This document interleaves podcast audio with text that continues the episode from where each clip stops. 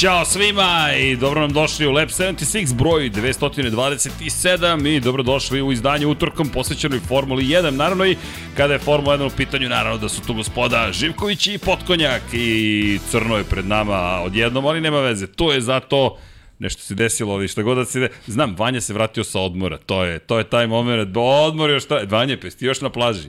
Kako, kako, o, imamo i potpisivanje je bio vredan. Ako niste znali ko sam ja, Srđan Erceg, moje ime, hashtag, nema hashtaga, handle popularni, et Serceg, koliko ovde omladine, siguran sam da back to school još nije počeo. Dakle, ovo je onaj poslednji, poslednji moment. Dakle, imamo puno publike, nemamo još kameru za publiku, to je jedan od vaših predloga, ali biće, nemojte da brinete. Nadam se da ste dobro, vodite računa u drugima da se mazite i pazite, jer treba da se mazite i pazite da vodite računa jednima u drugima.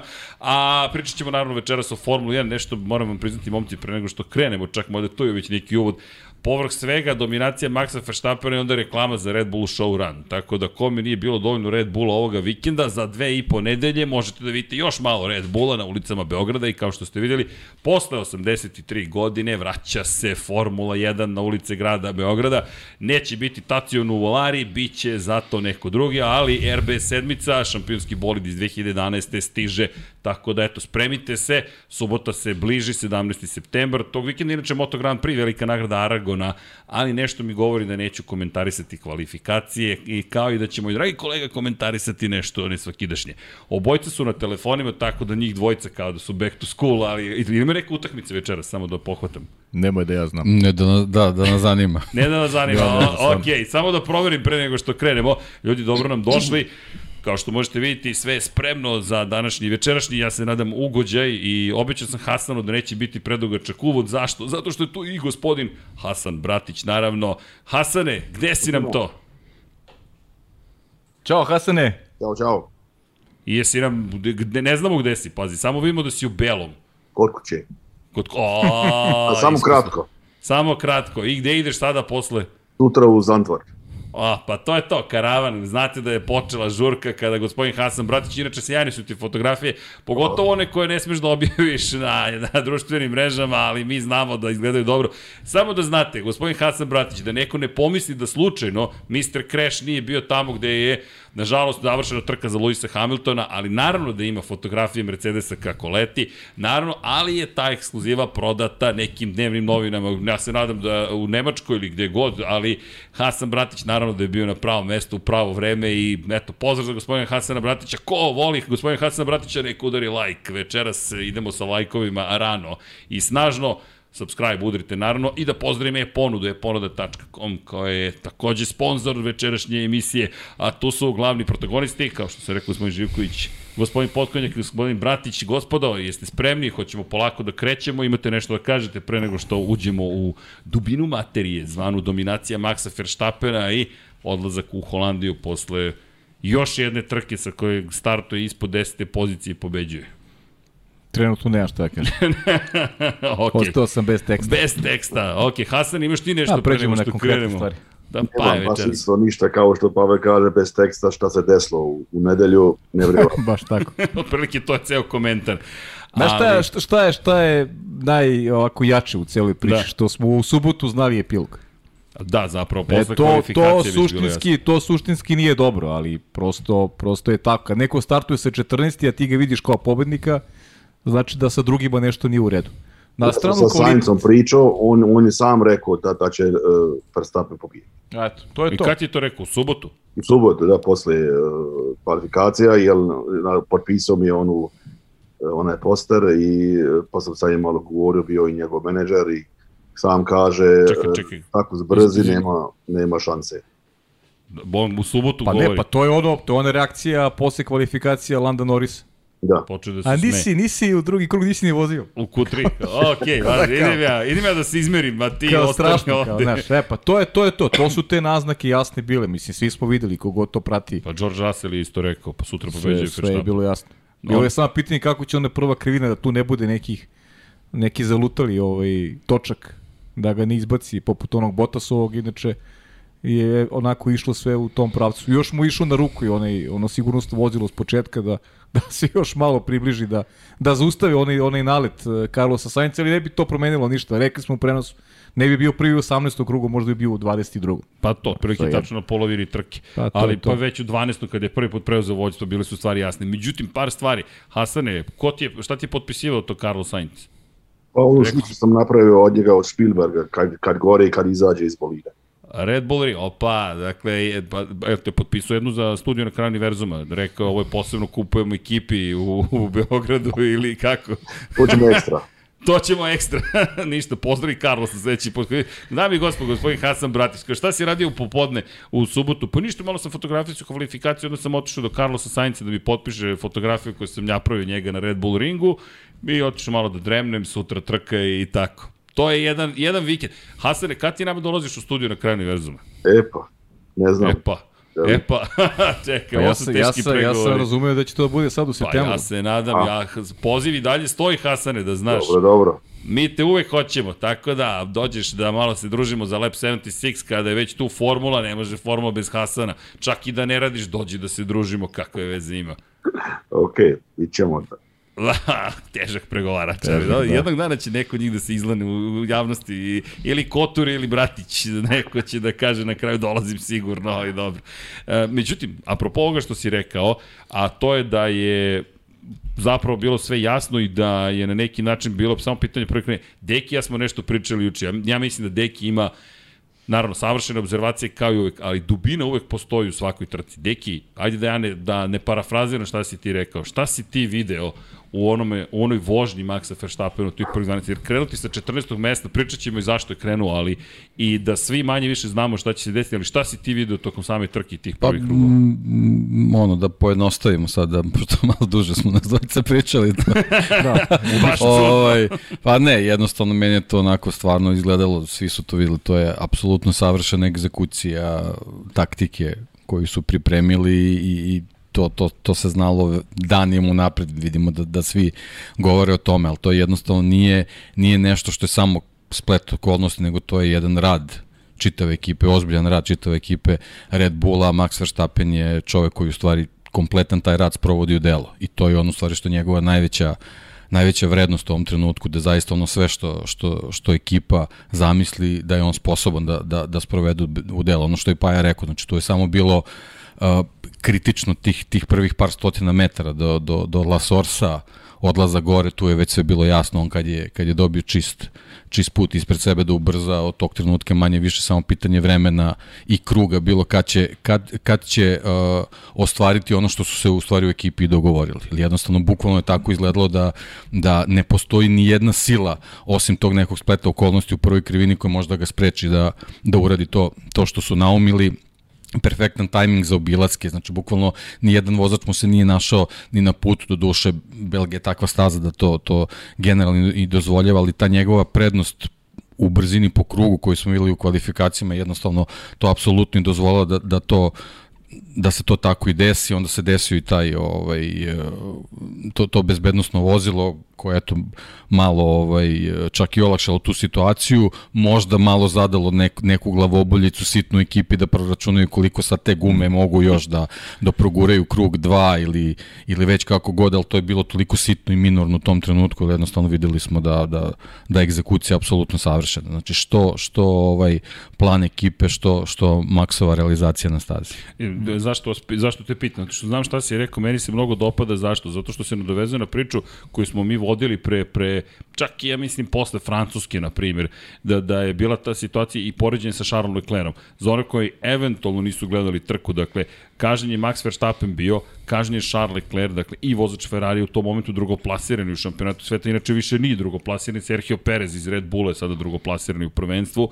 Obojca imaju kazne, obojci idu na začenje, međutim, pored njih, kažnjen je i Esteban Ocon, kažnjen je i Lando Norris, kažnjen je i Mick Schumacher, kažnjen je i Valtteri Bottas, na kraju je kažnjen i Yuki Tsunoda. I Gasly. I Pierre Gasly. Dakle, mi imamo kažnjenika za kažnjenikom. Mi praktično imamo trećinu vozača koji su kažnjeni i moraju da krenu sa začelja. Jedini izuzetak je Valtteri Bottas koji je dobio pozicijonu kaznu, pa je zbog toga, zahvaljujući tome, ispred Krenuo svih 13, ostalih. da. Tako je.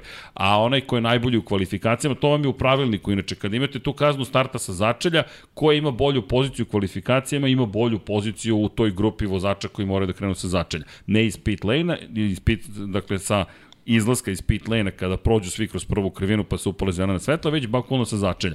Verstappen je dobio te kvalifikacije, kao što su rekao, potpuno dominacija. Mislim da je najbolji bio komentar Luisa Hamiltona kada je, inače Mercedes je došao spreman da posle prve pol pozicije Georgea Russell u Mađarskoj ovde napravi sledeći korak. Nova pravila su stupila na snagu, nema više fleksibilnih podova, to je trebalo da uspori i Ferrari i Red Bull. Odjednom Red Bull brži nego ikada, Hamilton pita koliko smo spori, sekund za A ne, znaš kakve su reakcije bile nakon prvih treninga? Pričali smo o tome da je Mercedes spor. Ne, uopšte nije Mercedes spor. Red Bull je Da, bio mnogo to brži. što si to, je, rekao. to je dobra konstacija. Jer oni nisu spori u odnosu na Ferrari. Na srednje tvrdim, tvrdim gumama George Russell je konstantno pravio prednost u trci u odnosu na, na Charles Leclerc i Carlos Sainz. Konstantno je Mercedes bio brži. Nemamo uzorke iz Hamiltonovog bolida, s obzirom da je Hamilton završio trku ako jeste. Pričat ćemo o tome naravno kasnije, ali George Pa Russell dobro, ali generalno manje trku. više i tokom čitave sezone smo videli Hamilton i Russell su Tako, manje pa- više tu, tako da. da, to bi Ali bila te- ta neka performansa Kažem, neka možda forma Hamiltona uspona, mislim da bi Hamilton Da. bio ozbiljniji u rival. nekom procentu bi bio da Možda bi ozbiljniji Hamilton rival, i da. pobedio Sainca u Da, ali, ali generalno stiče se utisak da, da sva ta pomama oko tih novih pravila i, i, i želje da se primenu stvari najviše odgovarala Red Bullu. Jer očigledno da su oni konstrukcijno imali najbolje rešenje i, i, Oni i se pre ove prilagođavaju čitave svim situacije, tako je. Tako da za ovo očigledno nisu ni morali se prilagođavati, jednostavno taj bo- bolid očigledno funkcioniše već po, Jeste.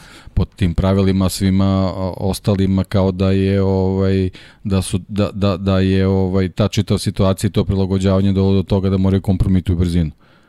Osim Williamsa i, i Red Bulla. No dobro, Williams koji je isekao zadnje krilo, ali da. Aleksu Albonu ćemo tek da pa dobro, pričamo. ima, doći ima ćemo- vremena, da. Da, doći ćemo do njega. Međutim, ta dominacija Maxa Verstappena i porednik ga namerno sa Charlesom Leclerom Hasane, ajde da iskoristimo priliku, ti si bio tamo kada smo već ubacili u priču i veliki broj timova je došao sa napređenjima. Kakav je bio utisak posle petka subote? Je si uspio da uhvatiš neku priču u kontekstu toga da li se desilo, da li se napredak desio kod timova ili su svi bili zapravo frapirani kao i mi koliko je Red Bull brži od ostalih? Pa svi su nekako bili uh, pun sebe da su i oni nešto našli preko ovih četiri sedmica i da sad ovim novim, novim regulacijama od FIE možda da onaj jedan i možda drugi uh, malo će napredovati, ali kad, su, kad je Red Bull izašao, uh, kažem, svi su samo gledali na, na, na one brojeve i nisu mogli vjerovati šta, šta, šta vide da, da Red Bull baš toliko daleko ostao i baš su bili nekako razočarani svi. Da, meni deluje da, da meni deluje kao da su se došli upravo to, raspoloženi, pali u depresiju manje više posle prva dva treninga. Jer atmosfera kao da se promenila, kao da smo se odjednom samo bavili tim, ajde završimo ovu trku i da vidimo da li će se nešto desiti u Zandvortu, koji je dosta drugačija staza. da svi nadali da za kiše da, da makar to nešto ublažava, ali nije ni kiša ni bilo da ima. Jesu računali na kišu timo? Pa jesu, da, bilo je ono, od, od, od četvrtka počelo je da će u subotu i, i u nedelju biti, onda u petak taj dan može biti 50% i onda u subotu onda je bilo da, da će ako biti ići posle. Da, ali na kraju danas nije se čak ni to desilo kraju naprotiv. najlepši dan je bila nedelja. Bukvalno Da, najlepši dan. Drugačije, drugačije su prilike bile popuno odnosno na, na petak i subotu. Pa i to verovatno bude Najtoplije. uticalo. Pa da. da. I pričali smo upravo tome da su mnogi timovi, i pogotovo Ferrari, A, da, priča o tome da je mnogo velika potrošnja guma. Jest. Pa i tvrde gume su zato i koristili da zbog tih vremenskih prilika. Ja, znaš zašto bih nas vratio na trenutak na Charles Leclerc? Dakle, kreću zajedno Max Verstappen i Charles Leclerc. Niko od nas nije ni pomislio da Leclerc ima šansu za pobedu i to ne bih sveo. Zašto sam i stavio, ja sam inače stavio Ferrari najjači, ne zamerite. Ferrari bez tempa, bez sreće, na kraju bez znanja. Mislim da znanje je jasno gde je nestalo u onom momentu kada žele najbrži krug i čoveka koštaju dva poena i da, i tu je splet okolnosti, ali opet, izašao iza Fernanda Alonso svakako ne bi osvojio dodatni poen za najbrži krug, ali Ferrari je delovao mnogo sporije u odnosu na Red Bull nego na bilo kojoj prethodnoj trci, a pride ono što je Deki pričao, ja nisam video plan kod Ferrarija, to ono što smo tijeli diskutovali. Delovalo mi kada su Charlesu rekli, idi trkaj se, Pa kad dođe pravi trenutak ćemo vidjeti šta ćemo da radimo u trci. Za razliku od Verstappena koji kao da je tačno znao. Pa to ono što, eto što počeo si generalno sa, sa tom Dekijem observacijom generalno da, da, da je Max Verstappen sprovodi delo ono što je plan Red Bulla. Deluje odavno da Ferrari nema plan. I o tome svedoči te poruke koje ceo svet se sprda sa porukama Ferrari. Ceo svet, bukvalno, to, to je najveće sada je za animacija na društvenim mrežama kako se tumače poruke Ferrari. Ona plan čuvana, D. Pa da, plan D ili ne znam, misli smo ovo, odgovor razmisli, pa onda on kao razmišlja šta će da bude, pa znaš, na nivou, stvarno neko, neko negde sam čitao, ali bukvalno najbolji pokazatelj, malo i komičan, ono, Charles, naručili smo ti picu, hoćeš sa kečapom ili bez? Razmisli. I on onda kao razmišlja i kaže pa mogo bi možda blagi kečap da bude. Daj mi dva kruga bukvalno, još, pa onda mislim. Bukvalno taj, taj nivo komunikacije, nekonstruktivan, nema plana, nema ništa, gube vreme sa nekim porukama koje, znaš, Deki jednom prilikom rekao, ja više ne verujem u to, da nam režija pušta poruke koje, kad je Ferrari u pitanju, ne mislim da je, da je bilo šta montirano.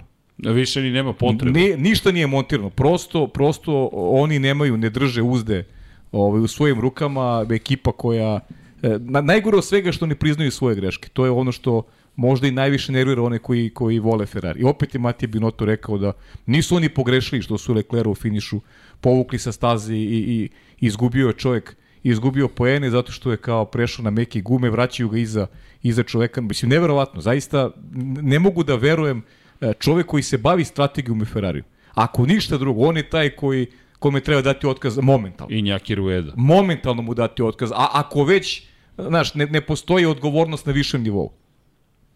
Smešno kako Ferrari e, vodi trke. Ko, kakve strategije imaju, kakve nemaju u stvari, to je neverovatno. Deki, Deplasirano više pričati o tome, stvarno. Ali vidi, to je upravo sad koji kontrast mi imamo. Sa, lako, s lakoćem znamo da će Red Bull biti gotovo savršen. Samo pozdravimo Luku. Luka, moraš da ideš? A, pa Ćao, Luka. škola se Ćao, sprema. Luka. Hvala za poklon. Inače, samo da vam kažem nešto, pre nego što Luka odi, imamo ovde dosta gostija.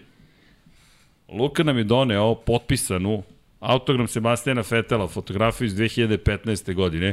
Hvala. Mi smo je stavili uz Hamiltonov potpisani kačket. Jeste da se 2015. nisu baš borili, a 2016. se to već polako počelo da menja, pa 2017. smo imali baš duele i 18. Ali Luka, hvala ti pre svega. Ljudi, a mi nemamo reči, zaista toliko divnih stvari imamo. I imaš kanadsku majicu, to sad sledeće godine tipuješ Kanada, Na trku da se ide, naravno. Može. Luka, hvala ti puno. Vidimo se. I slobodno nam dođi kad god si raspoložen, ti si ovde domaći. U studiju na kraju univerzuma. I stavit ćemo kameru prema publici, nemojte da brinete. Pa neće moći ovako opušteno da sede, nego malo da vide kako je kad si pred kamerom. Želim ti Ćao, Ćao, Luka. Veče. Ćao Luka. Dakle, kada pričamo inače o, o, o, o ajde, mirnoći s kojom Red Bull pristupa trkama i Max Verstappen koji za koga zna šta će da se desi, isto tako zna šta će da se desi sa Charlesom Leclercom. Nažalost, ovo što si rekao, više nemamo ni o čemu po novom da pričamo. Mi se sada samo pitamo tokom trke kada će Ferrari da uradi nešto zbog čega će da osvanu na stubu Jedino što ja, ja se ne bi složio da je u Red Bullu mirnoće, nego mi jednostavno ne dobijamo te njihove poruke Aha, okay. koje su verovatno dosadne, pa, ali, dobro. ali poenta je da, da tamo verovatno sve gori u komunikaciji i upravo je to rezultat uh, svega ovoga što vidimo u, u izdanju Maxa Verstappen, jer bukvalno mislim da u svakoj milisekundi uh, vode računa šta se dešava na, na stazi, apsolutno su sve, svesni kompletne situacije, svih parametri na osnovu toga bukvalno planiraju sve sledeće segmente trke i to je on u principu što je što je i, i, i, i dobitna kombinacija i recept za uspeh, a to smo videli i kod Mercedesa kako je funkcionisalo kad imaš dobar bo, bolid i kad imaš vozača koji može da sprovede u delo sve što stratezi zamisle, dobijaš to što, što dobiješ, a to se uglavnom odražava u dvostrukim pobedama. Ne neki mirnoće, nego mislim da, da nam, da nam ne pakuje režija ovaj ništa što kompromituje negde Ferrari ne ne ne ma nisam ja ni mislio da, da pakuju nego jednostavno sebe, da. oni sami sebe mi samo dobijemo u tom nekom nekom trenutku forsiranje tih poruka iz Ferrari to deluje onako ovaj konfuzno i, i u nekoj panici ali jednostavno a, iz trke u trku vidimo da on da oni stvarno u određenim trenucima pa tako i vode ti nemaju da jedno, jednostavno ne, nemaju rešenje a to su stvari koje moraju da se predvide dan pre. Znači to su stvari koje koje se rade do kasnu noć posle kvalifikacije motivacija da, da, da napraviš sve te, sve te i nisu, nisu strategije samo situacije na koju ćeš gumu u kom trenutku. Mnogo drugih parametara se dešava, između oslog, eto, desila se ta, ta promena u toj vremenskoj prognozi, znači to, to je uh, znak za apsolutnu mobilizaciju kompletne ekipe svakog člana da, da, da, da ustanove šta treba da se uradi. Jel, jel, ovo što je Srđan spomenuo, meni je stvarno delovalo, znači Verstappenov polazak u trku je izgledao kao start sa apsolutnim planom, Leclerov polazak u trku bio pun gas, pa, pa eto da vidimo kako će to sve da ispadne. To je bukvalno tako, da tako i videli smo posle par krugova kakve razlike između njih dvojice bila. Dobro, mislim, znaš kako... Ironija Znaš šta je? Sreća. I, iron, pa sreća, mislim, realno, ajde sad, ono, da u prilog malo Ferrariju da su imali peh, realno, jer Leclerc nije bio mnogo iza Verstappena u momentu kada mu se desio peh. Naproti, bio iza Maxa Verstappena. Da, ali... I ti imaš moment kada on mora da reaguje, odlazi na promenu ranu koja je bila neplanirana i e, tada gubi prikičak sa Maxom Verstappenom. Sve kasnije opet ne umanjuje sve ovo što smo rekli na, na račun italijanskog tima, ali realno dogodio se peh e, na koji kao što reče Deki, ti treba da računaš na sve moguće opcije, ali tu prosto nisu imali izbor, oni su morali da menjaju gume u tom trenutku, to su uradili, kasnije sve što se dešavalo, pogotovo taj finiš je, je tragičan, nešto što uh, Ferrari iz trke u trku radi. Problem je, problem je samo što im se suviše često dešava kad imaju neplanirane promene pneumatike da uh, baš taj set koji u tom trenutku stavio apsolutno ne funkcioniše. I, I to su neke stvari koje koje jednostavno moraju da, da se kroz, kroz sve uh, treninge i, i dane za pripremu za trku jednostavno mora, mora da se spremiš deki, što, i da znaš kako ćeš da funkcionišeš. Što njima srednje tvrde i tvrde gume nisu uopšte funkcionisale na ovoj trci. Ali uopšte nisu funkcionisale. U poređenju sa Mercedesom oni su bili drastično spori. Ni, uopšte ne funkcionišu ni srednje tvrde, ni tvrde gume. I to je nešto što što treba da ih pa. zabrine. Mercedes je u tom pogledu bio a mnogo bolji. George Russell i Mercedes je od Ferrarija i na srednje tvrdim i na tvrdim gumama bio konstantno brži. Russell je stalno smanjivao razliku, možda to neki detalj koji nismo videli u trci, e, sećali smo komentarisali, jednom momentu je došao Russell na sekund i po za ostatka, pa je ta razlika skočila na 2,5 sekunde. E, nismo videli. Ja verujem da je Russell tu napravio neku grešku koju možda ni kamera nije ovaj, sugerisala ili prosto nisu prikazali taj snimak. On je tada izgubio priključak da, sa, sa Saincom i izgubio priliku da se bori za podijum. Ali je neverovatno koliko je kontinuitet, koliko su ti krugovi Russella bili bolji od Saincovih. Takođe i od i od Leclerovih Leclerc u jednom momentu, pa setite se kako je Russell prošao pored Leclerca, kao da ga nema na stazi. Hvala Vanja. Inače ovo su vozači koji su bili najbrži kada je reč o korišćenju tvrdih guma, to je C2, C3 srednje tvrdoće i C4 mekih guma. Ako pogledamo, ok, izuzimamo najbrže s obzirom na činjenicu da su to rezultati koji nisu toliko bili bitni za samu trku, ali ako pogledamo na srednje tvrdim gumama razliku, brate pažnju, Verstappen je vozio 1.49, 3.5.4. Perez je vozio 1.51, 5.56. Zapravo je vozač koji je koristio najviše, najduže krugove, ali dolje, ako dole, ako pogledate prostom tabelu, Verstappen je preko 2 sekunde bio brži od klubskog kolege. Inače, Leclerc je bio na nivou Serhije Pereza. Verstappen je bio, i to je Sergio Perez rekao, na nekom potpuno drugom nivou. Prave se poređenje sa Lewisom Hamiltonom i Brazilom prošle godine. Nije u potpunosti adekvatno poređenje, pošto je Hamilton bukvalno krenuo sa začelja, ali ono što je neverovatno, posle 62 godine se desilo da u Formuli 1 neko dva puta za redno startuje sa 10 i niže Možemo da pravimo pobedi. poređenje jer, jer je evidentno i da je krenuo sa začelja da bi pobedio ovoj trci. Da, nego... Mislim da može se pravi poređenje bez ikakvih problema. Sigurno bi pobedio u trci da je krenuo i sa začelja. Ono što nedostaje možda tom poređenju jeste i drama tog trenutka u kojem, Merce, u kojem no. Mekla, za McLaren. Bruce McLaren mi u glavi, pošto je on čovjek bio koji je pre toga postigao ovo što je postigao Max Verstappen. Dakle, ljudi, Bruce McLaren 60. godine prošlog veka u dve uzastopne trke kreće sa 10 ili niže pozicije pobeđuje, Max Verstappen je to postigao. A mi inače pričamo o novoj eri i kada pričamo o dominaciji, mi čak ni ne izgleda opet mi kada pogledamo Maxa Verstappena, sada smo zaista ušli u period dominacije i najavljivali smo ove tri trke da će biti za Verstappena zapravo poter za za kućom slavnih, da, da ide kao odbrani drugi titul. Mi već sada možemo da računamo kada će zapravo da odbrani titul. Mi sada više mislim da se ne pitamo da li će da odbrani A titul. dobro, ovo je sad već... Davno se ne pitamo, ali ovo je to već, to. Ma da, izvesno je sad, mislim. Još idemo u Holandiju. se dogodi, da. Ja zaista ne znam šta treba da se desi da on ne bi odbranio titul. To mora da bude... To da kaže neću da vozim do kraja godine, mrzi me, ne vozi mi se. Pa on je sada skoro na četiri trke pobede, četiri pobede prednosti. Ali kada pričamo o ome što si rekao, na primjer, apropo guma, ako pogledamo gde je Mercedes, Matija Binotto je već sada rekao, što je tek poražavajući za Ferrari, da oni treba polako da se fokusiraju na Mercedes. Dakle, više se uopšte ne bave Red Bullom. Sada, on govori o tome da moraju da gledaju ka Mercedesu, a naravno moraju da sagledaju sami gde su pogrešili. Jedini problem je u tome što ako Matija Binotto stalno ponavlja da nigde nisu pogrešili, ne znam kako će shvatiti gde su pogrešili, ali to je sad ona priča koja se ponavlja. Međutim, ono što mene je fra, zafrapiralo jeste, ali mislim da si ti deki da odgovor kada smo juče, juče časkali, kako je Red Bull odjednom postao još brži uprkos e, to je, to je ključno pitanje. Uprkos nečemu što je trebalo da ih uspori. Ja mislim da ti deki imaš savršen odgovor. Adrian Njuj.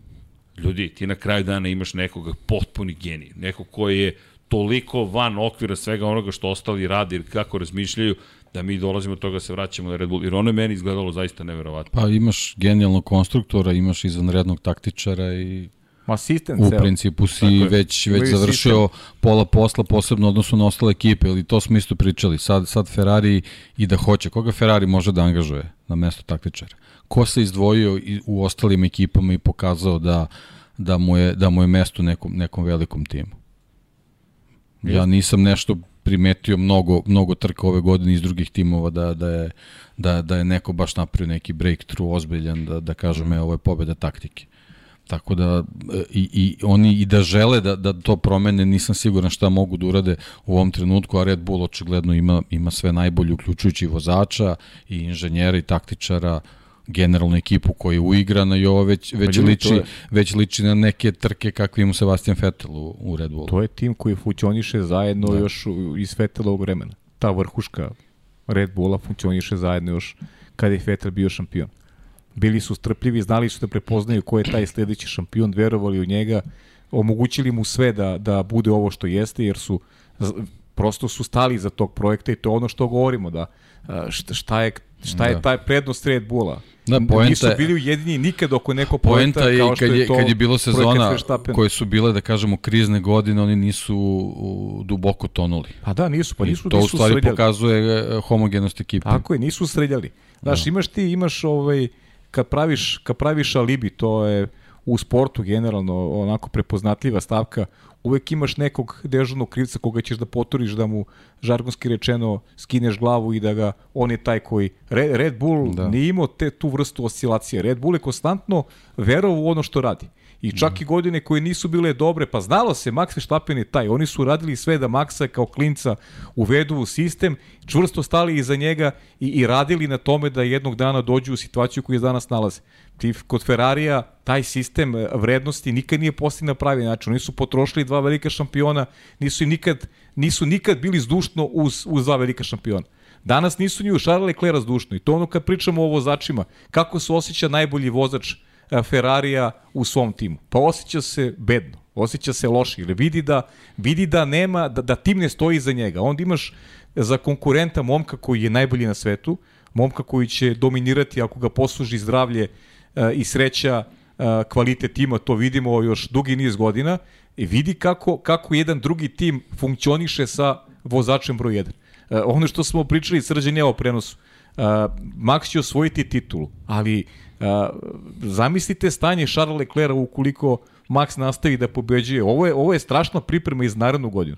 Ti ulaziš rivalima ulaziš Ljudi. rivalima u glavu, ti staviš do znanja da si ne pobedi, da ti, da ti ne mogu ništa, pogotovo za ovu mlađu generaciju je to ozbiljan problem. Ja i dalje tvrdim da je trenutno jedini pravi rival Maxa Verstappen i Lewis Hamilton.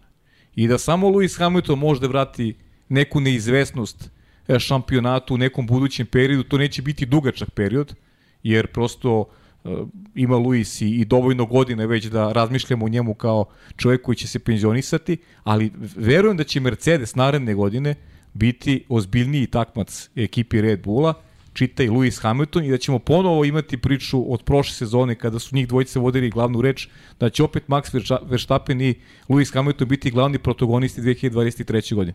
I čvrsto sam ubeđen da će to možda biti i posljednja prilika Lewisa Hamiltona da osvoji osmu titulu.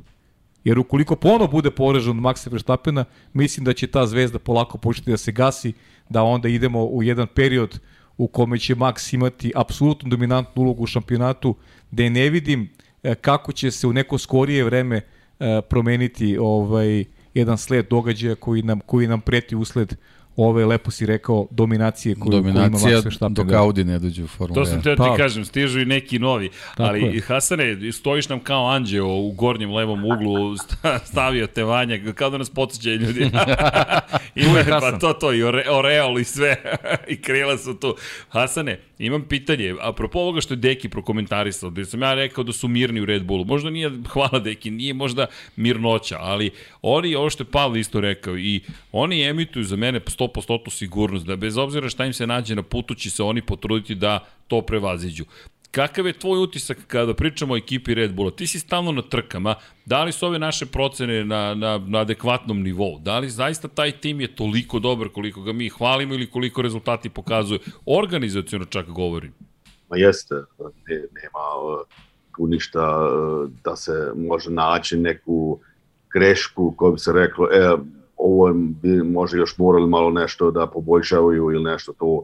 To ima svoj plan već e, od, od godinama i on svejedno ako oni su ubijeđeni u nekoga, e, on 100% idu za njega. Iako onda greše, dobro, onda smo grešili, ali neće nikad e, reći ok, onda ćemo 80% samo njemu, nego uvijek će biti 100% i onda namirim da vozači to znaju tako. A kad vidiš tim, um, mislim, oni uvijek, on, on prvi bili recimo kao, ako poslije trke, onda gled, one garaže se ponovo uh, sve sa on, one uh, boksovima šta su napravili, to za skine sve za drugu trku, to drešti muzika, to uh, on, on pjevaju, žvižde, tamo, tamo, to je ipak to, neka velika familija i to kod drugih timova nije, ili je to ima neka konkurencija između prvog i drugog vozača, to sigurno može ima u Red Bullu, ali, ali to nije tako da se vidi Mislim da, da on kažu svi, to Jasno. mi smo jedan, ja, ja sam, mi smo jedan veliki tim i kad po, pobedi Max, onda oni mehančari od, od, od Pereza isto, isto pobjede.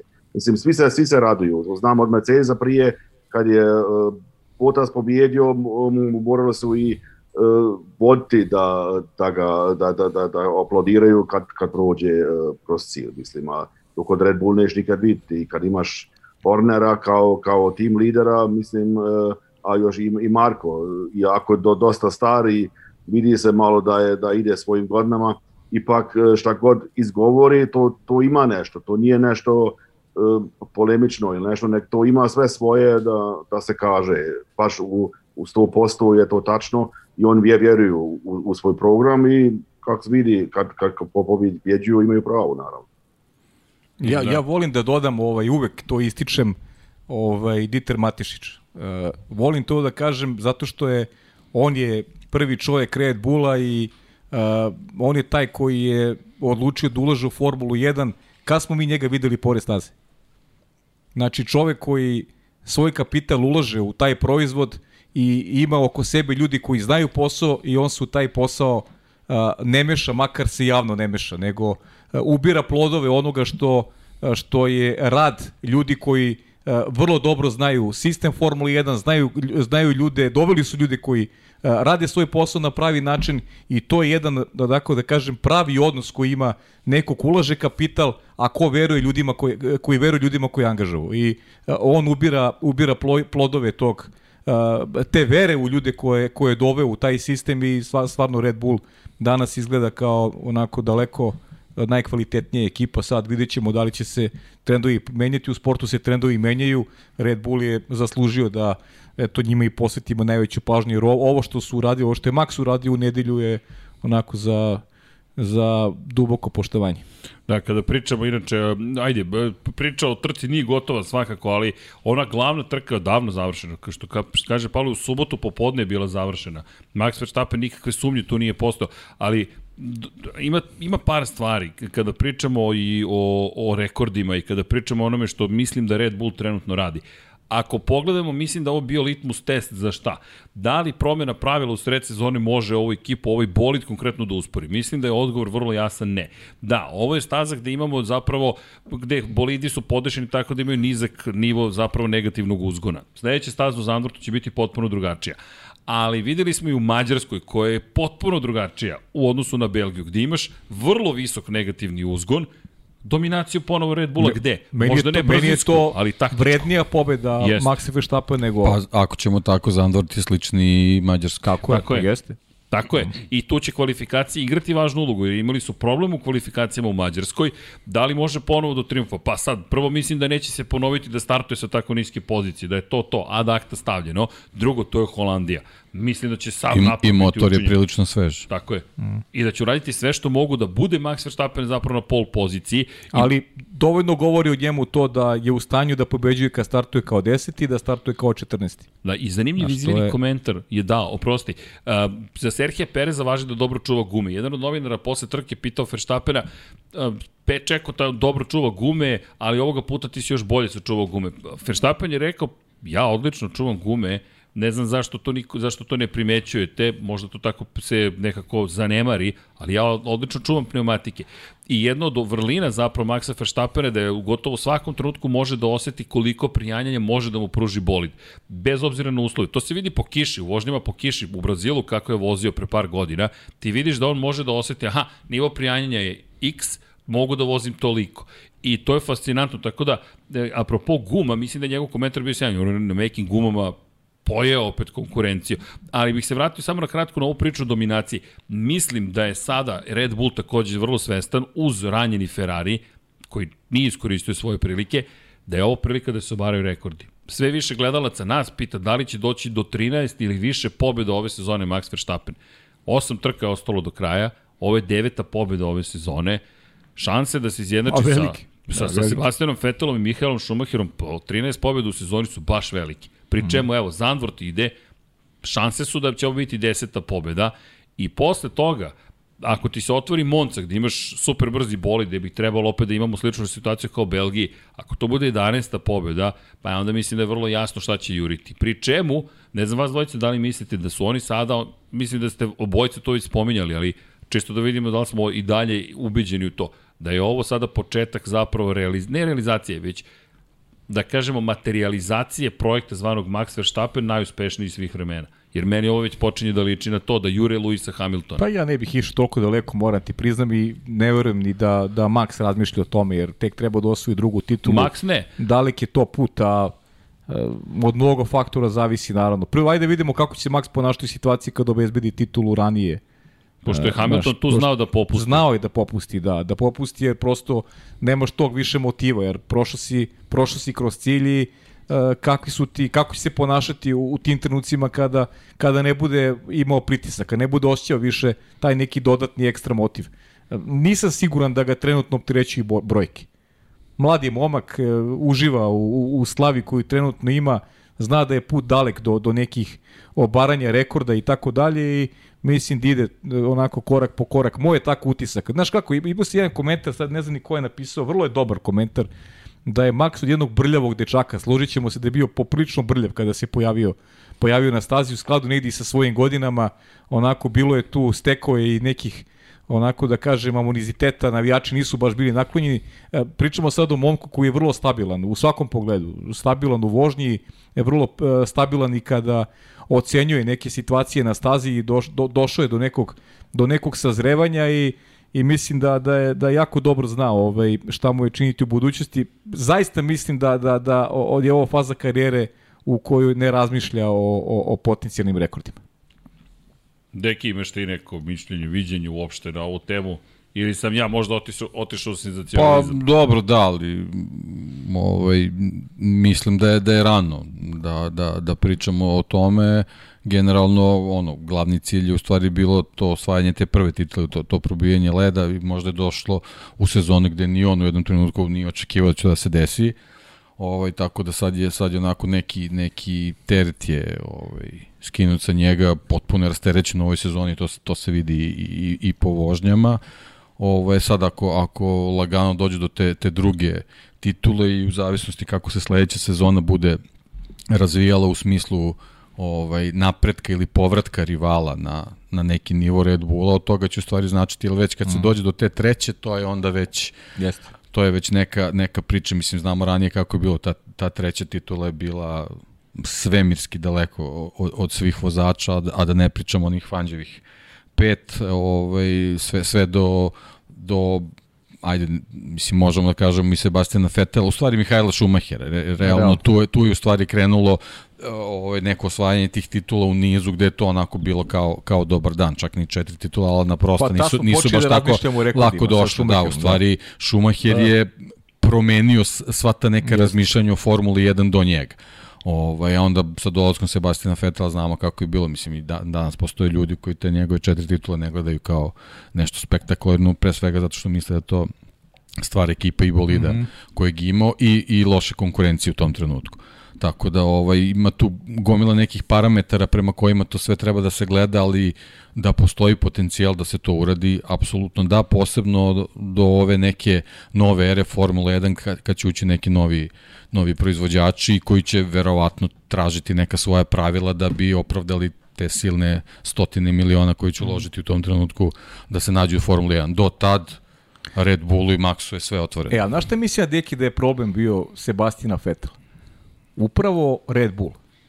Jer uh, pojavilo se, u Formuli 1 se pojavilo nešto novo. Pojavio se neki, neki tim koji generalno znaš, neki proizvod koji veze nema sa Formu 1 generalno i ljudi su to malo gledali sa, sa pocenjivanjem onako. Uh, nisu imali previše simpatija uh, u konkurenciji, ne znam, McLarena, Williamsa, Ferrarija, pojavio se neko ko je koji je ukrao po znacima navodu igračku u velikim timovima i e, mislim da Red Bull e, samom pojavom nije imao previše, imao neku baznu igrača. Sad gledam koliko ima e, onako ljudi koji baš dušno navijaju za Red Bull.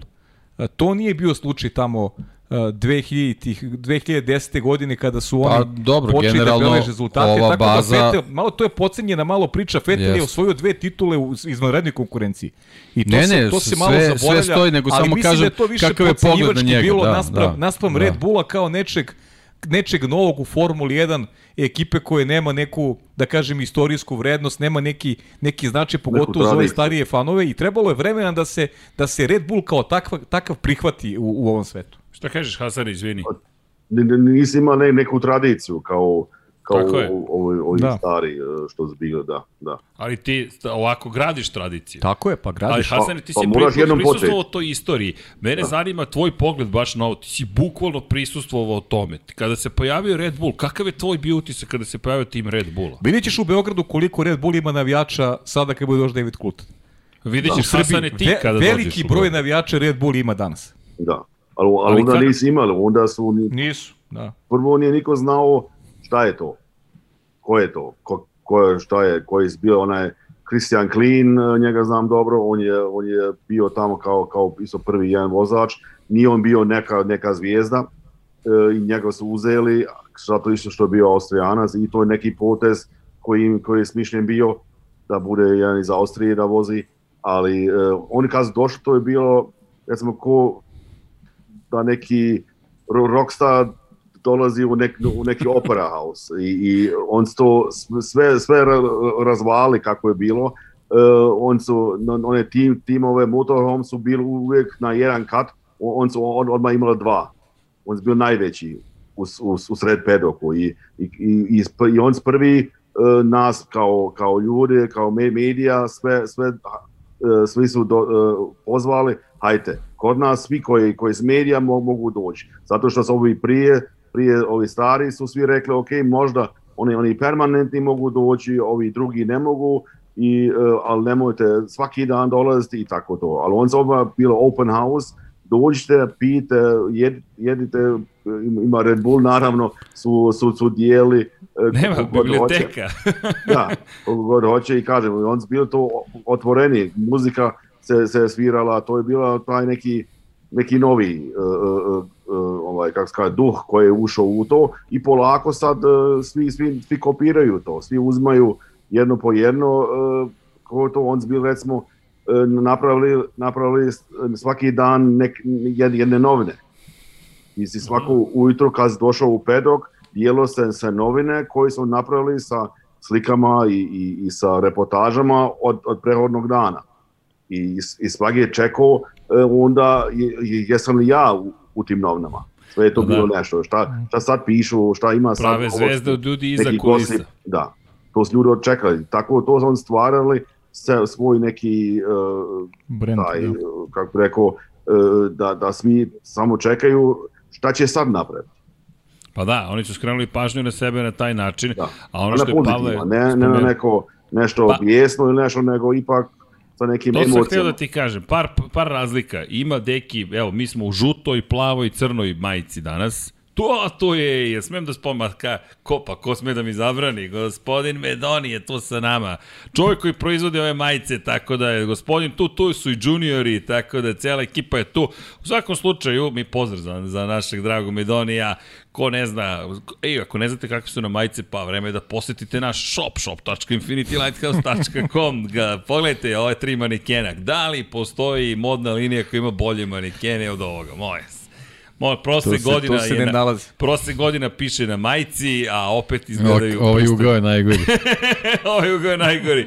Ja, ovo je fish eye, malo nas proširuje, da znate. A to Vanja najmrno radi. Pa, naravno. pa dobro, on se odmorio čovjek. Ma pitanje da li se odmorio, vežba je Vanja. Ko prati Vanjen Instagram, neka ga zaprati. Vanja mora potpis da padne. Radi zgibove čovjek na odmoru. Ja mislim, Vanja nije to odmor. Pa to je aktivni, to se zove aktivni odmor. To je aktivni odmor. Ali dobro. Elem, zašto sam uzao ovu knjigu? Zbog Dekija. Zato što u to vreme se pojavila jedna ekipa koja se zvala United Colors of Benetton. I Benetton imao sličnu priču. Ko su ovi što proizvode trikotažu, oni će da se trkaju sa nama. Ali Benetton je imao, da, da vidite, samo Dekijevo lice, imao je koga? Flavija Briatorea. Zašto? Flavio je malkice savio, da ne kažem, kršio pravila, međutim on je doneo zajedno sa Mihalom Schumacherom i onom što će, onim što će biti okosnica Ferrari ekipe dve titule. Dve titule su osvojili kršio sa Mihalom Schumacherom. Kršio ih i u to vreme, ali dobro. To I je... savijao i kršio, svašta Kršio je ta pravila i tada. A zato ne dobro. spominjem toliko Benetton, ali pročitajte Pirana. Klub Pirana, zašto? Radimo na tome ali je, da bude. Ali je dobro poređenje, zato što, zato što se e, teško prihvataju te nove stvari i zato kažem da je Vettel Pa krenete bilo... od Hesketa, pa, krenete pa, da. od Waltera Wolfa. Da. Bilo je, bilo je, nisu, bilo je, nisu ovi nisu pioniri. Prvi, da. Nije Flavio pionir, nije. Dobro, okej, okay, ali, ali kažem, poređenje... On je samo pokupio sve najgore. Ja, ja znam da ti sad, o, ovaj, ti sad ovo pričaš to više zbog Flavija. Kamenje, čekaj, kamenje u rezervoaru. Ali meni, meni je dobro poređenje upravo samo zbog ovoga, da, da se ne, teško ne, prihvataju nove Red stvari. Bull je, Red Bull je mnogo ozbiljnija priča. Tako Bila je. u osnovi, samo nije imala taj svoj rating i imidž i upravo činjenica da je Fernando Alonso odbio poziv Red Bulla, što je možda, eto, za istoriju Formule 1 i ključno, jer pitanje da je on došao u Red Bull, verovatno bi dan danas vozio i imao 15 šampionskih titula. Verovatno. Tako da, ovaj, to sam hteo da kažem. Znači, iz tog razloga Sebastian Vettel je jednostavno bio kao neki klinec koji je došao tu, bio je talent, naravno bio onaj boom sa Toro Rossom i, i onom pobedom, pobedom u Monci, da. međutim njegov prelazak u Red Bull koji u tom trenutku već, već se etablirao bilo kao pa da, ok, lako je njemu kad ima taj bolid, kao što i sad je bila priča sa Lewisom Hamiltonom, pa da, lako je njemu da stigne do, do, do sedam titula zato što ima takav bolid i tako dalje i tako dalje. Uvek je bila taka priča, bila je priča za Mihajla Šumahera, pa lako je njemu kad ima najbolji bolid, pa jeseni bila priča, pa lako je njemu kad ima takav bolid i sad možemo se vraćamo unazad dokle, dokle god. Uvek je, uvek je to bila priča i naravno svi koji gube uvek pronalaze razloge zašto je to tako, a, a suština je da u stvari za svega stoji ogroman rad i, i vrhunska organizacija i to je ono što je ključno za Formulu 1, jer Formula 1 ponavljam, perjanica ovog sporta i da bi bio najbolji u Formuli 1 ti moraš da okupiš sve najbolje oko sebe da bi to bilo. A u ovom trenutku Red Bull očigledno ima u svakom segmentu po nekog vrhunskog igrača. Da, ali kako su oni lepo to postavili, mislim da je Pavle rekao, Dietrich Matešić je čovjek koji stoji iza svega. Hasane, ti ja smo bili i hvala ti za divan provod na Red Bull ringu zajedno sada za Moto Grand Prix Ljudi, ta onaj svemirski brod koji se spustio u, u, u planine Štajerske, bukvalno ovako neko uzu svemirski brod, spustio ga i to sad zovu kompleks administrativnu zgrada, garaže, medijski centar. Mi, mi, mi nismo bili u medijskom centru, Hasan, ono tamo je kontrolni toranj. Ono je bukvalno kontrolni toranj. Samo što je još veći od aerodromskih kontrolnih toranj, tornjeva, a ugođaj je potpuno neverovatan. I sad možda to zvuči e, kao kao detalj sitnica ili zašto pričamo o hrani i piću. Samo da vam kažem sledeće. Kada stignete na stazu, obično je 8 ujutru. Kada odete sa staze, obično je 9 uveče. Za tih 13 časova, pošto je naše borilište cirka 4 km najmanje koje imate, vi prođete mnogo kilometara i potrebna vam je voda, potrebna vam je hrana, potrebno je osveženje. Verujte, znojite se, imate bar dve rezervne majice, ne osjećate se baš tako prijetno oko 7 uveče, koliko god da ste srećni, ali vaše telo trpi, mozak trpi. I sad dođete na staze poput Barcelone, koje je gde ne možete čak ni da kupite hranu više. Čak su i onog čoveka sa hot dogovima izbacili, iz, iz, bukvalno su ga izbacili, nema ga u padoku više. I ako nemate neku milosrdnu ekipu da vam da hranu, vi ste bez hrane. Osim ako ne kupite hranu. Znam da zvuči bizarno, ali to je istina. I onda dođete na Red Bull Ring, sve besplatno. I sve organizovano. Doručak i tada.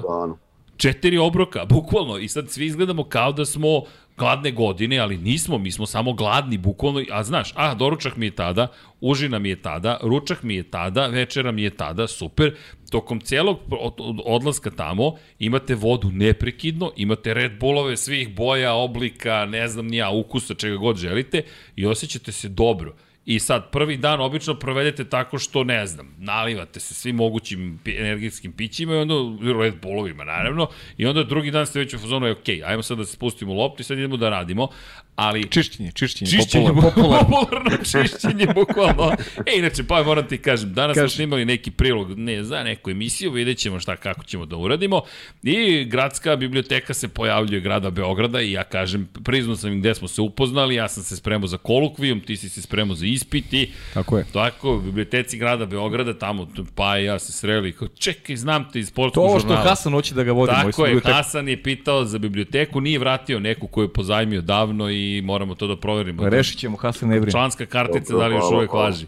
Tako da znaš, tako da te vidimo za dve i po nedelje ovde. Elim, da se vratimo na ovo. Red Bull je potom došao i potpuno na glavačke stavio stvari. Odjednom bolidi se farbaju Star Wars. I gde je velika razlika? United Colors of Benetton je imala dosta agresivnu taktiku, harsh, nemoj, steal, molim kill, te, nemoj zbog dekija, pusti dalje. Benetton. Samo su novije istorije, ništa drugo. Red Bull nije to. Kod Red Bulla dolazi George Lucas u Monako. Kod, kod kod Red Bulla se Superman promoviše u okviru Formule 1. To je nešto što jeste bio veliki iskorak i sada dolazimo do toga da je show biznis zapravo stigao na velika vrata u Formulu 1. Taj show biznis je umeđu vremenu postao vodeći tim Formula 1 ponovo. I sa Vettelom zaista je bitan taj, bitan taj deo istorije i sad su, sad su postali nešto sasvim drugo. Ali, ajde, otišli smo, digresirali smo, međutim, moramo smo iskoristiti Hasan sada. Samo mi reci, kakva je sad situacija sa Red Bullom? Jesu i dalje tako prijemčevi i otvoreni ili su se stvari promenile tokom mojih 15 godina? Pa nisu, samo, samo imamo od, zbog COVID-a, nemamo taj pristup uh, uh -huh. tim motorhomcima, ali, ali možeš, kad uđeš, pitaš za kafu ili hoćeš jedan Red Bull, naravno, daš ga dopti, samo ne, ne, ne možeš više tamo da se, da se družimo da i da, da, da popijemo tamo, nego uzmeš i popiješ ga vani u pedoku, ali on non stop ima imaju svoje, mislim, oni uh, vrvrte svoje filmove, uh, svi ide je to od, od, od onaj sa, sa onim biciklima ili je to I to ti se prenosi na celu ekipu. Da, tačno, to, to, to non stop on svoje filmove promošuju i to ide uvijek dalje, to nema, nema šta. A, a drugo i kad on isto, kad Max prođe kroz pedok, on, on će uvijek stati nekome dati neki e, svoj potpis ili će biti selfie neki, nije ono da ipak e, da je ovo neka zvijezda, nego, nego on pusti njega, slušajte, mi moramo ispova, to uraditi, jer bez ti svojih fanova mi nismo ništa. Dobro, to je razumevanje koje, na primjer, mi smo imali priliku Dekija da vidimo pogotovo Moto Grand Prix, ko su ljudi koji su uvek fotografišu sa svojim navijačima, Valentino Rossi i Mark Marquez. Pre svega Valentino Rossi, čovjek koji ne samo što se fotografiše, nego uzme ti telefon iz ruke i on te fotografiše zajedno sa, sa, sa, njime, ali to su velike zvezde. Hvala, Hasan, hteo sam samo da iskoristim prosto taj moment te priče, kako je uopšte Red Bull stigao i gde je bio Red Bull i šta je to bilo nekada, gde, gde je sada. Pogotovo mi je zanimljivo iz perspektive, perspektive priče o Porscheu takođe, to, o tome ćemo pričati malo kasnije, ali nije potvrđeno da će Porsche sarađivati sa Red Bullom i, i Christian Horner je rekao, To nije još uvek izvesno. Ono što je problem za Porsche, Porsche će uskoro morati da se komituje, moraće da potpisuje ugovore o ulasku u Formulu 1, a Horner izjavio da sa 300 novo zaposlenih ljudi u Red Bull Power Trains, ako vidimo ambicije kako funkcioniše, krenuli smo kao neko ko je kupio tim, pa nove zgrade, pa novi aerotunel, pa smo doveli Adriana Njujija, pa smo imali Fetela, pa sada imamo Verstappena. Ne bi mi iznenadilo da na kraju kažem mi ćemo sami to da radimo. Naravno, verujem da će okosnici dalje biti saradnje sa Hondom, ali to je samo pretpostavka, ne znam. Ali nemaju, dalje. pa ne, nemaju oni problem s tim. Znamo kako je bilo sa Renaultom, sa Infinitijem. Bez Jasno. ikakvih problema se napravio te neki brak koji služi u promociji Renaultovog brenda, to jest Nissanovog Jasno. brenda, to jest, nemam pojma čemu. Kasnije bio Aston Martin, I, da, da, ima Red Bull sa, jednostavno u svom sa... poslovanju da oni su otvoreni, ostvareni su za te, te saradnje, samo je poenta njihove procene i u stvari šta im ta saradnja donosi, da li, da li je to neki vid napretka. Oni sad u ovom trenutku sa, sa, sa ovim nivom ozbiljnosti i širenjem uh, uh, ljudstva, planovima, ko zna ko, kojih sve ima, jednostavno nemaju potrebu za, za, za partnerom, ali generalno verujem da se sad ozbiljno ovaj, razmatra ta čitava situacija od 2026. Šest, čini da, mi se, da. da.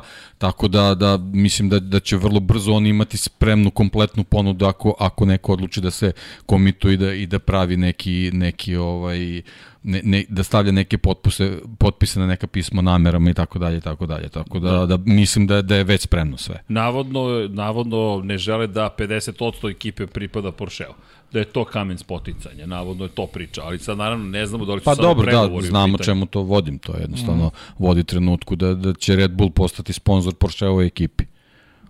To, okay. to je verovatno nešto, to je verovatno nešto što je što je cilj Porschea. Ja znamo kako je Porsche ušao, ušao u ovoj, u ovoj poslednji, u poslednjem krugu u šampionatu u, u trka izdržljivosti, kako se to završilo. Znači, apsolutnom dominacijom sa belim bolidima, uh, bolidima u stvari da, i jeste tako ovaj, na, pa kojima, na kojima piše Porsche i da. kraj priče.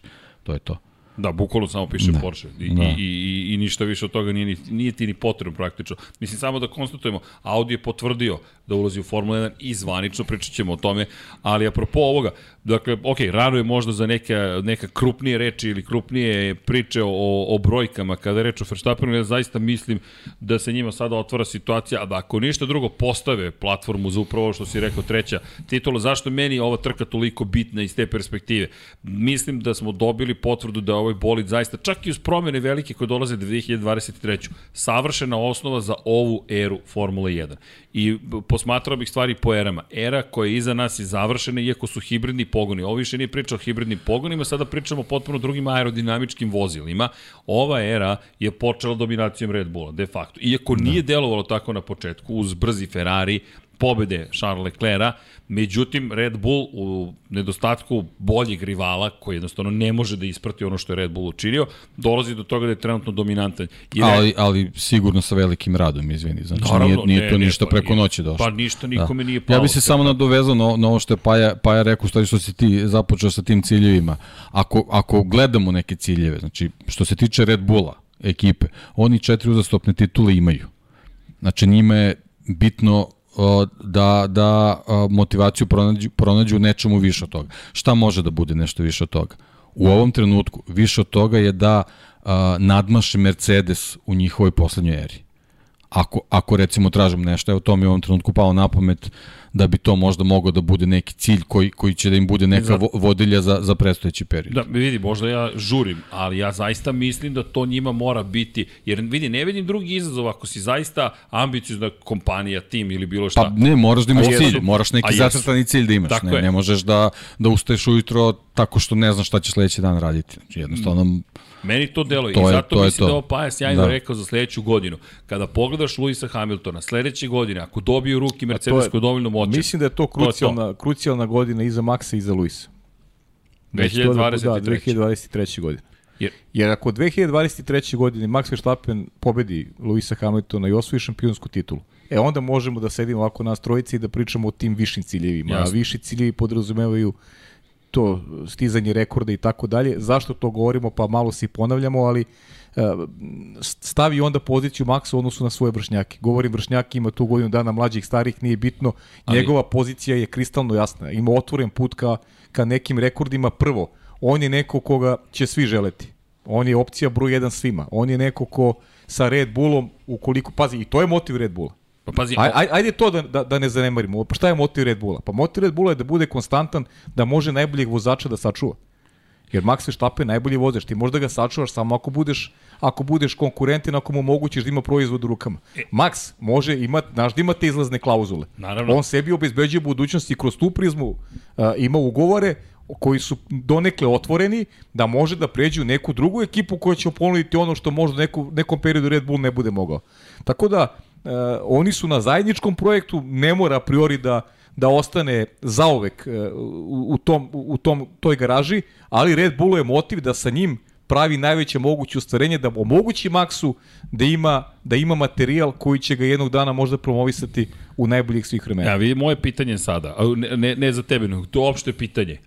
Da li je Max Verstappen taj koji ima navijače ili Red Bull taj koji ima navijače? Mislim da je obostrano sada. E to je, znaš, jer ako Verstappen sutra potpiše za neku drugu ekipu, neću reći Ferrari, Ferrari je anomalija, kogod da dođe u Ferrari, da, za njega će navijeti ma, navijači da. Ferrarija. Jeste. Ali ode u McLaren, na primjer, da li on sa sobom povlači svoju armiju? Apsolutno. Tako je. To je, znaš, Max Verstappen je...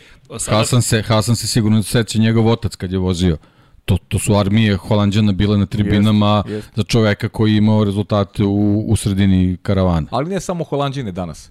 Ali isto tako bi se da i Red Bull ima bazu svojih navijača. To nije više tim kada je se kada pa, se naravno, Vettel osvojio titul. Da, Oni danas da. imaju bazu svojih navijača. Apsolutno da. Vole prosto ljudi vole Red Bull imaju bazu svojih navijača, ali slažem se da sa, sa Dekim u potpunosti... Ne, ne, sa, sa, sa da dolaskom Maxa Verstappena on je, on je pa, doneo jednu novu armiju i generalno Formula 1 treba Maxu Verstappenu da bude zahvalna i za, i za, za ovo, ovo more e, naranđastih tribina koje imamo. Ja sam za da, Senu navio i u Tolemanu, i u Lotusu, i u McLarenu, i kad je prešao u Williams, sam navio Zertu na Senu. Od kad si se rodio? To. Pa mislim...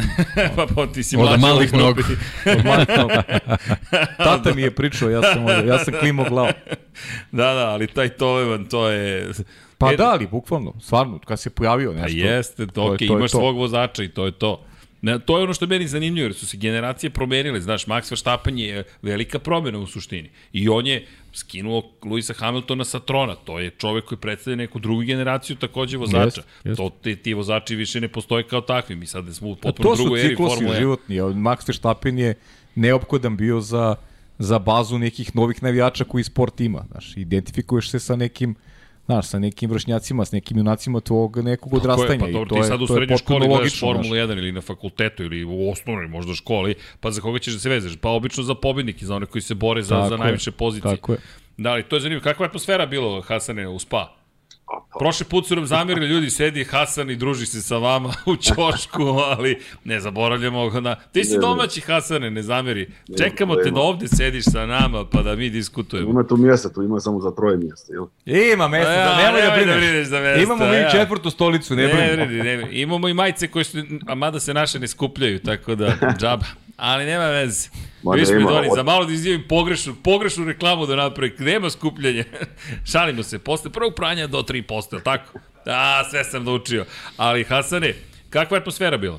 A pa, nevjerovatno. On, ta Orange Army uh, pravi, pravi buku 24 sata. To, tako, gdje, se on, gdje se on pojave. Ali, ali sve je bilo, mislim, sve normalno u toku. Nije bilo nikakvi incidenca kao recimo što je što se čulo u, u Austriji, ovo je sve bilo sasvim sasvim normalno i kažem to sve uh, ono kad ide ona Camel Straight, kad ide ide ide od od od gore i onaj pravac imaš desno, ima ta, to malo brdašce, ne znam, to je bilo najmanje 20-30 hiljada ljudi, da, to je nevjerojatno. I ovi drugi, će god bilo uh, neke tribine, to on s njim nije popun. Nevjerojatno. Da, da sad ne otkrivam gospodine dok ne dođe u goste u studiju koji je bio prvi put u životu na trci Formula 1. Kaže, slušaj Brercik, to je jedna velika prevara, ja da ti kažem. Kakav je bio na način, stojim na nekoj livadi, platio sam 80 eura i ne vidim ništa. I stojim tamo i jedva nazirem stazu, nešto se čuje, prolete pored mene i ja ne znam ni šta, ko vozi, ni gde, na kojoj poziciji, na šta ono liči. Bio sam na mnogo, ono je prevara jedna. Bio sam i na koncertima, svugde i vi, ja ne mogu da verujem. Je, Kažem, pa vidi, to je neka posebna strast. Kakva bre strast, šta ti pričaš čoveče? Gledamo one ljude, hvale mi se da su došli u 7.30 ujutru, zauzeli svoje mesto na brdima i gledaju trku. Pa vi niste normalni, kažem, pa dobro, možda si nas i najbolje opisao su upravo možda, sada. Možda nije njegov sport. nije njegov sport, definitivno. Ako je, ovo je najbolje rečeno, bravo. A ja se smijem i razmišljam, ne razumem, nema ničeg lepšeg upravo od toga što si sada opisao. Ja slušaš samo, brdu. ne trebaš gledati. Ma ništa, samo uživaš. Kaže, dobro, okej, okay, kad se Miris prvi put pojavio, pa nešto, ali na šta ono liči? me, jako, tam pare, hoću da maze me, paze me, ja kažem, za to ćeš morati malo više da platiš u Formuli 1. Ne, koju nulu moraš da dodaš na celu tu priču, ali eto, čisto različiti ukusi, da o ukusima ne vredi raspravati, ali sam se smejao, rekao... Ili voliš ili ne voliš prvi put? Tako je. Odmah se... Tako je. E, ali Hasane, je li nama postalo sada, ljudi, vas pitam isto u, u studiju, e, izvolite kolega, a, a to je, nama je postalo sada prosto svakodnevnice da pričamo o nevratnim brojima u Formuli 1. Mi sad konstatujemo nonšalantno 360.000 ljudi bio za trkački vikend tokom 3 dana. To su besmisleni brojevi. Da. A to je postalo normalno. A prije je bilo 50-60 hiljada uh, glave. Jesti, sad ti je ispratilo je bilo doći u spa, jer, da, znaš, da. razmišljaš o tome da li je možda posljednji put, to, da li si deo srećom istorije. Nije. Srećom nije, znamo da je sledeće godine je spa, tako da pritom u želi si ljudi prošle godine nije bilo trke. Da, to je George Russell rekao, da, da, su dobili trku. I ono što smo pričali, meni je stvarno bilo sjajno kako i ovi klinci, ovi mladi vozači iz trojke i dvojke, ne znam da si deki gledao poruke Oliver Berman recimo koji je rekao kad je pobedio u trci da. sja mladi Britanac, on baš je klinac super. Pratite ga. Pratite ga obavezno, možda će biti šampion Formule 3 ove godine. E, ljudi, meni se mnogo sviđa ova staza, volio bi da dođem ponovo ovde. To mu je bila prva reakcija kada je završio trku i te poruke i tih, tih momaka koji ovaj, tek treba da kroče najveću scenu, pa eto, moguće su uticale da, da dobijemo potvrdu već u Belgiji, da, da, da smo i naredne godine na stazi, verujem da će ugovor u neko dogledno vreme biti popisan na, na duži niz godina. Nažalost, Francuske neće biti u šampionatu, eto, ajde sad malo opet ja pravim onako jednu digresiju, ali... Slobodno. Ali dobro, vrtimo se malo, ovaj, pa, pa, pritimo priče koje su aktualne generalno. Pa da, ali vidi, znaš zašto to sve radimo? I zato što volimo da pričamo o Formula 1 pod 1, a pod 2. Imate poruku, momci, od Pavla Kiće Šarenca, koji kaže, momci, molim vas, samo zbog mene, danas ne mogu da gledam, ali molim Infinity Lighthouse da mi pomogne da brzo prođe vreme sutra u vožnji. Samo 15 sati vožnje imam, tako da se nadam da dva podcasta mogu pomoći. Nemoj ništa da brineš. PS, vozim autoputem 76, lep pozdrav. Inače, to je ruta 76 i tamo Severna Karolina ka Njurku, pa kroz Pensilvaniju ka Ohio, ali dole taj deo priče, to smo gledali, ja, Interstate 76 gde se nalazi. Kad se vozi ruta, vozi se ruta 76, tako da to je... Za rutu 76, pa jedno 6 sati podcasta ovo dva dana. Lagano, da... tako da, Kićo, imaš pozdrav od ekipe, evo, potrudit ćemo se bar 6 sati danas. Šalim se. Jer ma, neko mi... Znam, znam da se šališ. ne, ne, ne, neko mi je napisao. Budi siguran ne, da se kaže, šališ. Crkić, Crkić i možda, ali Paje i Deki, nisam siguran da će ga podržati u ovom ludilu. Gde su sada Podrža, Luka i Kuzma? Podržat ćemo te u ludilu kad budemo pravili, kad budemo rekord. obarali rekord. Da, Tada ćemo te podržati u ludilu. Dog dogovoreno. To će, to će biti ciljeno ludilo. E, ja bih iskoristio priliku, koleginica iz prodaje nije tu, ali sad mogu da najavljam i da pozivam da radim šta god hoću. Aha. A, dakle, Pojavit će se koleginica, čim bude čula. Šta se čim bude čula da nešto najavljam. Ljudi, ovo je za ljubitelja američkog futbola, spremite se. Opa. 9. septembar, ukoliko želite jedno posebno iznenađenje vam pripremamo, ali ima veze sa pivnicom Dogma, tako da znate. O, o, sad mi je sve jasno. Sad mi je sve tako da jasno. da znate, Tep, Na pravom ste mesto. Tep Room njihov u Beogradu, od tamo od 21.09 časova uveče 9.9. Potrudit ćemo se svašta. Kaži, kaži Vanja. Kako? Kako? Šta? Šta?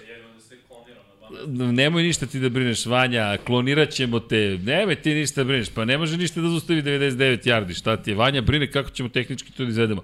Magija, Vanja, magija, pa šta ti je, pa ovo je magični studio. Znaš da je sređen gledao Copperfielda stalno kada je bio studio na kraju univerzuma, nemoj ti ništa da brineš, te brine zbog Luke Kuzme ili koga?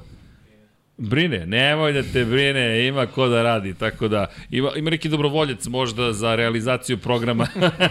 evo, evo, dižu. Evo, evo imaš, vidi, ruke, vidi, juniori, pa, da. ovo ti je vredna ekipa, pa to je... Da, Ima, imamo juniorski pogled. Juniorski, tako U Red Bullu ne brinu, nema. E, ne, ta, nema brige. Tim stopamo, znači, ja. juniorski program Lab 76. Dobro, Vanja, vidi, samo polako. Jeste punoletni ljudi? A onda ne možemo ništa, onda, ništa. Ima punoletni. Ja. O, top. Pa eto, sredit ćemo to. Marko Ele... nije, ali sredit ćemo, sredit ću ja sa, ro, sa roditeljima da daju potpis. da ja mali potpis da ovde može da se dođe na praksu, eto, to dobro zvuči. Da. Dođite na plaćenu praksu. To po zakonu inače da znate, ako idete na praksu moraju da vam plati. Ali dobro, to je neka druga priča. Elem, da se mi vratimo u naš, jel te, studio, samo sam morao da najavim, koleginica iz prodaje nije tu, pa eto. Inače, dolazi, dolazi neko da kupe, kaže koleginica iz prodaje. Kaže koleginica iz prodaje, ima novo ime. Moram da je napravim majicu koleginica iz prodaje. Elem, A, dakle, 6 sati, nećemo baš 6 sati, ali apropo ovoga što si rekao... Pa ne, u 6 sati u 2 dana. U, a, u 2 dana? U 2 dana. Gledam Dekija, Deki juče bio ovde. Mi smo već odradili, da. Deki Jeste, a, juče ste, bio, pa, a, lansirali bravo. smo Artemidu. Bila A. kiša. Aha. Bila kiša Pa u svemiru, pa je odloženo. Ali, ali MotoGP Da, da. sutra. Pa dobro, i Sutra sutra. MotoGP. Dobro, Pa u to- petak to sam opet lansiranje. Petak opet Petak lansiranje, lansiranje, pa, ja, znači da. lansirate. Tako da biće više od 6 sati sigurno ove nedelje. Pa, to je to. Tako to da je be- to.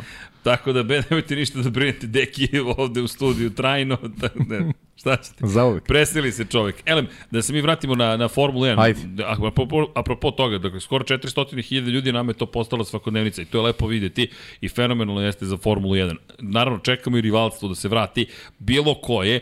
Imam pitanje, apropo, konstatovali smo da Max Verstappen Nemoj neko posle ovog podcasta da je rekao da ga nismo hvalili ili da ga ne spominjemo, molim vas. Dakle, Koga ne spominje? b- Ko- Pošto je u jednom momentu gotovo postalo izlišno. Pa bio ima momenata kad nema šta se Šta da priča. kažeš, pobedio je. a, nekad pokazuješ, ljudi, kako ne shvatate, e, vrednost nekog sportiste je, se ogleda nekad u tome da ne pričate o njemu, zaista. Jer prosto napravio neki standard i, i kad, kad, je, kad, ost, kad dođe do nekog standarda rezultata, vi nemate šta kažete.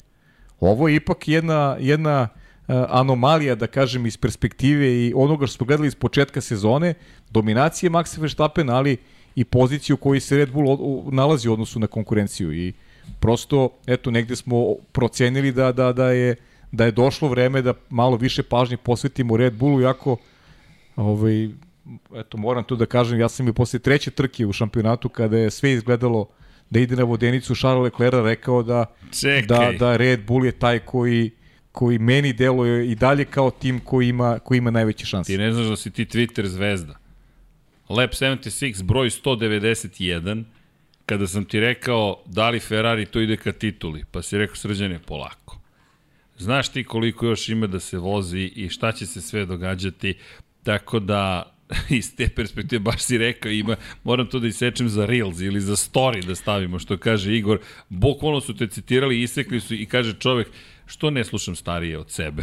ne, ne znamo što ne slušate, Mogu ali bi i mlađi trebalo. da poslušaš nekad mene, recimo. Da, da, da. ok, da slušaš starije, možeš malo i mlađe nekad da slušaš. Tako da da, ko, Ne, ba šal, šalim Evo se, to je, znaš, nije, nije, to, nije to važno, nego pričam ti, ne zbog čega sam to rekao, iz, iz uh, I imao si istu majicu. perspektive onoga, da, iz perspektive onoga što što Red Bull danas znači f- Formula 1 i kvaliteta Maxa Verstappena, jer pobediti velikog šampiona kakav je Lewis Hamilton prošle godine, to daje za pravo svakome da, da, da u pravcu Maxa gleda sa najvećim mogućim poštovanjem, jer e, i dalje smatram da je Lewis, Lewis danas najveći rival Maxa Verstappena, okolnosti po Mercedes nisu ovaj, e, kao što je to bio prošle sezone, ali opet se vraćam na staro. Dakle, naredna godina mislim da je kritična a, iz pogleda Luisa Hamiltona ka potencijalnom osv- osvajanju ospe šampionske titule. Ja mislim da, da će to biti posljednja šansa za Luisa Hamiltona da prekine sada već dominaciju Maxa Šta ćemo sa Charlesom Leclerom? Šta ćemo, ljudi, Charles Leclerc, pa kažem ti, ovakvom sistemu Ferrari, to sam rekao i prošle nedelje, u ovakvom sistemu Ferrarija vraćam se na ono što je pričao i, i Zoran Živko, neću ponavljam, sjajne observacije imao Zoran Živko ovde u studiju, veliki pozdrav za Zorana. treba da nam dođe Sva, stvarno sjajan podcast i, i sve ono što je pričao uh, ne, ne da potpisujem, nego se stvarno apsolutno slažem, izdao neke stvari koje smo možda i prvi put čuli. Uh, ja mislim da Charles Leclerc u ovakvoj, ovakvom percipiranju Ferrarija neće imati priliku da se adekvatno bori sa sistemima kakvi su Mercedes i Red Bull u kome je jasno profilisano ko kosi i ko vodu nosi. Deki- I to je mnogo važno za, za, za nešto što je, što je budućnost Charles Leclerc. Pajo, Deki, Hasane, da li znate ko je vozač broj 2 u poslednjih devet trka u Ferrariju? U poslednjih devet trka Carlos Sainz samo jednom nije poražen protiv Charles Leclerc. Ili da obrnem, u poslednjih devet trka Carlos Sainz je osam puta bio ili izjednačen, to jest odustali su, ili ispred Charles Leclerc. To je osam trka. Meni se nekako 14. čini da je, da je on rezignirao, da je on od, od, odustao ove godine. On na Leclerc. početku po, pobjedio to i e, nek, bio nekako u tom flowu da ide pozitiva i onda se desilo to šta god, mislim i on je pogriješio, ali nije toliko nek što je prije griješio i e, ovo je šta je god Ferrari sad napravio, ja mislim da on više više ne misli na to da će osvojiti nešto. Ove godine svakako ne. Njega šta su i ovi drugi što, što su Vettel radili 2018. i u Hockenheimu od tada on je bio za mene više nije bio čempion i, i nije više došao sebi. A tako Da. sa Kimijom, a tako kažem, Pa jel ti sa njim. djeluje da je Leclerc došao do tog stadijuma? Da, ja mislim da, da, da on u Ferrariju više nema neku budućnost, da, da postoji ne, nešto. I ne. Pazi, to je mnogo ozbiljno. Oni su Ozbiljno. počeli Ozbiljno sezonu jeste. sa dve pobjede i jednim drugim mestom u prve tri trke. Tri najbrža kruga. Dve pol pozicije. I tad smo, to ono što smo tad pričali, ogromna prednost. Pa ka, kako biste se osjećali vas dvojica 100 godina ste u poslu, aj sad 100 godina. po znacima, ali ali sad sam pričam, aj pričam ozbiljno, pokušavam, Ne, ne, pokušavam, pričamo ozbiljno, pričamo ozbiljno. zamislite da, da, da vam ovaj, uh, sedim ovde i da vam ne, ne pokazujem poštovanje prema onome, prema onome što radite.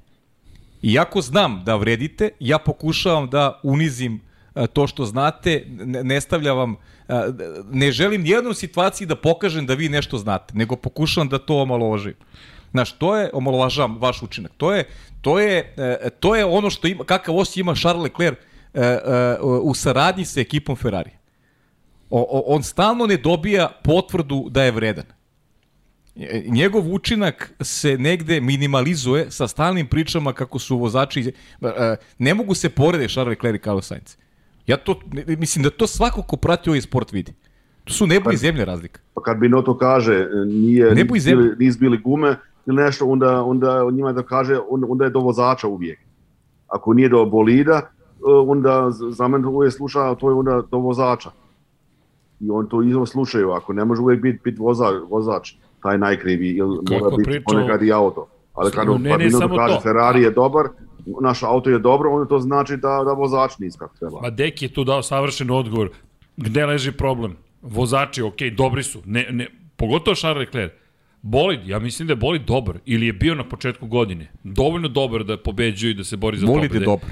Ali, Bolid je dobar. ono što zaboravljamo, to je ono što Deki stalno ističe. Tim i napredak Formule 1 kao organizacionog sporta u kontekstu njegove kompleksnosti. Ovo što je upravo rekao, Deki često to ističe. I ja se sad ne šalim, nije, nije reklama. Gde nam je Šumacher? Evo ga, crveno i crno Šumacher. Šumacher, to Deki stalno govori. Dobije naređenje od ekipe. Treba nam 19 krugova. 1.49.5. Čuveni Hungaroring. Pa, Čuveni Hungaroring, tako je, tri zamene guma u momentu kada to deluje nezamislivo. Ross Brown izađe na radio i kaže, slušaj Michael, treba nam to i to.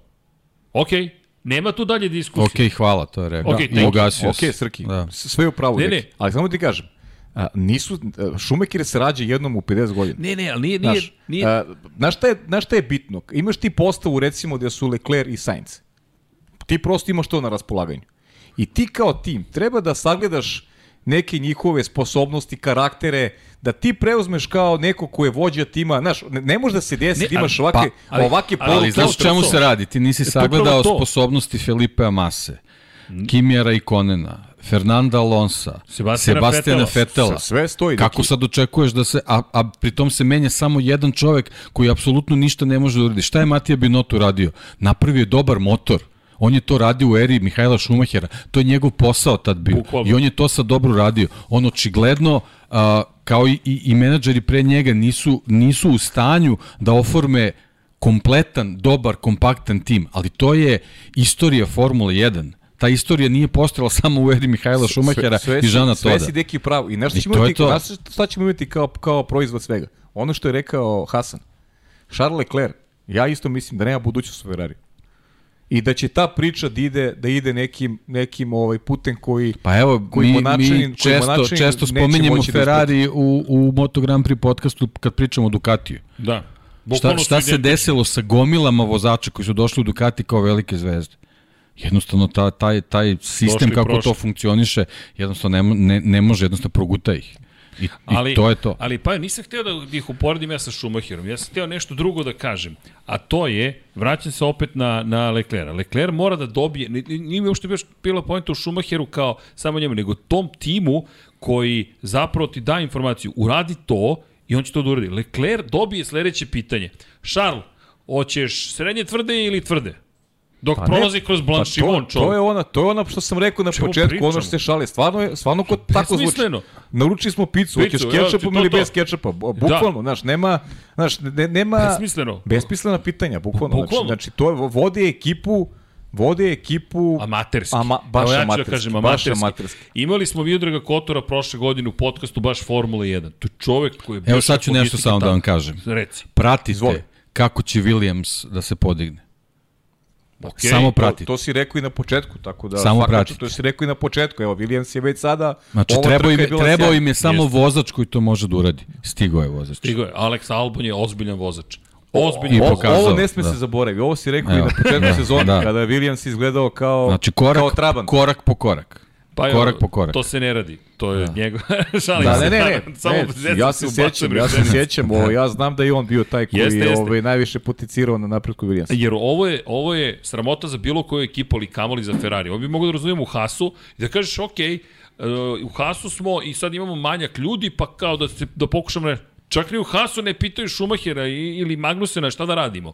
Oni su sada u situaciji da oni ponovo pitaju. Mislim, da, ponavljamo priču, ali to je zato što se Ferrari nikad ne menja, a pritom, gde mi je poenta? Poenta mi je onome što ste Deki ti pričali, a to je, tu, tu smo Deki ja više bili na, na stranu toga, ti si u pravu Pajo. Ekipa to mora da reši, ali ekipa to nikada neće rešiti. Zato što će problem. oni da otpuste Znaš. Matiju Binota, pa će dovesti nekog drugog. Dovesti će Marka Matijačija, pa će dovesti e, nekog drugog. Ali sad, po, postavljam sad drugo pitanje, postavljam Uh, kome su kao takvi inspirativni da dođu sutra u tu ekipu? Zato što je to Ferrari. Da. Ok, ali čekaj, misliš da, da, da Max Verstappen dolazi u Ferrari po, u okolnostima ne. u kojima oni diktiraju? Pa ja mislim da, da će da Max Verstappen može doći u Ferrari samo u varijanti kao što je došao Mihael Schumacher. Znaš, tako. Jedino u toj opciji može Upravo doći da tako. kaže moji uslovi su ovaj čovjek, e, ovaj sad, čovjek, ovaj jedini čovjek. je problem što Max Verstappen u Ferrari može da dođe tako što će dovede pola Red Bulla. Tako je. To ne može se pa, desiti. Hanna Schmitz, tako je, da. Christian Horner, Helmut Marko a, i, Ma, i Mihael Schumacher je ekipu mogao da dovede u Ferrari zato što i to ekipi bio san da radi za Ferrari. Jeste, jeste. Da, da, drugačije su To je potpuno jest. drugačija priča. Da, ali Hoćemo to... da kažemo iz koje ekipe... Pop, iz cirkuzanske ekipe šarene. ovo niste nikad videli, dakle, samo Benetton ovo može da zove kod Deki. A on je zati, on je zati, on je zati ovu majicu, znaš. Džemper, Benetton. Zato je ovu majicu, zati ovu majicu, voli te boje šarene. Da, da, može. Da, da, da. da. Ovo iz 95. kombinacije. Ovo je 95. kombinacija. Bitburger. Ne, ovo je stvari 91. Ne, 91. 91. je baš bilo ovo je 91. Da, da, da, da. Samo 91. da, da, ali dobro, ali, Sjajno. ali vidi, apropo ovoga, šta, šta, šta, gde smo mi opet? Ko je opet sa ekipom, Carlos Sainz je opet ekipi stavljao do znanja šta treba da radi. Carlos Sainz, i to je ono što je Deki lepo rekao, ja mislim da se Carlos Sainz bolje uklapa u Ferrari, od Charles Leclerc. Charles Leclerc očekuje mašineriju. Š, a, pa. Carlos Sainz je dečko koji je prošao Red Bullovu školu organizacije. I on to donosi. Jel to ne smemo da zaboravimo? Ne, to ne smemo da, da zaboravimo. E, ali da. vidi, i ovo pa je apropo. Ogromno zašto? iskustvo, iskustvo kroz Tako McLaren. Znaš, u kojem, kojem je on trenutku bio Carlos McLaren. Sainz takođe. Tako je. Znaš, ali to si lepo rekao, on je prošao McLaren, on je prošao i Renault, on je prošao vrlo ozbiljne fabrike i došao do ovde. I on bolje upravlja ovim timom i razume da on mora da upravlja njima. To je ono što je problem Charles Leclerc. Charles Leclerc kaže za taj najbrži krug, za one koji ne znaju zašto se smemo. Charles, ajmo da uradimo najbrži krug. Kaže, pa, ljudi, znam, ja ne bih rizikovao. Ali Carlos Sainz ne može nikad da bude šampion. Ne, vidi, to je drugo. Znaš, ti si Ferrari, ti hoćeš Carlos Sainz. Ne može nikad da bude šampion. On nije neko ko može da vodi Ferrari do šampionske titule. Znaš kako bih ja rekao? Može da bude šampion ako se poklope sve kockice. Šta, da drugi ne vozi? ne, ne, ne, da Verstappen i Hamilton Pa ne, znaš kako je ova trka ali... ti bila primer. Znači, evo, znači, izostavi Serhije Pereza, Carlos Sainz je imao fore 400 metara na startu da, da napravi krug da im pobegne 5 sekundi. I to nije uradio. Nije Da, uradio. čak Ne, ni- nemamo šta čak da posle Pa ne, ne nemamo šta da evo, Pritom, ja imam uz- uz- loš- I u subotu već Uz loš start Serhije Pereza i sve, on ništa Pa ti nije u uradio. subotu u kvalifikacijama već vidiš da su Sergio Perez i Carlos Sainz drugi A vozači. to je ironija, neko mi... Znaš, oni su drugi vozači. E, ali ljudi, kako smo mi došli do ovog on je, stadijuma? drugi, on je drugi vozač Ferrarija. Ali to nigde nije po Iako znacima nije navoda ličilo napisano. dobar je restart imao za posle Imao je safety dobar car. restart, Da. imao je pobedu Ali ali, ja- ali opet nije bilo dovoljno. Ništa, ništa. Ali ljudi, evo, evo, neko mi je pisao i kaže, evo sad imamo period dominacije Red Bulla, ovo uh, u- ko, koji može da se poredi sa, sa, sa Mercedesom. Ne, ne, ono što je meni fascinantno, vi Ne može, tim ne može ovo se poredi sa Mercedesom. Ne, ne može, ne može, Ne može. ali... Mercedes je bio dominantan, nije imao rivale. Ovo je problem Ferrarija. Ferrari Tako od je. početka ima dobar Tako bolid je. i Ferrari se trka sa Red Bullom. Ali smo mi opet došli, izvini, ovo ide na tvoju vodenicu, ovo je tvoja teorija koja je 100% potvrđena i rezultatima. Mi smo došli u situaciju da Red Bull nema, sad ima dominantan bolid u njegovim rukama, ali ti kada pogledaš Ferrari je trebalo da bude mnogo bolji od ovoga. Morao je da bude mnogo Došli bolji. smo do sledeće situacije. Mi u subotu znamo ko će da pobedi iako startuje 14. I pozivamo se na istoriju. Ti vozač Ferrarija zna. I vozač I Ferrarija. vozač Ferrarija ali zna. Koji je na pol poziciji. Koji je na pol poziciji. Koji kaže, ja imam problem sa time, koji kaže pobedit će neko drugi. Ma nemoj to ni da izgovoriš, nemoj da pomisliš nikad u ovom životu. Čovječe, ti kao šampion treba da kažeš, ma neću mu dozvoliti. Dobro, ali samo ti, op, opet e, jedna druga stvar. I ti si u pravu Pa po ne, tom to, pitanju. to Charles Leclerc ne bi nikad rekao. Pa ne bi rekao. Pa ne bi rekao nikad, to ti potpisujem. Je- E, to je sad ta, ta priča, ta, ta priča posebna, taj odnos koji ima Ferrari, zbog čega se slaže sa Hasanom, da on nema budućnost u ovom timu. Pa ne, on Jer je ti ubijen, imaš- ja mislim da on ubijen Ti psihički. si duplo bolji od, od svog rivala, a tebe tim ne podržava. I, i stalno valjaju priče kako mi radimo kako treba. Utopija. Oni, oni, oni su uključili Pa, dugme za samouništenje. Loša kompanija, to tako izgleda. Katastrofa. I, i znaš zašto Katastrofa. niko, nijedan šampion više neće doći u Ferrari? Zbog Sebastijana Fetela. Ne Fernanda Alonsa, zbog Sebastijana Fetela. Jer Fetel je moderni šampion Formule 1, koji dolazi iz sistema, koji očekuje sistem. Fernando Alonso i dalje je neka vrsta maverika, neki Pa, Ja- buntovnik, ja- ja- buntovnik, klasičan. klasičan. Ja mislim je. da vozač ima šampionske ambicije, ko može, ko smatra to može da ostvari, da će radi izabrati projekat Mercedesa, Red Bulla, Audija. A, Audija, Audija, bravo, tako je. Audija, Porsche, Williamsa. tako je, nego što, će, nego što će izabrati Williams Ferrari. Porsche, jel to ti gađaš? Pa Ko dobro, zna? vidjet ćemo, da. Ne, po, slaži se Deki, po, potpuno vidi. je u pravu. Vidi. Ali potpuno je u pravu. I Ja, ja delim to mišljenje. Vrlo lošu poruku šalje Ferrari već godinama unazad, a ovo je samo okidač za ove Pogledaj, mlade momke. pogledaj kakvu je poruku poslao Mc- McLaren.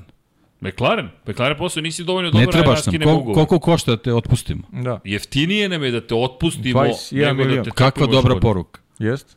I Svima. Imaš, o jeste, imaš ozbiljan tim. I šta su još uradili? Agresivno su napali slobodnog vozača. Tako je. Pjastri, ti si A slobodni. ne, u, u suštini, Ajmo. to je poenta cele priče. Ono što smo pričali i ti To, to, to, to, to. to je poenta cele priče. Prepoznali su Pjastrije kao zalog za budućnost. I čvrsto stoji za to. Idemo. To je ono kad znaš šta, šta hoćeš. I boriš se za to. Spreman si ideš Ali- na sud i sve, boriš se za ono što ti hoćeš. To malo košta, to- taj Hasane, sud nije ništa. Jel A ti da, ovo okej. Red Bullovski potez? Malo pre si rekao, Red Bull stane iza nekoga, ali Red Bull i kad odustane od nekoga, odustao je. Nema tu na 100%, pola. Da. Znaš, završili smo s Nema tom. više, nema više, eh, a šta sam ono pogrešio i aj za- zaboravit ćemo šta je bilo ili nešto, to nema, to nema. Jednom i za uvijek. Pierre Gasly. Sorry. imao si Alex. Albon. Alex Albon. Alex Sorry. Albon. Pogledaj kakav vozač. Jeste. Nema više vraćanja, I on, ali, ali on to znaju.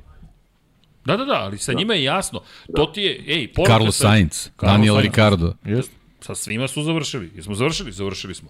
Jel te podržavamo? Podržavamo te. Nema, to, nema, to, nema između. I to su sad ekstremi koji nekima prijaju, nekima ne prijaju. Vidjet ćemo šta će sa Serhijom Perezom biti. Perez koji... To je druga priča. koji je tu? Oni su njemu broj iščupali karijeru i on nema, nema šta tu da zameri bilo našli kome. mesto, I on će biti tu, treba. tako Znali je, dokle bude treba. trebalo. A i da, to su da. znali šta im da, treba. Da, da, I dobili su ono što su hteli. Ali to je ključan moment kada je Christian Horner rekao od sada ćemo ozbiljnije da se bavimo vozačem broj 2. Nećemo više toliko neozbiljan pristup da imamo i od tog momenta su oni sejali i rekli koga da dovedemo. I bio je to veliki iskorak da oni nisu uveli vozača iz Red Bullove akademije. Dobro. Nego našli To je, to je poruka za njih. tržištu. To je Tako poruka za E, njih. a, ali na šta je to još? Ono što je Ferrari, priznavanje greške. To, to je ono što Da. Ferrari ne radi. Priznavanje greške. Nismo dobili iz svoje akademije ono što nam je trebalo. Doveli smo Serhija Pereza ili nam treba kvalitetan vozač broj 2. Šta je proizvod cele priče? Osvojili šampionsku titulu uz pomoć Serhija Pereza prošle godine. I evo ta saradnja i ove godine Serhije Perez je danas uz činjenicu da vozi nešto slabije u posljednjih 6-7 trka, on je drugi u šampionatu vozača. Da, pazi. I ti si ubedljivo, Šta, ubedljivo na po, prvoj pobedu poziciji u, u konkurenciji konstruktora. Ove godine će da slavi u konkurenciji konstruktora. Da. Opravdanost, opravdanost te odluke dobijaju u punoj meri. To je to. Vidi, mi njega ni ne spominjamo, on čovjek je bio na poziciji broj 2 u trci. Lagano. Bio broj 2. Kao, i sad ima dosta kritika na njegov račun u Velikoj Britaniji. Neko me pitao da to prokomentarišemo. Zašto ga kritikuju toliko? A to je britanska štampa, naravno da će kritikovati. Ali je point u sledećem, kao mnogo ga je Max ostavio. O čemu mi pričamo? Za- Da li iko zaista veruje da, da je Perez i dalje i da se Perez Ma, bori za da. titulu šampiona? To su besmislene priče. On zna svoju ulogu i rekao i on, ljudi, Imamo super bolid, sve to sjajno, ja moram da budem brži s moje strane, ali Max je danas bio neverovatan. Da li se unapređenje usmeravaju kao onome što je potrebno u stilu Maxa Verstappena? Da, da, da i da. I tu je kraj priče, to je Ma, tu nema šta, šampion, nema šta ne, nema o čemu pričamo. To je ali, Formula 1. Tako je, A, da. ali apropo Charles Leclerc, Leclerc u devet trka je samo jednom bio bolji od, od, od Sainca. Ja mislim, Hasane, da si ti sve rekao. On je, ja mislim da je, nažalost, on ubijen u pojem. Ja se tim slažem isto rečima. sa tim. Da. Pogotovo što će se Mercedes vratiti, gotovo sigurno. Ja ne vidim da će Mercedes sad stati odjednom, jer Mercedes ovo je pa super Ne, rekao. naredne godine, to je to. Ali već sada, srednje tvrdoće gume, tvrde gume kada pogledaš, Pa oni to, su tu. ono što ti Nedostaju pričaš, ja, kvalifikacije. ja i dalje ne verujem u to, ali, ali biš je daleko od istine. To je tvoja teorija da će Mercedes na kraju biti bolji od Ferrari generalno plasmanu konstruktora, što Pa ja mislim da im je nije- to u ovom trenutku cilj, da budu vice šampioni Da. da, među konstruktorima i po meni u ovom trenutku George Russell da bude vice šampion. moguće. On moguće. trenutno bodovno ima vrlo, vrlo lepu priliku da to uradi. Samo poen manje od Sainca. On se praktično bori sa Saincom i Perezom. Ali, čak i ako ne bude vice šampiona, bude ispred oba vozača Ferrari, to je velik uspeh za Mercedes. U Uspeh. lošoj sezoni. To je, to je, To je kao senzacija. titulu da si osvojio. Pa da, ali, ali situacija da, da sprečeš Red Bull da ima u šampionatu vozača prvo i drugo mesto, Bravo, da se ti deki. ubaciš između Da, njih bravo, i to, to Da ti remeti, poruku. to ti remeti neki njihov plan, da. Da kažeš, ej, mi nismo nestali, tu smo i Ne, dalje. rekli smo, u sportu generalno, Dve, dve, dve vice šampionske titule u ovom trenutku za Mercedes bi bila puna Da. kapa kako je počela sezona. Da. Jako je bitno, zašto je bitan ovaj nastavak sezone, priprema za narednu je mnogo važna. Ovo je već Mnogo važna 2023. priprema za narednu i dozvoliti rivalu da onako uđe u jedan period dominacije koji će, koji, koji će ljudima biti potpuno normalan. Ja stvarno mislim da će trka u Zandvortu bili, biti malo drugačija, da to neće izgledati ovako, ali ajde da se sad ne Da, da, bavimo Spa- Zandvortom, još nismo analizirali do kraja nekako, ovo. Spa nas je nekako prevarila. Pomislili smo, o, sad ćemo biti trkanje. O, Max, gotovo, ćao, kraj priče. Da inače nismo, da, nismo ni spomenuli u gomilu stvari, ali hoćemo, ne brinite. Kada pričamo i o pozicijama, je na kraju bio četvrti, ali već je, već je opet bila scena u onome što se desilo između Luisa Hamiltona i Fernanda Alonso na startu. Pri čemu sve te silne kazne su dovele do toga da Fernando Alonso krene treći i ono što deki ti stalno govoriš, hladne gume i Fernando Alonso. Strašno kako to izgleda. Strašno kako, to dobro izgleda. I ono je bila puka, puko nesrećni slučaj. Hamilton, inače, u, za one koji ne znaju, došao je do kontakta, Hamilton je na pravcu uspeo sa spoljne strane da pretekne delimično Alonsa, uđe u krivinu, zatvori. Međutim, ako pogledate desni točak Alonsa je praktično van staze. A da, videli ste, gde. Hamilton je vrlo, Hamilton je vrlo korektno Tako rekao je. da je on napravio grešku, tako da Ali, Ali naravno, ne bi Alonso a- i Alonso- Hamilton bili Alonsova Alonso i reakcija- Hamilton. Alonsova reakcija je- Došlo je do da. kontakta, skočio je bolid. Hasane, jel, a ne, to su, ti, ti imaš one ekskluzivu, ne, ne, jel smemo, da, smemo fotografije? Jel ne, nisu online ekskluziva? Može, ali Ne, nećemo, ne. da niko šuti. Gledaj, gledaj. Ne, ne, ne, dešava, Ne, ne, ovo ne, se ne, gleda, pa ne, gleda, ne, ne, ne, Hasane, ovo se gledaš, zna da nam sutra zovu, ne, ne, nećemo ti pravimo problem. Dakle, Ne, ne, ne. bolid Luisa Hamilton otišao 2 metra zadnjim krajem, deki ja smo gledali otprilike u vis, pao, oštećenje je bilo neminovno. 40G, da, je istrpeo mm. zadnji kraj i sad se već, već je strah za Zandvort. Da, Šta se može da ispliva, da, da. da. jer taj bolid je prošao, nije prošao test, ono je razbijanje bolida, bukvalno bilo. Ja sam Pa kao danas pričao sa mehančarom Da, šta, od si, šta kažeš, Mercedesa. Bravo. Danas sam pričao sa mehančarom Mercedesa e, i da je menjač je pukao i auto je bi, ako, ako su, da, da bi ga sa, e, sa dizalicom digli, e, zadnji kraj bi otpao. U, Auto je bilo u dva dijela. To auto Samo je vislo je, dva Sve, je, kad je on s njemu stali, stop, stop, stop, njemu su rekli, sve, je, sve je ošlo iz uh, akumulatora i sve stao je imalo. ja dobro sećam. Pa nije, Sve nije. je ošlo. Obrtni moment kida sve. ovaj Da. motor Da, sve. da, dakle, Hasane, oni mogu da dođu u situaciju da će morati novi menjač da ubace. Pa, ka, kako on kažu da je, da je se raspolovio. Sigurno. Da. To ljudi, to tak kazna, ako ne sada, negde sigurno sledi kazna. Ne znam koliko je sad imao i menjao, ali bit će to, i To, do kraj godine. to će biti baš ozbiljna situacija. Da, da, da, ali Hamilton prvi put ostaje bez bodova ovde posle Imole, ali ovo je prva nezavršena trka za njega. Inače, naravno, Fernando Alonso odmah I to je sad zanimljiva rečenica, naravno, neću da citiram u potpunosti, rekao ovaj čovjek ne zna da vozi osim kada, kada vozi sa prve pozicije. I druga stvar jeste, maho je Lewisu Hamiltonu prstom kada je prolazio pored njega u sledećem krugu. Između njih dvojice ljubavi ne postoji. Inače, rekao je Hamilton da trenutno nema nameru da razgovara s Fernandom, ali mu je danas, to smo videli na društvenim mrežama, potpisao kačket koji će da mu pokloni. Tako da između njih dvojice Pa, Ne, izvinio se nema Alonso nikakve javno, a i verujem da su se čuli tako. Pa da. sigurno. A i Hamilton je rekao da, napravi, da je to njegova greška, a u krajnjem slučaju Samim tim tu si Alonso hladio tako. Ma naravno, ma dobro, to je... To zbog kačketa. Znaš šta, srđane, to su... A To su, godine čine svoje. Ne, ne, to su on, oni momenti na kojima ja stalno volim da insistiram. To je to ozvučenje To je mali sportista. fudbal. Ozvučenje sportista u momentu kada se, znaš, Kada adrenalin gruva, da. adrenalin gruva, mogu da kažu svašta i sad ti na osnovu toga praviš neku priču. A tu u suštini A priče priče nema. nema, tako A je. nema nikakve priče. Jer, Šta sam sve u stanju da kažem kad sam, kad sam, na, kad sam na terenu, to je, ali to nema nikakve veze Pa sa kao onim ono, što onaj je. čuveni timeout Dekija Savića, mislim, meni je ono baš...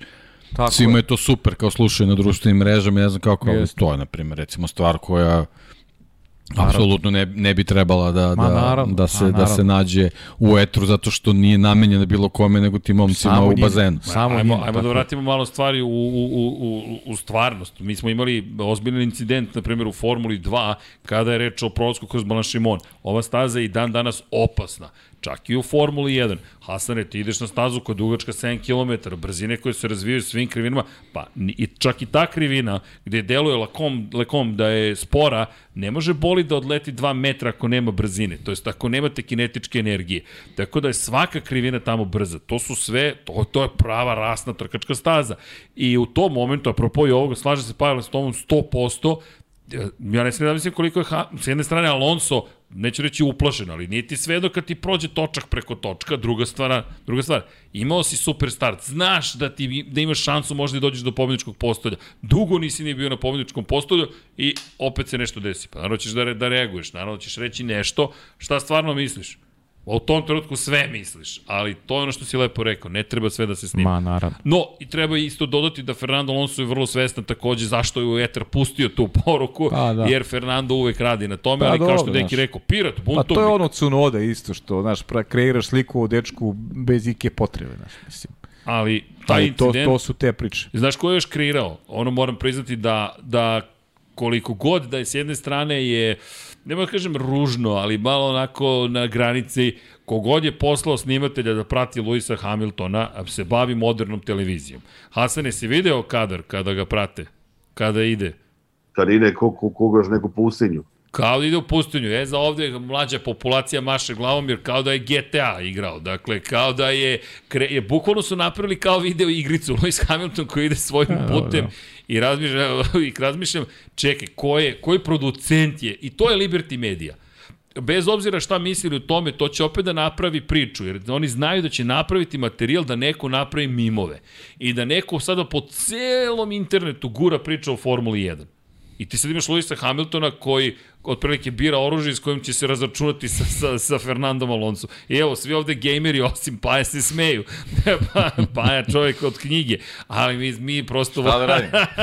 da, ali, ali možete da ga zapratite na Pavle Živković 28, jer toliko ima godina pa je na Instagramu, ali u svakom slučaju, pa da, ono je isto fenomenalna televizija, oni ljudi znaju šta rade. Ja, zašto ovo spomenju? Sutra ćemo ti ja neki nastaviti našu priču o MotoGP, ali tamo se Suprotno. vodi rasprava šta se radi. Video si Hasane, Kako drugačije se ne potpuno. radi, da. Tako kako se ne radi, tako je. A ti možeš iz prve ruke to da primetiš. nastaviti sutra ovu priču ili to Pa, da, za, priča napravljeno. zatečen sam potpuno. Zatečen sam pa... Čekaj Hasan da čuje da i on ide u MotoGP podcast. polako, polako. Mahnuo nam je Hasan samo. Ali ljudi, za Hamiltona je to velik udarac, jer ovo treba bude nastavak sezone, ostaješ bez bodova, polomljen ti je bolid, propuštena prilika da zauzmeš poziciju broj 2 na startu trke. Nije, naravno da nije pa dobro, tragično, da, zato što ja se ne bori da za titulu. Da je veliki ali... udarac, znaš, njemu je... Ma udarac je bio 1,6 sekundi u kvalifikacijama, to je udarac. 1,8, to je udarac. To je tako, to je udarac. To je udarac. I generalno za Mercedes to bio. Pa to je ono, sad se vraćamo na početak da li Mercedes sport. Ne, Red Bull je bio mnogo brz i Baš to je, je bio brz. I to je udarac bio za sve, nije to bio samo udarac za Mercedes. Ne, ali 1,8 sekundi. Udarac i za Ferrari. Ferrari je bio mnogo sporiji od Red Bulla u kvalifikacijama, baš, ali, baš prilično spor. Još na onoj stazi, mi pričamo o velikim brzinama, to je ogroman za ostatak. Mi upravo je deki, to je jedini pravi udarac. Ovo što nije završio trku, eto, možda bi se, ne možda, ja, ja evo, bit ću otvorenih onako karata, mislim da bi Lewis Hamilton bio treći u trci da je, da je nastavio. Da. Da bi pobedio Carlos Sainz. Hasane, šta ti kažeš? Pa i išao na postolje, da, da, 100%. De, tako je delovao. Da. Mislim, generalno kada pogledaš cel, celog vikenda... Jel oni Mercedes... imaju taktiku svoju, da. mislim, e, što e, na Ferrari, to ipak imaju e, te, te da. svoje inženjere koji, koji ipak znaju, one Peter Ponik, to ipak nek, nek, neki mozak, to ipak bi se na to izvukli. Pa, to smo i videli. Russell je bio veoma blizu cele priče. I slažem se pa s tom. Mislim da bi Hamilton uspeo u tome. Inače, F1 menadžer je izašao. Ljudi, ja mislim da je vreme da instalirate igricu, da vidimo ko je sledeći Pa sad, Matija Binotto, ne znam, Ross Brown, kojoj eri pripadate. Ko želi da bude Binotto, nek pravo. ko, da, da, ko želi, niko ne želi. I upozorenje. Ja, ja pošto ne igram igrice, ja, ja bih bio Binotto, verovatno. Sumnjam, pa evo, ne možeš ti ni da, ni da hoćeš, ne može. Ali da, da spomeniš šta je Paje pričao tokom prenosa. Vodite računa kad igrate F1 menadžer, nemojte da vas, da vas obuzme baš u potpunosti, pošto da. sa futbol menadžerom imali smo Da, imamo iskustva kod iskustva. ljudi da da ovaj zamisle već imaju trenerske licence, znači tako da malo ove ovaj, ljudi to je igra spustite ipak. malo samo igra, igra, ništa više, ako hoćete da budete treneri, školujte se, nemojte da tako mislite je. da je menadžer igrica neki reper za za trenersku karijeru. visoko obrazovanje je Tako je, mora visoko obrazovanje. Se. Ma, Momci, naravno. školovanje, molim vas, školovanje, to je, to je obaveza. Tako je, tako je. Ne praksa samo, školovanje. Nemoj da se smete vi kolega, da. Dobro, ja sam inače rešio da posetim moju katedru za japanski jezik i književnost i da vidim koji je moj da li status. Pamte, da li te pamte? Pa pazi, poslednji po 2001. Bio, sam bio tamo. Pre 30 godina si bio pa, ne, ne, sad pa 21. pa. Serio sam čovjek koji vodi katedru. Pa dobro, Erceg, Češ da dođeš, pa rekao, pa ja sam još uvijek upisan na fakultet, kaže, trebalo bi. Pošto... Jeste, zašto se ispis plaće. Kada upisan si sigurno. sigurno, sigurno. Tako da ću da, da vidim da li mogu završiti da treću i četvrtu. Ja. Zamisli ako diplomiram. Ja, pa moja mama, ako ovo sluša, ženi neće biti dobro njeno najveće razočaranje, ni deca nisu diplomirala. A, dobro. Nadam se da je zaspala sad. Da, da, sada. Pa, pa poznaješ ih. Pa evo, da. skrati, ovo sad te lako zagrevanje. Veliki pozdrav, veliki pozdrav. Ekipi, da, da, penzionera mojih. Tako je. Ali, kada pričamo o menadžeru, eto, lepo se igrate i uživajte. Inače, menadžerski, ono što bih pohvalio, iako jeste Fernando Alonso bio peti i neverovatno, ali devetu trku završava među osvajačima poena. Ljudi, ono što je radio Esteban Okon je nekako prošlo neopaženo yes. gotovo. Esteban Okon je odvezao fantastičnu trku.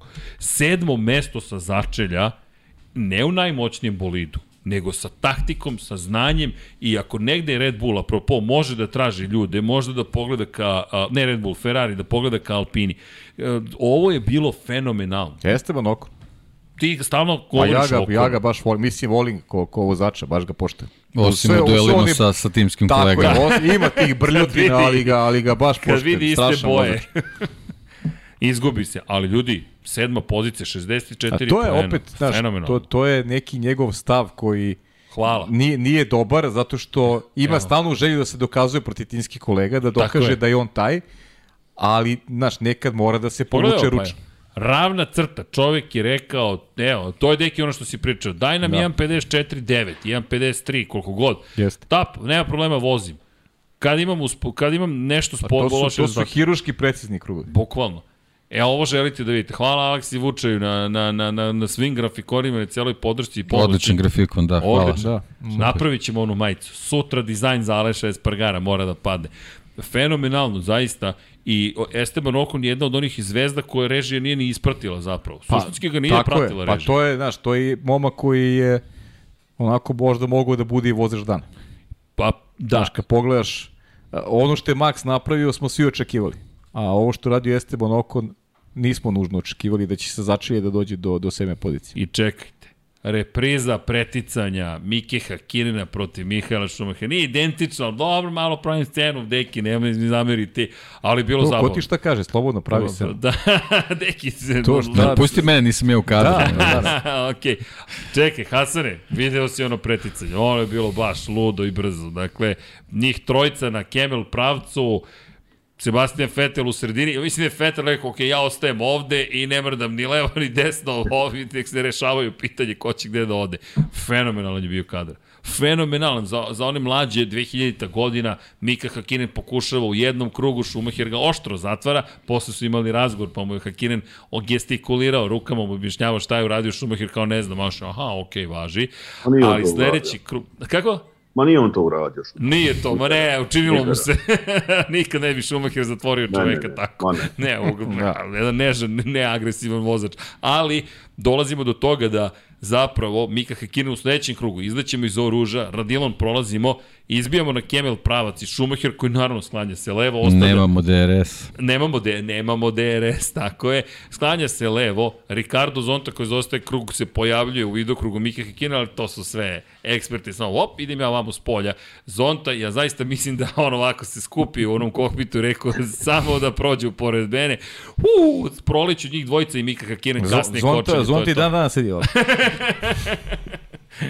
Plaši se da mu Pa nešto, pazi, posle da mu onoga... nešto ne najde sa pa strane. kad prozuje pored tebe sa 320 km na čas, samo kaže, ok, ostali su svi točkovi, sve je u redu. E, tako i Vettel i Okon, svaka čast, ba, ali dobro trkanje je bilo, to je ono što, što, što deki često spominju, trkanje se desi. Čekaj, su Hamilton i Button imali tu na kočenju udes jedne godine? Mm, Ja se ne sjećam zaista. Čekaj, čekaj, jel, Šta znači jedne godine? Ne mogu da se Je li tako bilo? a? 11? Kad su obojice bili u McLarenu, Čekaj, sad ćemo da... jer Baton je tada već bio u McLarenu. Ne sećam Jeste. se McLaren na McLarena. Ali se sećam Mercedes na Mercedesa kada je Pa udario. dobro, ali realno je McLaren, McLaren, na Hamilton. McLarena je često išao kroz istoriju. Pa, e, to, a šta misliš da će biti Norris Piastri? Ako, Pa ako naravno, inače će, da, naravno će bude. odbor trenutno odlučuje od sudbini. I ima nekih vesti, Hasane, sa lica mesta o, o Pjastrijevoj sudbini. Još, još nema, jer svi, svi čekaju danas, valjda, treba, trebalo to biti neko... Pa taj, trebalo, sud. ali- ali, Trebalo. ali, došla nova priča da, da Gazli uh, Ide u Alpinu. Ide u Alpinu, da, da. Da, da, da. Ali on Inače- je njegov prijatelj, pa dobro, dobro, nije, on, Dobro, nisu baš prijatelji, ali dobro.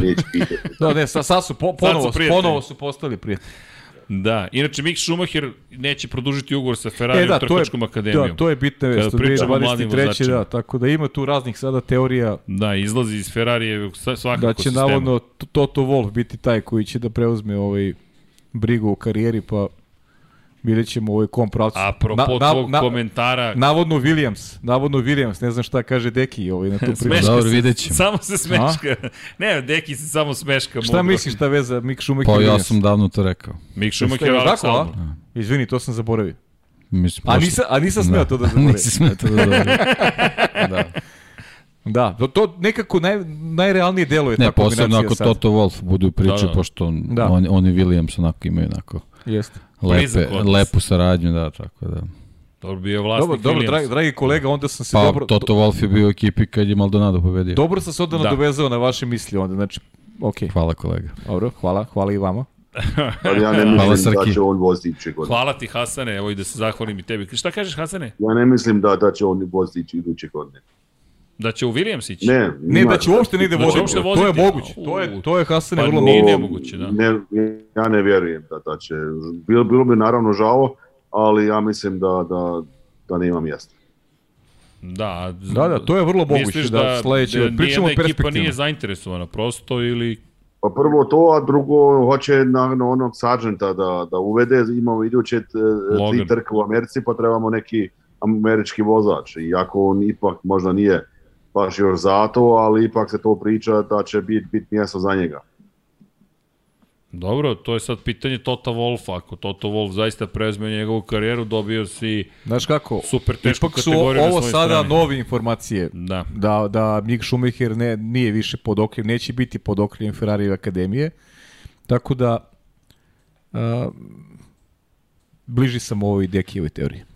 Da, mislim da će Sargent morati da sačeka još Da, jednu sezonu. ja mislim, bliži sam ovoj Iskreno. Dekijevoj teoriji da, da pogotovo ukoliko Toto Wolf zaista, a priča se o tome, preuzme brigu o karijeri Mika Schumachera, da ćemo njega videti u Williamsu. Možda ne nužno sledeće godine, ali ne bih isključio i tu mogućnost. Mislim da se sada otvaraju veće šanse za Mika Schumachera nego što to bio slučaj e, u momentu kada nismo znali da da će Da, prestati ta saradnja sa Ferrari. Da, da, Deki se samo mudro smeška. Menadžer? Ja, igraćeš ti meni menadžere. Ma ne, pa ja sam katastrofa. Ma, kakav. Da, isto. Možda Ma u vožnji, ali menadžer, Ma ne. to ćemo da... Hasan igraćemo ti ja. Mora da će nekog... Mada ti imaš Mac, ne mogu ni da igram ni s tobom. Evo tu je Samo za evo Windows. tu je ekipa, evo, tu je jel ekipa. imam nekog menadžera raspoložen? O, niko. E, to, hrabro, idemo zajedno. Idemo zajedno da se borimo za titulu šampiona sveta. Ali ovo za Schumachera jeste ozbiljna vest, pri čemu, eto, Mik se dovodio i u vezu. Ralf Schumacher ozbiljno lobira za njega, njegov stric, da ode u Alpinu. Međutim, to sa Alpinom mislim da se zatvara. Znaš ko neće imati mesto na kraju? Daniel Ricardo. E, Hasan, jel ti vidiš negde Ricardo sada? Mislim, nje, njegova je prednost da, da mu plati, još plaća McLaren uh, još je dana. 21 milion dolara To, da ne to, vozi je to sledeće jedino, ali al, al on previše košta za ono što, uh, što, Što daje, daje, što daje. A, mada, On mada, sve pazi. fino i sve smije se i smeška se, ali, ali dečko Ali- on nema. E, ali ima da- rupe u sistemu kod Daniela Ricarda. Zašto? On je potpisao takav ugovor s McLarenom da svaku platu koju dobije od nove ekipe mora da vrati McLarenu. Tako da on može sada da ode da pregovara sa ekipom nekom novom za malu količinu novca. Jer njemu je Pa da. svejedno koliko će para dobiti. Jer on njemu ostaje ista količina novca. Zapravo čak u toj teoriji onda mu ostaje više ako, se, ako pregovara za manju platu. Ali da je znate, prednost za, neki mali tim da, da ga Tako može uzeti, financirati. Jer on mora da vrati McLarenu platu koju dobije za 2023. godinu. Ako dobije 7 miliona, mora da im vrati 7 miliona. To je valjda dogovor, koliko sam shvatio. Jer poenta je, ovo dobiješ zato što si otišao odavde. 21 miliona ako sediš kod kuće. Ako ne sediš, moraš da nam vratiš. I sad dođe Haas i kaže, evo ti 500.000, da? vrati McLarenu 500.000, M je bogatiji za 20,5 miliona dolara, M vozi.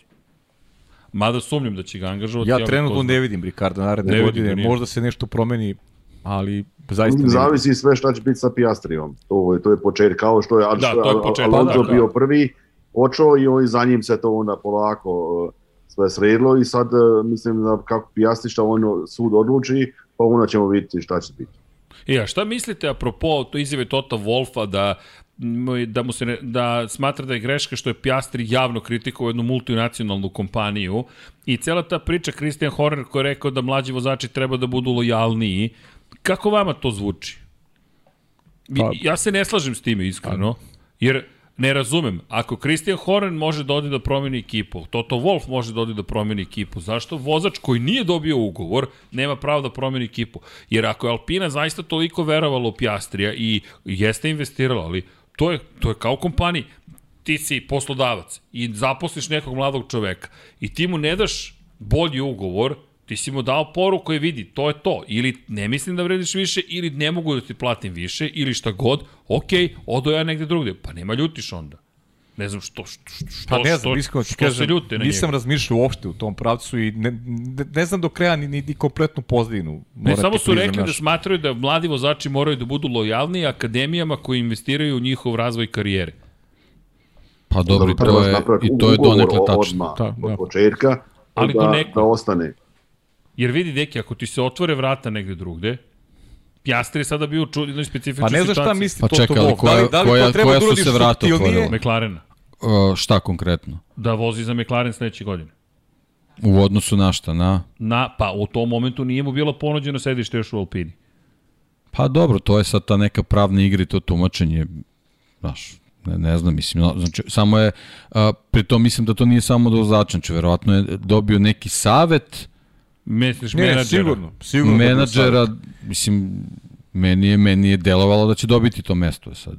Ne, pa pazi, i, i, ima i za jedni, i ovo što Deki I i priča, i, kontra. i, i, Da. i, ovaj, i Da. ovaj tvoj aspekt priče, zato što u pravu si, kao što timovi se odreknu vozača olako i kažu nisi najviše potreban, tako i vozači mogu da se bore za svoje prava. Možda Toto Wolf misli da je to mogu da izgleda sve subtilnije. Ako tako misli, Pa Moguće. verovatno to, verovatno na to onda mislio, je to da. okej. Onda ako misli da treba da bude subtilnije, podržavam, iskreno ti kažem. Ako, ako ovaj smatra da, Da, sad treba neko dana, da bude dva dana ozbiljne bure je bilo. Da, ako misli da treba neko da bude lojalan samo zbog toga što je deo akademije, pa treba da tu strpljivo čeka svoju šansu, onda se ne slažem, ali ako misli Toto da je samo uh, Moguće subtilniji da mogao da način da suptilniji, bude, onda iskreno ti kaže i podržavam. Tota Wolfa stvarno je mogao da bude subtilniji.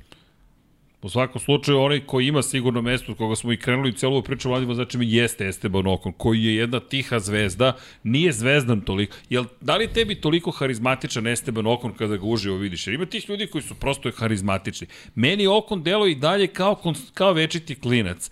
Kao da nekako ne kažem da je to loše, nego da je to prosto priroda stvari. Ima ljudi koji su rođeni za show biznis, on mi Ma, ne deluje da je rođen za show biznis. Ne. i neviđeno. Mislim, on kad izađe iz Alpine, um, sad je isto, po, po, po, pogledao sam kad sam stajao ispred, um, dva, tri možda ga prepoznaju, mislim, ono, do, hoće selfie ili nešto, a, a kad Al- Alonso uh, izađe, uh, automatski 50 ljudi oko njega.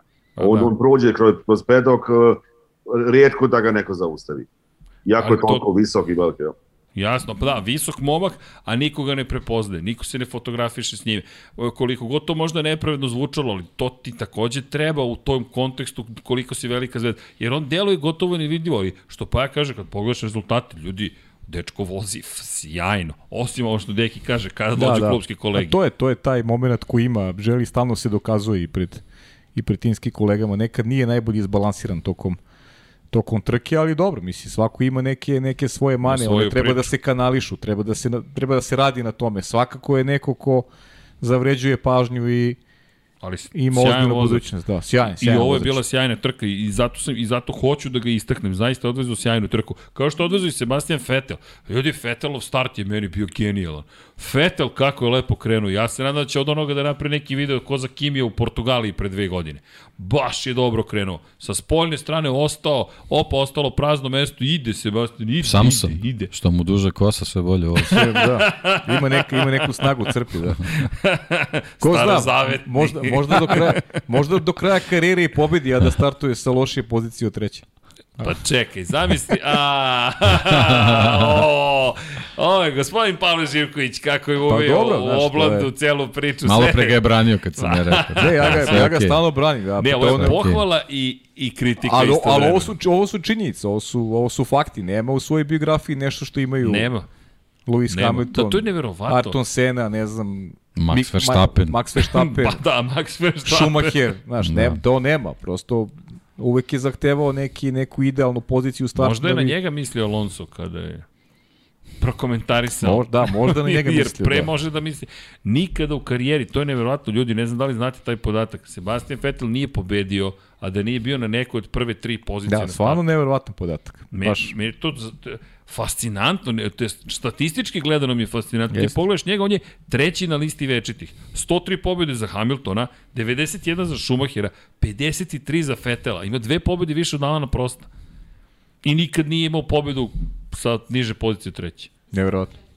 Kako? Samo četiri titule? Ma ne, ne, koleginici iz Pa da, prodaje. ne, pa ne, nije, nije, to, nije to sad, znaš... Uopšte ne navija za Sebastiana Fetela. Da, nije to sad nešto... Ovaj, Ne, mi ga ne omalovažavamo, samo samo, činjenice. Je fascinantna meni činjenica. A, a ja, ja pamtim njegove titule, pogotovo te dve koje su ostvarene u, u duelima sa ozbiljnim rivalima i to ti je negde garant i, i njegovog vrhunskog kvaliteta. Znaš šta je nepotpunost te statistike? Što nema statistike koja ko govori u prilog tome koliko puta je pobedio, a da je tokom trke pao na neku nisku poziciju. Da, to je tačno. Jer on je imao te trke u kojima se nešto desi pa se vraća u Pravo igru. si, pravo Znaš, to to bi trebalo isto saznati. Koja mu je je bila tačno. najlošija pozicija, ali ne tokom promjena guma. Nego tokom trke, da. Tako je, znaš, da, da tu vidimo šta je sve znao da uradi Sebastian Vettel, ali svakako nevjerojatno. Inače, Max Verstappen 29. mu je pobjeda, dve manje ima od Nigela Mansella sada i tri manje od Fernanda Alonso. Stiže polako Čika Brku. Čika Brku tvog stiže, Čika Brku. stiže Čika Brku, sedmi na listi večetih, pa ti si sedmi na listi večetih, završio si karijeru 92.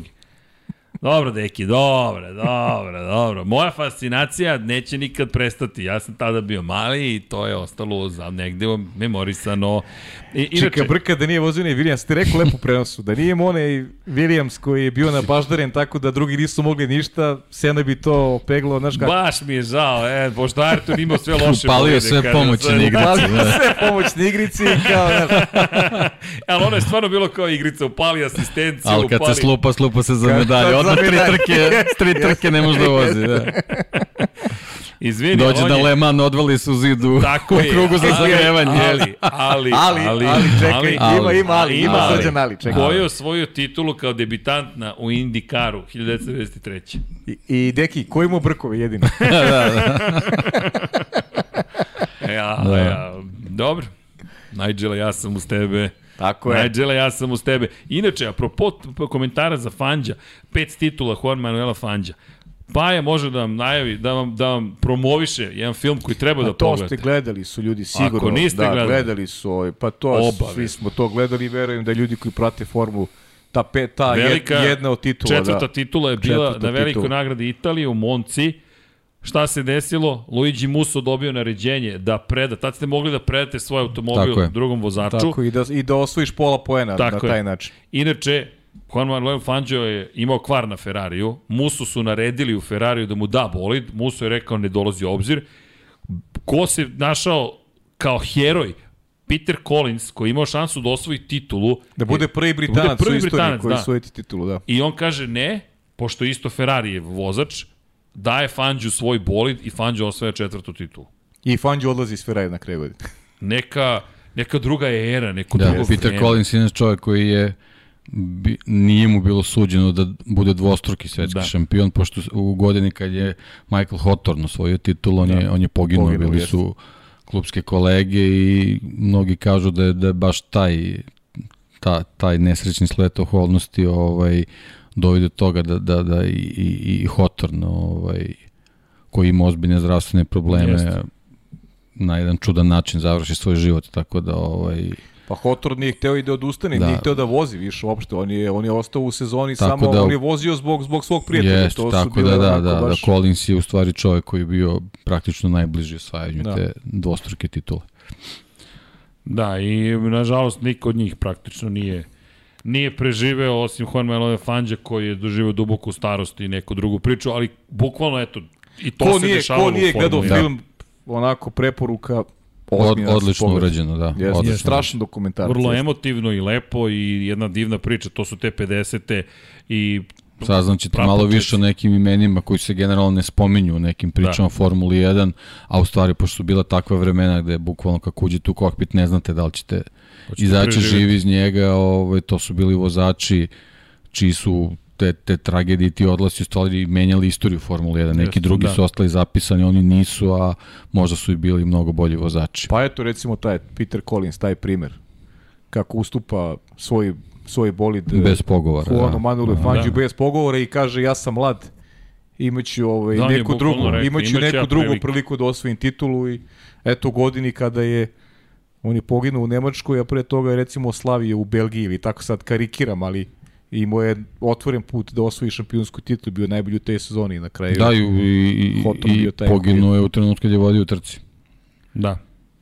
Hotorn je bio iza njega, bukvalno je video šta se dešava. Da, Hotorn je video na Nürburgringu. Da. Nürburgring, da. Hotorn je video, a mislim Hotorn da su... video incident. Mislim da. iskreno da su bili drugi i treći. Možda drugi ili treći, u svakom da slučaju bili bio treći, ispred a... njega i imao da, da, veću, da. veću broj bodova. Hotorn je video da, moment kada je... Hotorn je video kako da, mu prijatelj, kako mu prijatelj ovaj, gine, da.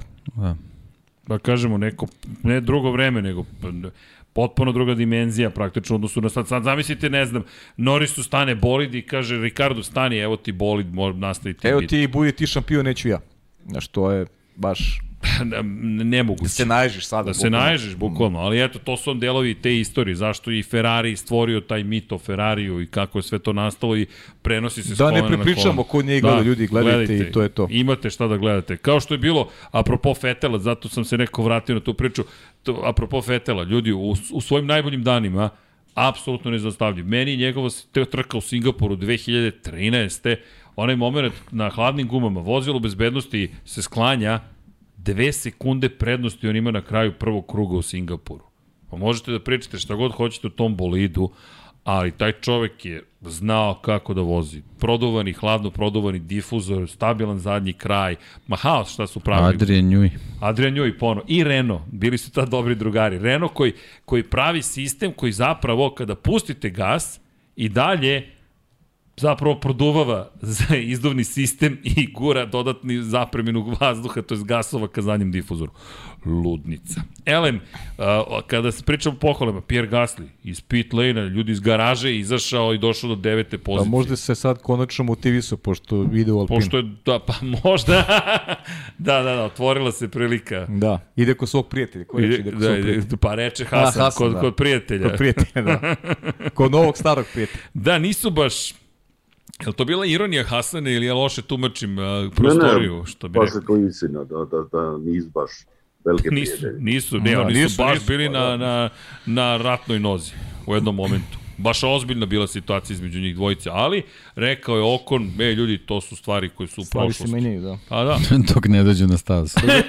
joj zamisli, O, čekaj. oko, oko jao. nema prijatelja na stazi. Zamisli Okon i Gasly u Oko istom nema trenutku, u prijatelja na istim stazi, da. bojama. Jao kad ga vidi, pa Alpina u šampionatu konstruktora biće napeto. Dobro, Alpina će da u, u tom slučaju da onako bude kopija McLarena.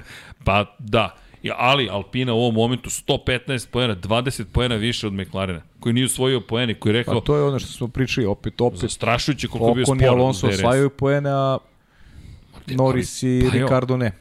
Da, To je evo, koliko Ricardo ne. ko, da, a Ricardo. sada čak ni Norris. Sada Mada, čak i Norris, da. McLaren je uradio undercut za, u korist Norrisa. Odveli su ga ranije na zamenu guma i tako preskočili Ricarda. Ali Ricardo je van ekipe. Pa, Ricardo je Hasane, bivši.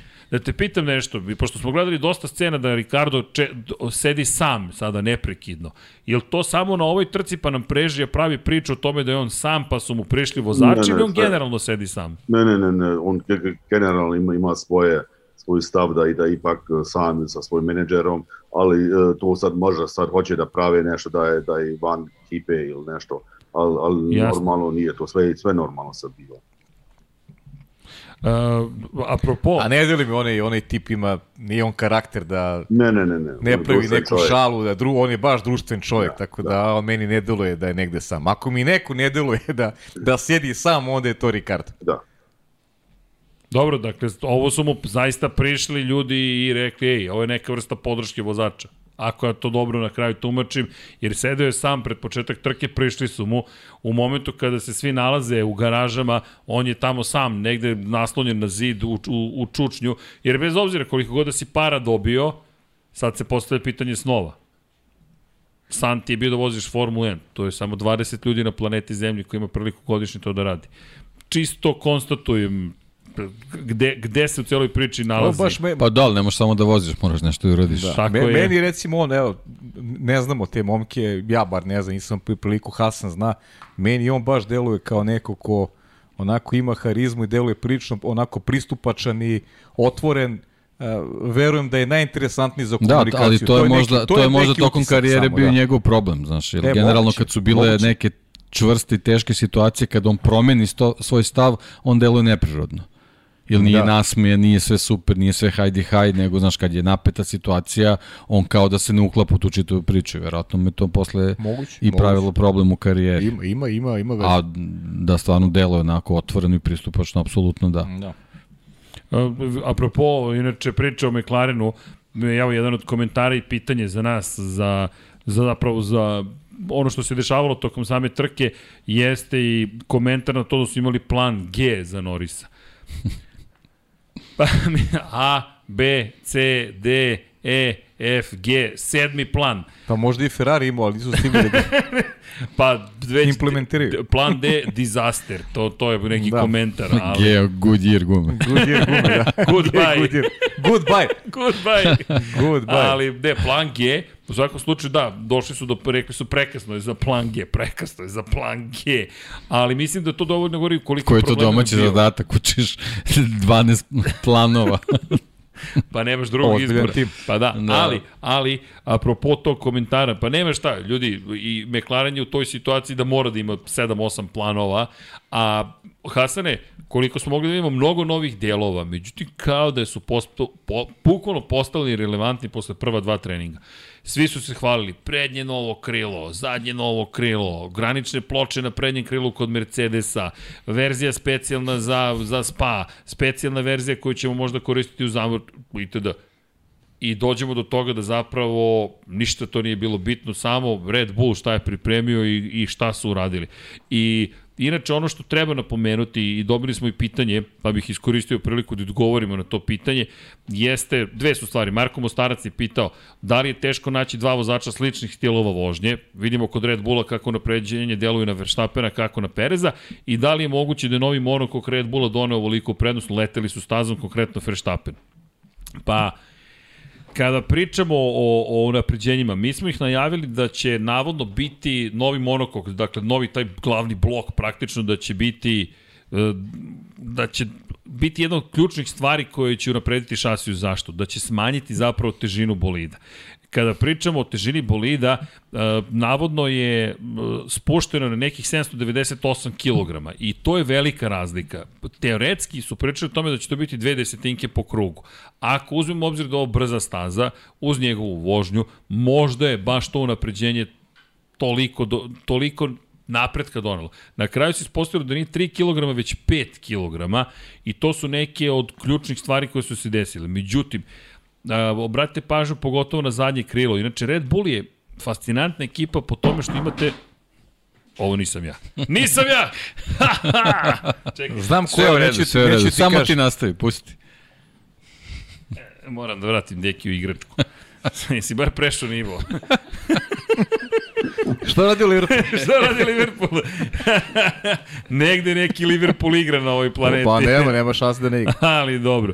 E, Pa meni je pra... Da, mu- hvala vam. A, to. Imaš srlete i pajčeta. Sve, srlete. Preuzmi srlete i pajčeta. pajčeta. Da, da, da. Dakle, kada pričamo o novoj šansi, stigli su neki novi delovi, nije cela stigla nova, ali vodimo račune o tome ja zaista duboko verujem da se oni pripremaju za 2023. Pa eto, nadam se da smo negde uspeli da odgovorimo, ali je li živ telefon, neki? Ma da. Dobro, pa, to. Karbonu čoče, vidiš. Pa je li ga Williams Lap pravio? 76. Tako je. I samo bih napomenuo Williams i desetu poziciju Aleksa Albona. Ako smo hvalili Fernanda Alonso, što je držao Luisa Hamiltona u Mađarskoj prošle godine, šta da kažemo za Albona? Čekaj, Hasere, čovjek je držao pola grida iza sebe. Da ide i Williams i iza njega parada, bukvalno svatovi idu otprilike iza njega, ne mogu da ga prođu. Pa jeste, bukvalno tako izgleda. Albon koji je super raspoložen, vidiš Williams i na Kemel pravcu izlazi blizu jedan drugog. I onda Williams samo ako nestane u daljini. I to mi je, apropo Red Bulla, zašto su fascinantni. Kao papir da je tanko zadnje krilo često bilo u Belgiji, stabilnost bila je super. E, sada Williams došao i inovativnu tehnologiju motorne testere, odsekao deo zadnjeg krila i to su bukvalno rekli. Mi smo tako urapredili maksimalnu brzinu i išli su na svoj stari trik. Maksimalna brzina. I svi su kukali na Williams. Albon nema DRS. Ne, on ima trajni DRS. Odsekli su krilo. pitam, moram da nešto da te pitam. Zašto Pitaj. kradiš Dekiju zadovoljstvo i ti pričaš o Williamsu? Izvini, deki. Ne, ne, ne, ne. Super je objasnio sve. I testera, i bonsek, i sve. I, i Sve si. super. Apsolutno, apsolutno. Znači, ja, imaš- Imao sam sliku u glavi da nisam gledao trku, znao bi šta se desilo, apsolutno. Čekaj, misliš da je Bonsek ili testera? Stani. Pa ne sad karbon, kao karbon može. Karbon. Možeš, to se lako reši, da, da, to nije problem. Ali bukvalno Dobro, su dobro. odrezali deo krila i rekli su to smo uradili. Ono što je fascinantno kod vožnje Aleksa Albona, da je za tako smanjenim, ok, otpor vazduha sma...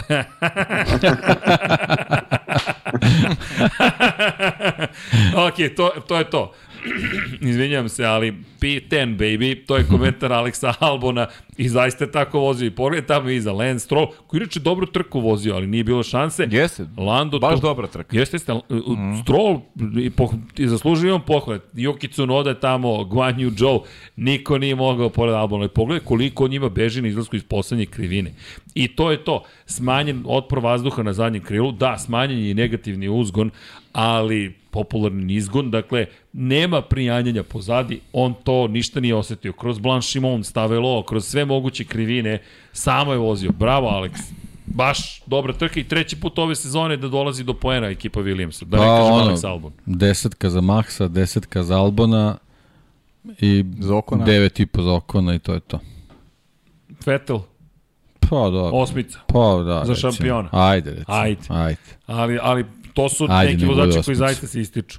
I moram priznati mi je bilo mnogo drago, jer ekipi Williamsa to potrebno. Potreban im je taj moment jedan da, da kažu, ej, tu smo, nešto Pa dobro, ali smo, album, se. album čitave sezone to donosi, stalno su tu, Da, da. stalno neka drama, znaš. E, I izvini, ti kad dođeš, znaš, do, do, do Q3 u, u, u, na, na stazi kakve, kakav je spas, a, a, a kakve rezultate imaš u prethodnom periodu, to je fenomenalno. Niko im nije poklonio taj rezultat. Tako je. Znaš, apsolutno su ga zaradili.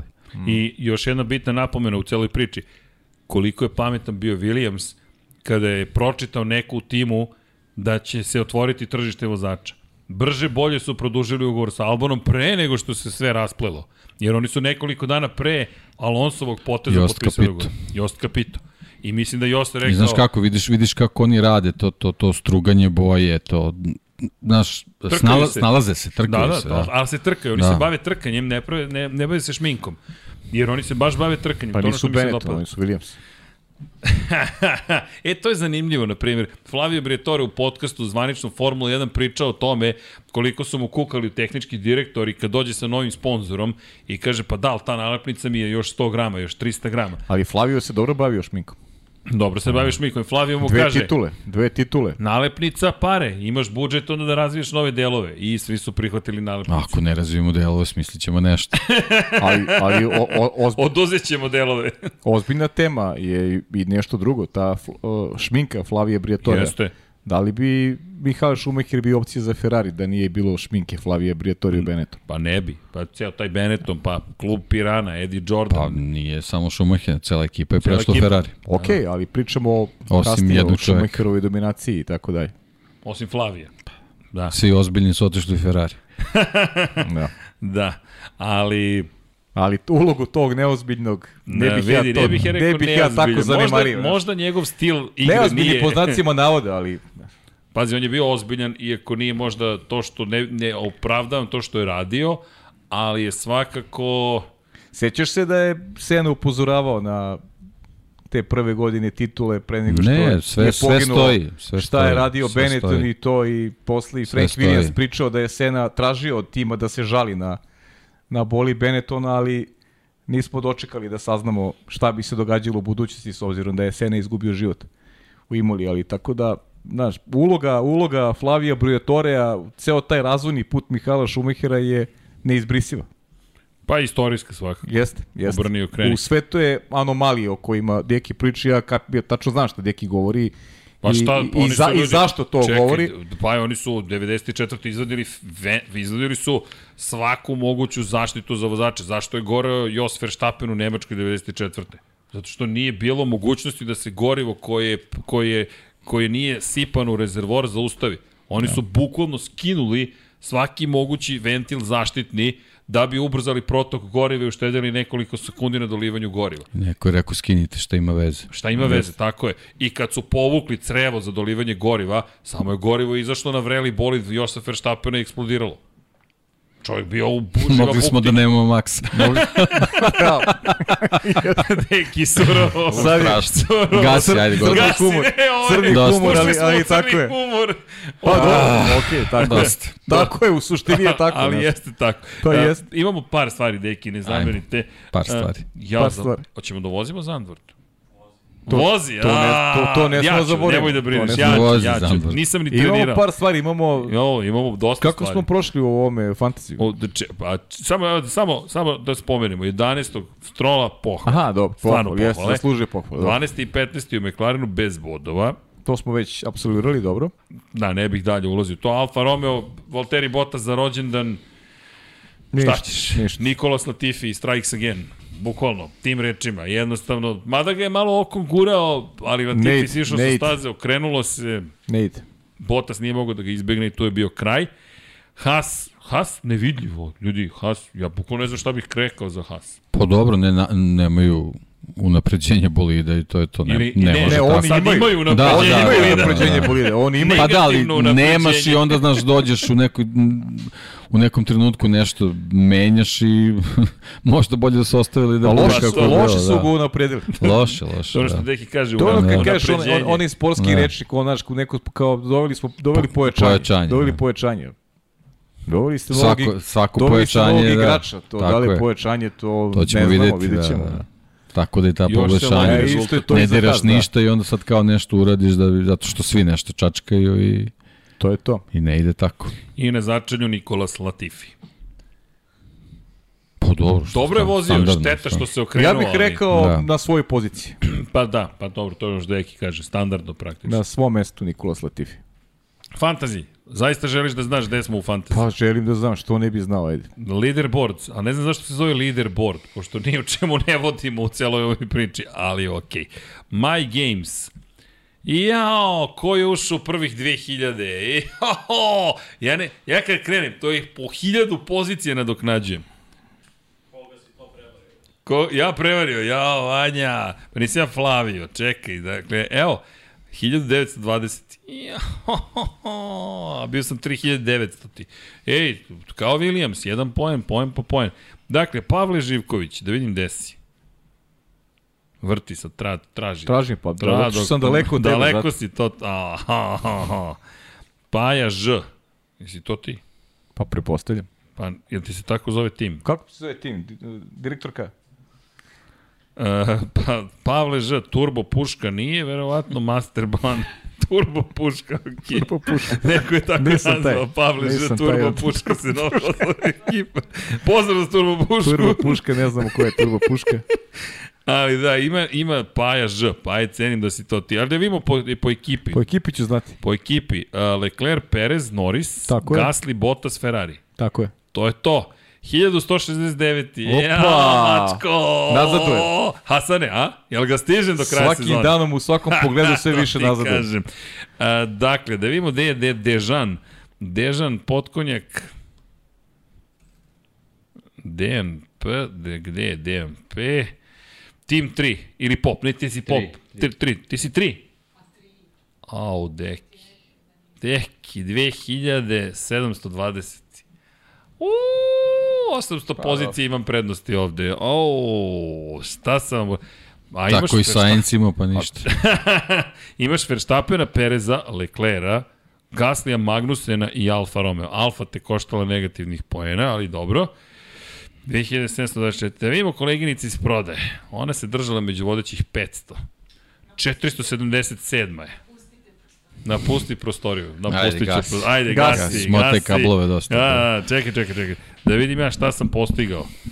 A, u Belgiji, u, u, oj, sad sam imao u Belgiji dve, a jao. Ti pa- si imao nešto... Mega Driver. Mega Driver, znam. Mega Driver. Stavio sam Verstappen da će biti Mega Driver. 147 poena na, samo na njemu. Ovo sam ovo ubo. Znate zašto? Zato što je bio loš u kvalifikacijama, tako da mnogo pozicije nadoknadi u trci i još sa Mega Driverom Aruba, Bahama. Dakle, 147. Kao da je prvi. Zamisli da je prvi šta je bilo. Da, da ste prvi, ne biste živjeli od mene, imamo bi majicu, vodim u fantaziju. Ali dobro, 62, Alonso 24, najzad Fernando. Zatim Cunoda mi je doneo poene. to su pesme iz njegove mladosti. da. Samo se ti smej. I Ferrari 41, dobro.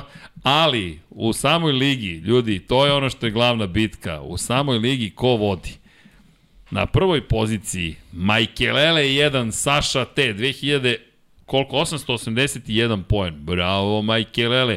Master Blan ili ti Sheila Čebirić 2865. Opa! Weekend Warriors 3. Praneš iz Indije. Pozdrav za Praneša ukoliko sluša Udri like Praneš. 2835 poena. Prancing Horse Luka M 2834. Team Supernova Aleksej K 2831. Mr. Larbo Lari T Borise Kanadjanin 2808. Ninja Ratnici 1 iz Bosne i Hercegovine Stefan P 2807. Mačak from Čačak Miloš P 2792. Kaiser F1 Mihajlo 2791 i Team 1 Ivan P 2778.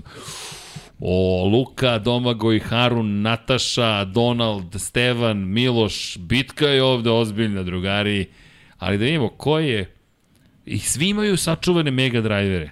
Sunce, tipo, ovo će da bude bitka. Imamo i Dekija. Polako, da vidjet ćemo koji će završiš. Kad Ko, budemo Dekija uključili mega drajvere. Evo moj srđene. Misliš, rano sam ubacio veš mašina kad samenje. Još osam trka, čovječ. E, znaš gde je kraj. da, pa dobro. Če da voziš taj Zandvort ili... Hoću da vozim Zandvort. Hajde ali, vozi. Znate šta bih zamolio kolege? Iskoristite priliku da prođete Formulu 2 i Formulu 3. Iskoristit ćemo priliku. Filipe Drugović inače rekao da se nada rezervnoj poziciji u nekom timu Formula 1 i sad šta ti je spin, spin u kom, komunikaciji s medijima? Smatra da to što nije ni iz jedne trkačke akademije mu daje zapravo veliku slobodu. I da je slobodni agent da potpiše za svakoga držimo palče da će to zaista da mu pomogne. Ali Felipe, nisam siguran on bi to, da je to on baš bi želeo da je to tako. Sad. Ali mora neku priču da priča. Pa mora. Pa naravno da mora. Pogotovo što je blizu titule. Koliko? 43 pojena sad Jest. razlike između Pol njega i Pol poziciju osvojio. Uh, hoćete da vam dam kolega uh, računar? Može. Evo. Računarčić, Formula 2 je ovde. Evo, izvolite, kolega. Ja Eto, idem, kolega. idem da, u, da vozim, čekaj, moram tamo da pokrenem mašinu. Sad, sad vi preuzimate glavnu reč, uh, Hasan, ja ne moram se pomeram, pa ne moram, a? a Mogu... Mislim da ćeš morati. Ajde. A i Hasan će te čuti bolje. Ajde. Hvala, čekadeki. Oh. Hasane, kako ti gledaš? Isi, si ispratio ove trke Formule 2? Nisam, nisam imao vremena. Nisi gledao ni jednu, ovaj, ovaj put imao sam uh, mnogo posla o, o, o formuli, pa nisam, inam, gledao sam na na, na, na televizoru u press centru, bi bilo, bilo interesantno. Da, jeste, bilo interesantno, kvalifikacije su bile super. Da. To je Srki ovaj, radio, radio, ne, nismo ni radili u stvari kvalifikacije, išli su u direktno prenosu, ali bez naših komentara. Tu je Filipe bio fantastičan, baš u bedli bio kvalifikacijama i uh, Teo imao za ostatak poprilično velik i uh, bio je osmi u kvalifikaciji. Međutim, ono što je bilo interesantno, ne znam da si deki isprati onu sprint trku.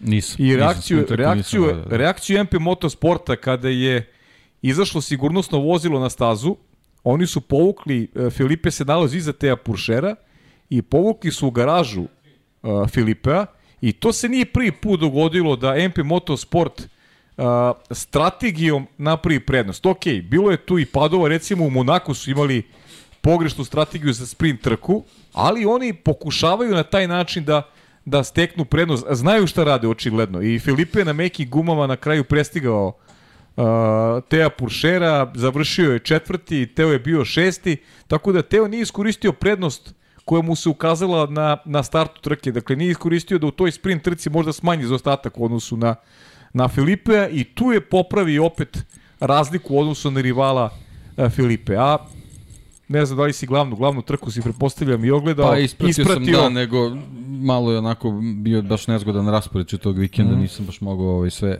sve trke da ispratim, ali generalno vidio sam, video sam otprilike ovaj, šta se tu izdešavalo, tako da ne znam, ba, baš ovo što si rekao, mislim sad već ta, ta razlika, ne znam koliko oni imaju, oni imaju još, još, još tri, tri vikenda, vikenda, još šest trka, pa da. dobro, da, mislim može tu još svašta se izdešava, ovaj, ali ali generalno čitava ta situacija s Drugovićem ono stvarno pokazuje da, da, da, da ima materijala da mogu da se nadaju da će da će nekom taktikom da privedu ovu sezonu kraju onako baš kako kako je treba da bude. Znaš šta mi je deki onako glavni neki uh, onako pokazatelj i, i vrednosti i kvaliteta njegovog da taj onako sprint trka uz rizičnu strategiju oni su povukli automobil kada su shvatili da da uh, išli su na, na gume za kišu. Jer su smatrali, eto, ako padne kiša imamo neku prednost, moćemo da profitiramo. Kiše nije bilo, gume su potrešene, oni su povukli bolid iz trke i bio je 11. na Red Bull ringu. To su jedine dve trke Filipa gde nije bio u bodovima. Pa da, on je, on je stvarno ove, ove sezone pokazao da je, da je ozbiljno sazrio, ono što smo pričali na početku, on, on možda ima taj neki hendikep u odnosu na, na ostale vozače zbog svog budžeta i tako dalje i tako dalje, međutim uh, odlično sarađuje sa ekipom, uh, on isporučuje ono što je neophodno, mm -hmm. uh, pre svega uh, vezano za kvalifikacije koje su izuzetno bitne uh, u, u, u Formuli 2 i, i stvarno sa, sa samo dva onako uh, rezultatski, u stvari ne, ne vikenda, nego u stvari dve rezultatske loše trke, ovaj, apsolutno stanje na tabeli pokazuje da je tu gde treba da bude i to je onako jedna, jedna, jedan minus za ostale ekipe koje su mnogo ozbiljnije i ovo što i on kaže, to su vozači koji stižu iz akademija, imaju neki mnogo bolji pedigre od, od njega i mislim generalno meni je žao što, što ono koliko ja mogu da pratim te medije, on generalno ni u, ni u Brazilu nešto i dalje ne uživa neku, neku da. pretaranu popularnost što ga verovatno pomalo sputava, ali iskreno se nadam da će, da će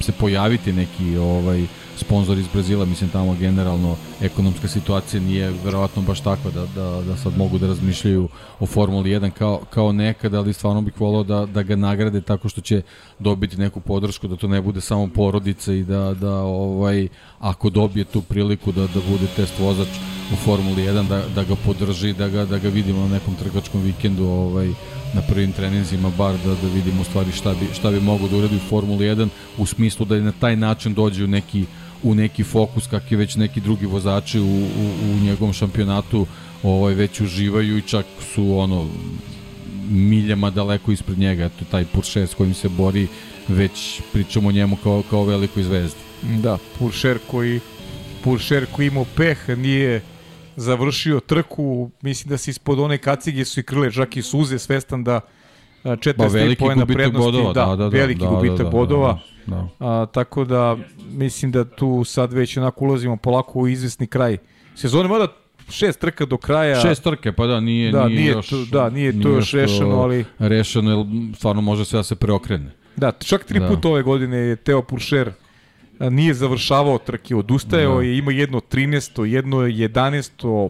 dva 13. mesta, dakle nema taj standard rezultata koji ima pa, koji mislim, ima to su generalno ok rezultati, ali znaš, kad, kad, kad se boriš sa Drugovićem koji je stvarno jako malo tih kikseva da. ima, ozbiljna konstantnost u samom vrhu, stvarno je, stvarno je teško da, da držiš taj nivo, tako da to je, to je potpuno ok i ovo je sad nekako imamo nama, nama u, u tom finišu sezoni imamo tri, tri staze gde oni, vo, oni voze Zandvort Moncu i Asmarinu, onako to su tri prilično različite mm -hmm. konfiguracije i šest trka, praktično znači tri različite sprinta, tri različite čitave trke, mislim baš onako što se tiče ovaj, i, i taktike dosta, dosta zahtevno, a razlika nije tolika da, da ti sad mhm. možeš nekom prednosti da uđeš u tu čitavu priču, tako da, da mislim da, da, da će da bude zanimljivo, pre svega što Puršer vozi za odgovornu ekipu, tako neće se oni tako lako da, predavati. Da, pri...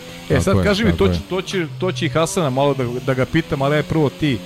Jack Duan, ovo je treća pobeda njegova u sezoni, ali daleko najvrednija. Prva koja je ostvarena u toj glavnoj nedeljnoj trci koja donosi najviše poena i, i splet je tih učinka u kvalifikacijama i sa fantastičan start Jacka Duana koji se vrlo brzo probio do druge pozicije sa četvrte i kasnije je tim uradio dobar posao, prvi su ga izveli na zamenu guma, vratio se na stazu, vrteo brze krugove, Puršer se vratio kao drugi i nije mogao da para Jacku koji je odvezao stvarno perfektno. Da, to je ono što, što i ti potenciraš vezano za, za Formulu 2, gde dosta možemo da naučimo vezano za taktiku i, i pripremu za Formulu 1 i oni su stvarno ovaj uh, uh, uh, bili su agresivni u toj strategiji sa, sa tim ovaj undercutom, a što se tiče Jacka, mislim on je on je u nekoliko navrata pokazao stvarno da je da je dobar vozač, je sad ono što je isto jako bitno u Formuli 2. Pobeda na glavnoj trci, to je, yes. to je, to je prava priča, to je, to je nešto što, što te odmah dovede i u fokus ovaj,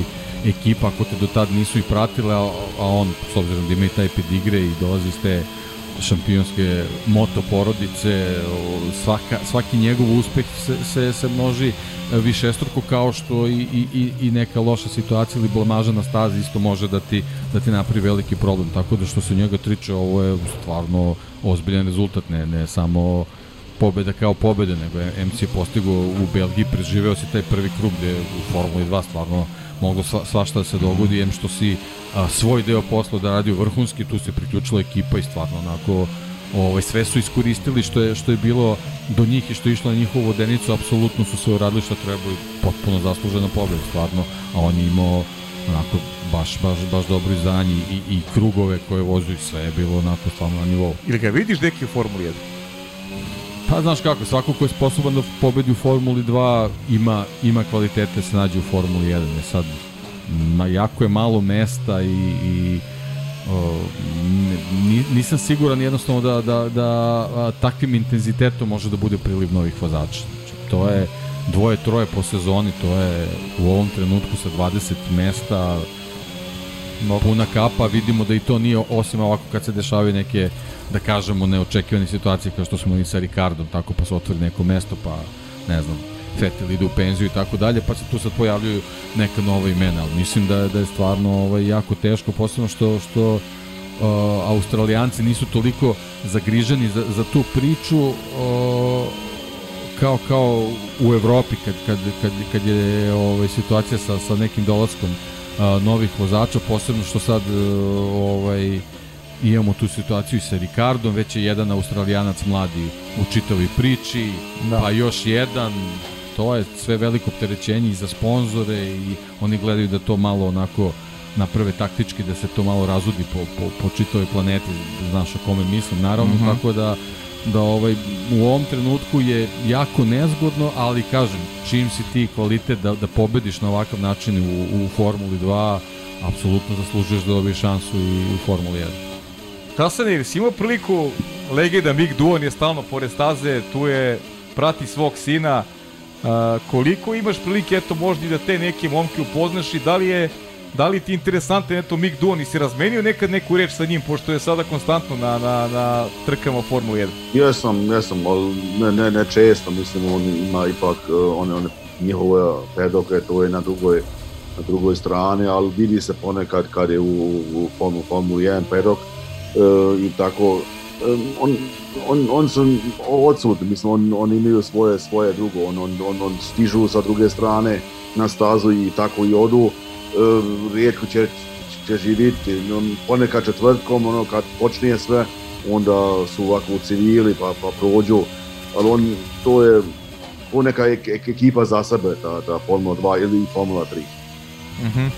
e, Deki, pitaću još, još dve stvari, ne znam šta ti misliš o, o, još nekim momcima, kako, kako je tvoje viđenje stvari kada govorimo o neku njihove prohodnosti, ili Ema Losuna smo gledali, evo već kao neko ko je test vozač u Red Bullu akademiji opet dolazi sa nekog podneblja koji Duanovo takođe i možda i tu na neki način se Duanu zatvaraju zatvaraju neka vrata, a Srđanu i meni se onako jako dopada posljednje vreme kako vozi Jumu i Vasa. I Vasa koji Japanac uh, ima neki stil koji je rekao bih već onako prepoznatljiv. Uh, možda, eto jedna pobeda samo ove sezone, ali momak koji i tekako zna da čuva gume, koji dobro vozi, koji se lepo snalazi u momentima kad treba da obiđe rivala, dobro u svakoj situaciji, možda možda taj početak sezone nije bio dovoljno upečatljiv, ali a Jumu pa je pa, dobro, baš da, dobar vozač. Potrebno je bilo vreme za adaptaciju, mm -hmm. jednostavno vozači iz Japana koji dolaze jednostavno ovaj, malo, malo im je e, teži zadatak oko te, oko te čitave, čitavog tog prilagođavanja, ali generalno bi se složio da ovaj, e, znaš kako, e, mislim, iz sezona unazad vidimo što se tiče Formule 2, generalno 3-4 vozača mogu, mogu da iskoče u čitavoj priči i, i to je, iako, iako delo, znaš, ima mnogo trka i sad deluje da tu sad može neka, ne, neki široki, široka lepeza ovaj, kandidata za visok plasman da bude, ali generalno sve se to vremenom onako izniveliše i, i, i ovaj, dobijemo te, tu, tu neku razliku razliku kvalitetu i otprilike ta imena koje si naveo i ove imena koje smo generalno spomenuli vezano za, za za ovaj sam, samo sa stanju šampionatu to je otprilike to. Znači generalno uh, Drugović, uh, Puršer, Lawson, Duan, Duan i Vasa, i Vasa da, znači, Sargent.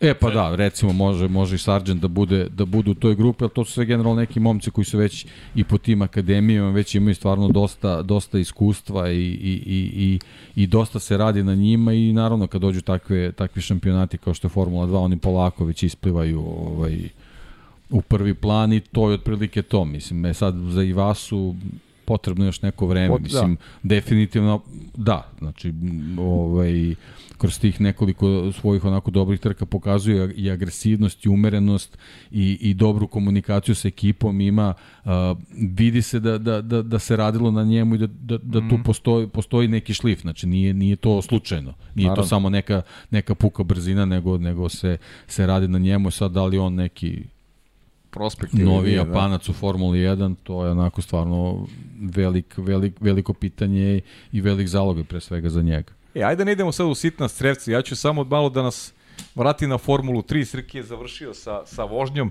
Ili, momci, Formula 3, naravno uh, dve trke. To spektakl. je spektakl. Deki, 106 Isa Hadjar, 105 Oliver Berman, 104 ima Viktor Martins, 101 Artur Leclerc, 96 Roman Stanjik. Ne samo to, nego na koju stazu idemo, znači, apsolutno će biti Znam tesno. Da. Pazi, Zandvoort, a oni se trkaju da. gde god da, da, da odeš. Da, da, da, Kod da, njih da. nema e, situacije u kojoj neće biti takmičenja. Nema teorije, jer gde smo imali najviše pretjecanja u Belgiji? U Formuli 3. Baš je bilo uzbudljivo. Jer, na primjer, oni nemaju turbo pogon, oni imaju atmosferske motore i to se vidi. Sa turbo pogonom već a, malo postoje nastaju problemi. Ovi klinci su fenomenalni, nije u redu ni da kažem klinci i trke su bili sjajni. Jesu klinci, što je Berman 17 godina debitant, fantastičan. Da, e, s tim što za razliku od, od dvojke, tako, oni imaju samo Zandvort i Moncu. Tako, tako je, je tako je. Četiri trke. Monca, to traje, to je, ali, ali Zandvort mislim da će biti baš onako. Ja mislim da ovo za njih rođena staza. Ekskluzivno, da. Pa evo da, sad, da, da, da. inače, stvarno se ne vadim. Zadovoljno sam čak i što sam završavao krugove. Ne, ima kašnjenje, jer ide preko dva ATM-a i onda ide jedan pa drugi i skrenem i onda on zakasni sa skretanjem. Ali pazi, ovo je bilo, ja mislim da imamo najbolje vožnje ikada, jer sa kašnjenjem u komandama ja kočim ranije i skrećem ranije da bi me on poslušao. Prošle nedelje kao da sam... Deki, najbolja vožnja ikada kad ja nismo gledali vožnju. da. E, a zašto niste Nismo gledali? Hasan, pa, jesi ti gledao? Pričamo. Hasan nije tu zapravo. Hasan je zalepio screenshot, a možda mi neče. Da. Piti Hasana, molim te dalje, gleda. Hasan, jesi gledao srđene? Jesam, mislim, samo da mu kažem da je on, ono crno, da je asfalt. Da, da treba tu, da ga ponekad zakačiš to, bilo bi lakše. Znači, malo toliko boli, si bio dobro. Hvala ti, Hasane, da. ovo mi neću nikad zaboraviti. pa u to ime, ja... ja Trudio ja, se, ali... ja vas ne bih uznemirao. to je to, znači. Hvala, Hasan, hvala. Dobro. Hvala, pa dobro. Nema veze. Dobro, Baš ćemo da konstatujemo da je Dylan Perira takođe pobedio Super pa, da. Kupu, dakle, eto, i on je... Čak smo i tu imali neko, neko preticanje. preticanje. Na početku. Desilo se tu i tamo. Dobro, i svaka da. uzbudljiva i završnica i tamo i tu su još dve trke do kraja, ali ipak ova Formula 3, to će biti ludo i nezaborno u naredna dva vikenda. Hoće. Pet vozača u 10 posebno Zandvort, posebno, posebno Zandvort, da, da. uživaćemo u Zandvortu. Jeste, pa ja mislim da će u Formula 1 biti Zandvoort prilično interesantan. Ne kažem da neće pobediti Max Verstappen, pošto njegova staza, pa publika, pa dobro, sve, da, ali, ali mislim da će da. biti dosta drugačija trka. I da ovde može zaista da se desi milion nekih stvari koje nismo videli u Belgiji. Koji, koji god da volimo Belgiju i ta priča o Belgiji za 12 meseci još smo produžili agoniju u suštini, jer pregovori nisu završeni. Ovo je samo na neki način odloženo zapravo donošenje odluke. Ali ja mislim da mi prisustujemo sada zapravo veoma važnom momentu u Formuli 1, a to je da gledamo Liberty Mediju koja sada mora da isprati i šta publika ipak govori, jer ne samo publika, vozači, publika, timovi, sve kategorije su rekle ne, nećemo da napustimo Belgiju, što direktno pomaže pregovorima organizatorima trke. Jer ovo su ljudi pregovori, nema ovde ničeg ličnog, pogotovo ne sa Liberty Medium. Liberty Media je mašina ljudi i mašina koja ovako meri koliko para, koliko KPI-eva ili čega god čuveni OKR ili ti OKR, Objective Key Results, to se tako meri. Jednostavno, to bi to šteta što decu ne uče u školama, šta ih čeka u korporacijama. Objective, neko postavi cilj, Key Performance Indicator jeste Key Results, dakle, koji će biti rezultat, meren, meren metrički rezultat kojim ćemo mi proceniti da li si ti uradio posao za koji smo te mi angažovali, a potom da li, kako ćeš dobijati bonuse u svom poslu upravo kroz te iste ciljeve i ključne metrike. To se radi u sportskim disciplinama. U NFL-u, na primjer, imate za trenera, glavnog za pomoćni trener i tako dalje. Da li nam se dopada? Pa, s jedne strane ne, s druge strane to vam daje čuvenu skalabilnost. Ili ti možeš da menjaš ljude na određenim pozicijama s nadom da će sistem i dalje donositi neki koliko toliko predvidiv rezultat. Što ne znači da ćeš pobeđivati bez izuzetaka, to je anomalije i izuzetnih ljudi, ali to je način na koji možete da skalirate neki posao. Matija, jel slušaš ovo? E, ok, ne, ok, ok, samo ne, vidi, da li slušaju, sumnjam da slušaju. Iskreno, pomislio sam misliš na našeg Matiju, ali ok, ali na Binota.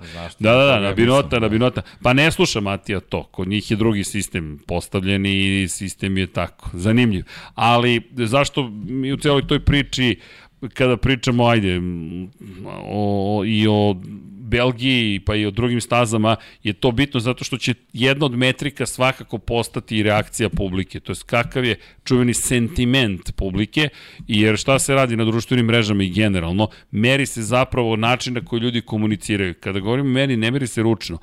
Za srpski jezik i generalno jezike sa ovih prostora nije toliko razvijen taj model, s obzirom, mada jeste razvijen, nije toliko, jer su jezici kompleksni, padeži, promene reči i tako dalje, tako slaganje reči u rečenici, ali emotivno merenje postoji, za engleski pogotovo, i verujte da Liberty Media i tekako ima sentiment, takozvanu analizu, kako su ljudi reagovali na tu odluku, što nekome u Belgiji daje bolje karte, ali ne garantuje uspeh da će ostati na tržištu. Da, da, mislim, potpuno se slažem sa ovim, samo što se plašim da, da trenutno Liberty Media, da budemo konkretni, e, nije glavni parametar poseta na stazi i to je ono samo što, što je Jasno. ključna stvar u toj čitavoj priči ali, da Belgija ostane, ali zato, ne samo Belgija, nego ali, neke druge kultne stvari. Zato neki pričam u društvenim mrežama, da. jer uh, govorimo o javnom mnjenju koje se sada meri kroz društvene mreže, zašto i mi vas pozivamo zapravo da nam se pridružite u tome da javno kažemo ajmo da ostane spa, jer to će se pojaviti u nekom izveštaju,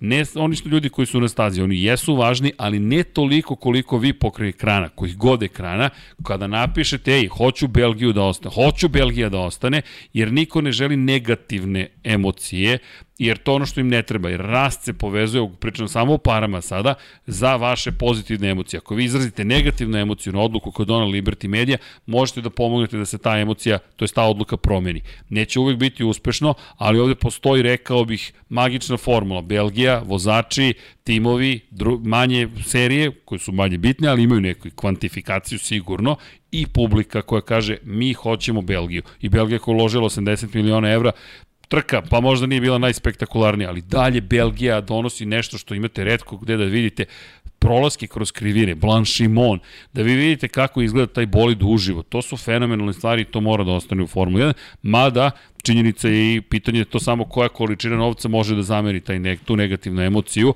pogotovo što u Sjedinim američkim državama jedan od vlasnika hotela je rekao pa mi smo tek dotakli Ovo je tek otvoreno naftno polje zapravo. Ovde ima još mnogo novca i kaže još mnogo više može da se zarađuje od celog ovog događaja.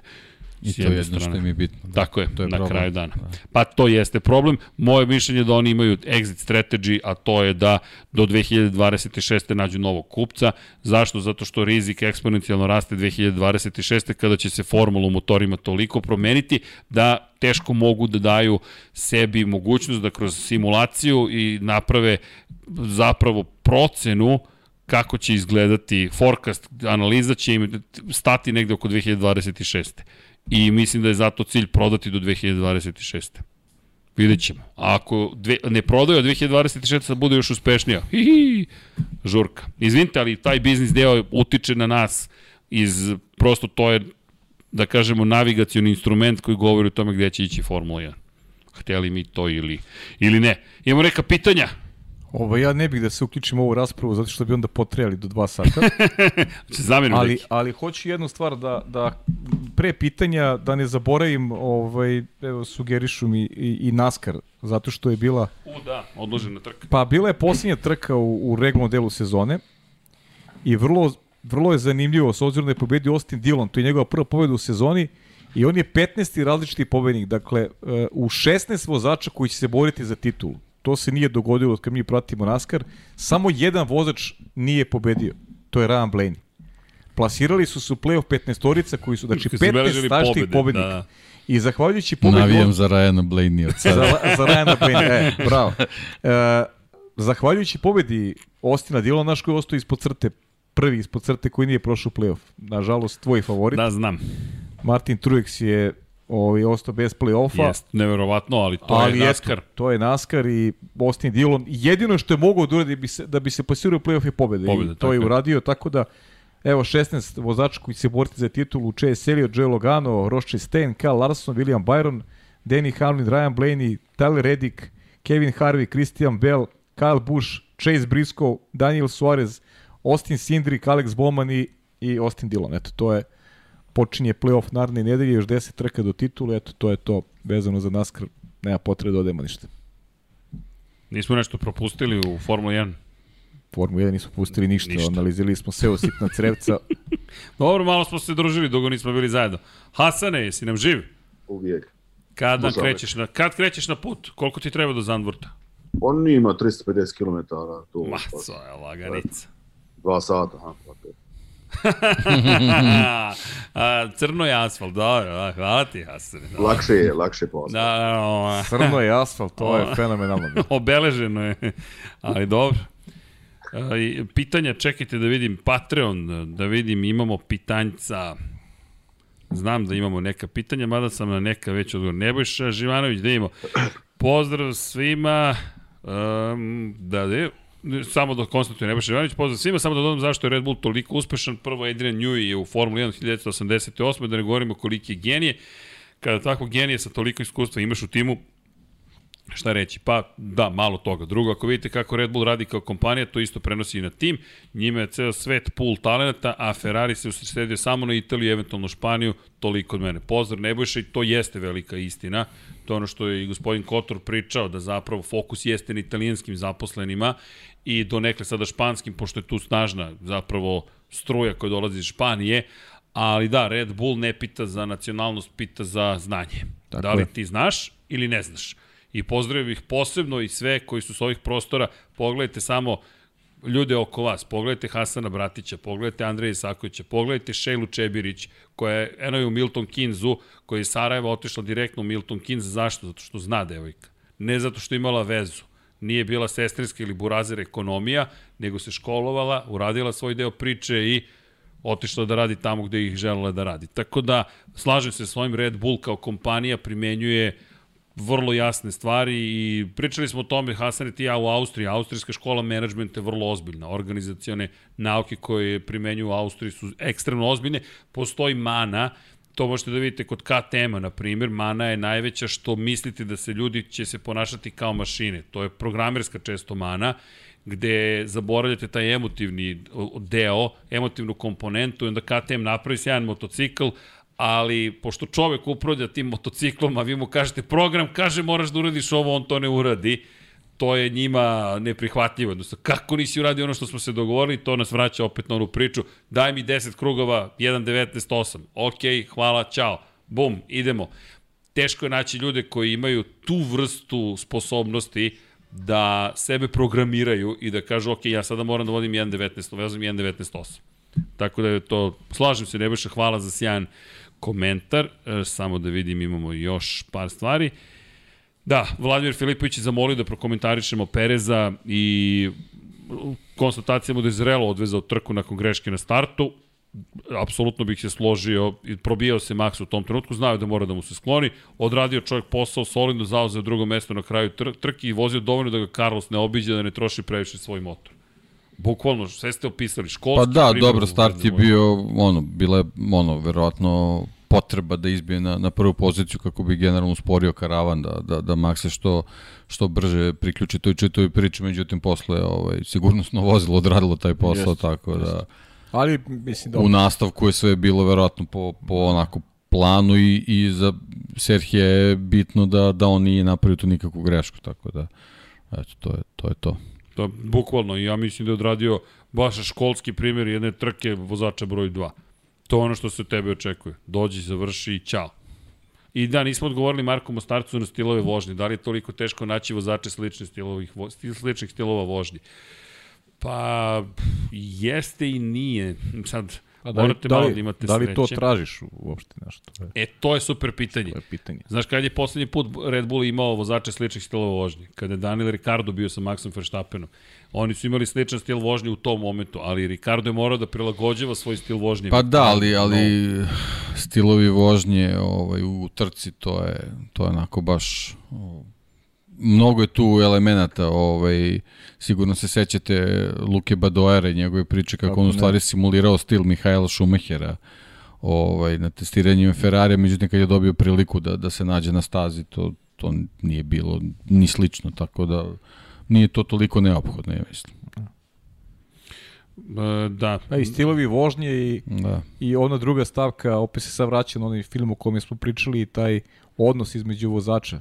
Pa nije, evo konkretno. Sećaš se Ho- Hotorni Collins, Da, da da, je Ferrari da, dobio da. predloge da ih otpusti zbog toga što su imali odličan prijateljski odnos. Da, Između oslog i to, da. da, Da, Enzo da, se to je baš i-. Da, ba, Da. Mislim, ne, ba, više se ljudima sa strane nije dopadalo, pa je Enzo dobio sugestije da treba da ih otpusti, jer, jer šta ćemo vozači koji su dobrim harmoničnim odnosima. da.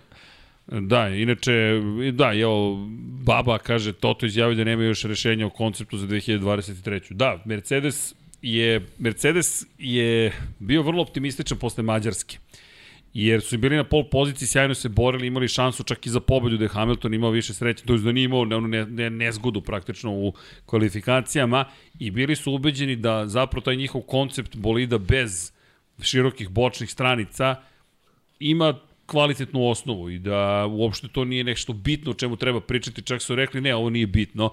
Mi sada imamo situaciju u kojoj zapravo druge delove bolida treba da razvijemo sve će biti okej. Ali da, sad, sada se vraćaju na to da je zapravo veliko pitanje da li je ovo taj koncept. Inače, udrite like. Čekaj, moramo na svakih pola sata da vičemo udrite like, što će biti onda često, jer smo dosta dugo. Udrite like, e, molim vas. 800 ljudi je tu, 490 lajkova, udrite drugari like. Algoritam, naravno, ali ne samo to, generalno. I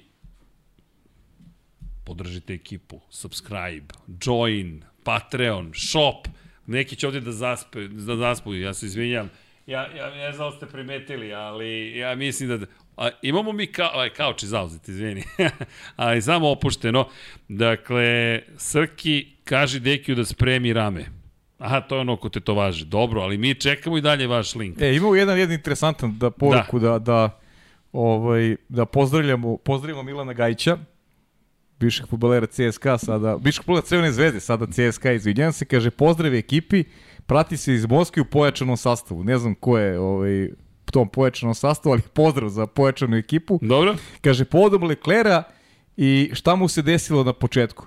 Da li postoji neka regulacija vezano za skidanje zaštitne folije sa vizira vozača, jer ako se ne varam, nije prvi put da se dešava da neko pokupi foliju što u Formuli 1, što u MotoGP-u. Vozač skine foliju, pusti iza sebe, a ako je neko zakači, možda izazove kvar na bolidu. Može da utiče na nečiju trku, što nije naivna stvar, veliki pozdrav.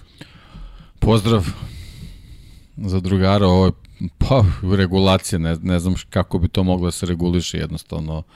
Ovaj, Da ne bacaš foliju. Turbulencije su takve, jednostavno nekad folija odleti visoko, nekad padne dole na asfalt i eto, kad, kad, kad si maler, onda, mislim, Onda mnogo se tih folija skida tokom trke, to je stvarno onako verovatnoća, ne kažem sad onako baš, Ali, baš ekstra mala, ali, ali možda se desi posebno kad, kad se vozi tako blizu, ali ovaj, da, ali stvarno ne znam, evo, Srki, ovaj, ako mu nešto pade na pamet, ali stvarno ne vidim način kako to može se reguliše. Mislim, jednostavno najvažnije je da vozači imaju čist vidik i, i jednostavno ta, ta folija stvarno radi radi ovaj svoj posao, ali eto, nekad se desi tako baš čudan splet okolnosti i ozbiljno utiče na, na performanse. Pa, pa ajmo ovako, prosto ne, ne možete to, nemate načina da to regulišete, pri čemu te folije mogu da budu problem samim vozačima koji su je skinuli. Ako se setite Max Verstappen u treningu 1 ili 2 i priča o tome da mu je jedna od folija zaglavljena na zadnjem oslanjanju levom i mora je da ode do garaže, to je pokušavao je skretanjem levu, desnu, cik-cak vožnjem da skine tu foliju kako da, da, da to regulišete, gotovo je nemoguća misija. Jack Miller je ostao bez trke prošle godine za, za pobedu u Mizanu, zahvaljujući tome što je Fabio Quartararo skinuo foliju sa kacigi i pustio je. I direktno je ušlo u usisnu, usisnu granu praktično Ducatija, blokirala dovod vazduha i to je bilo to. To su stvari koje se nažalost dešavaju.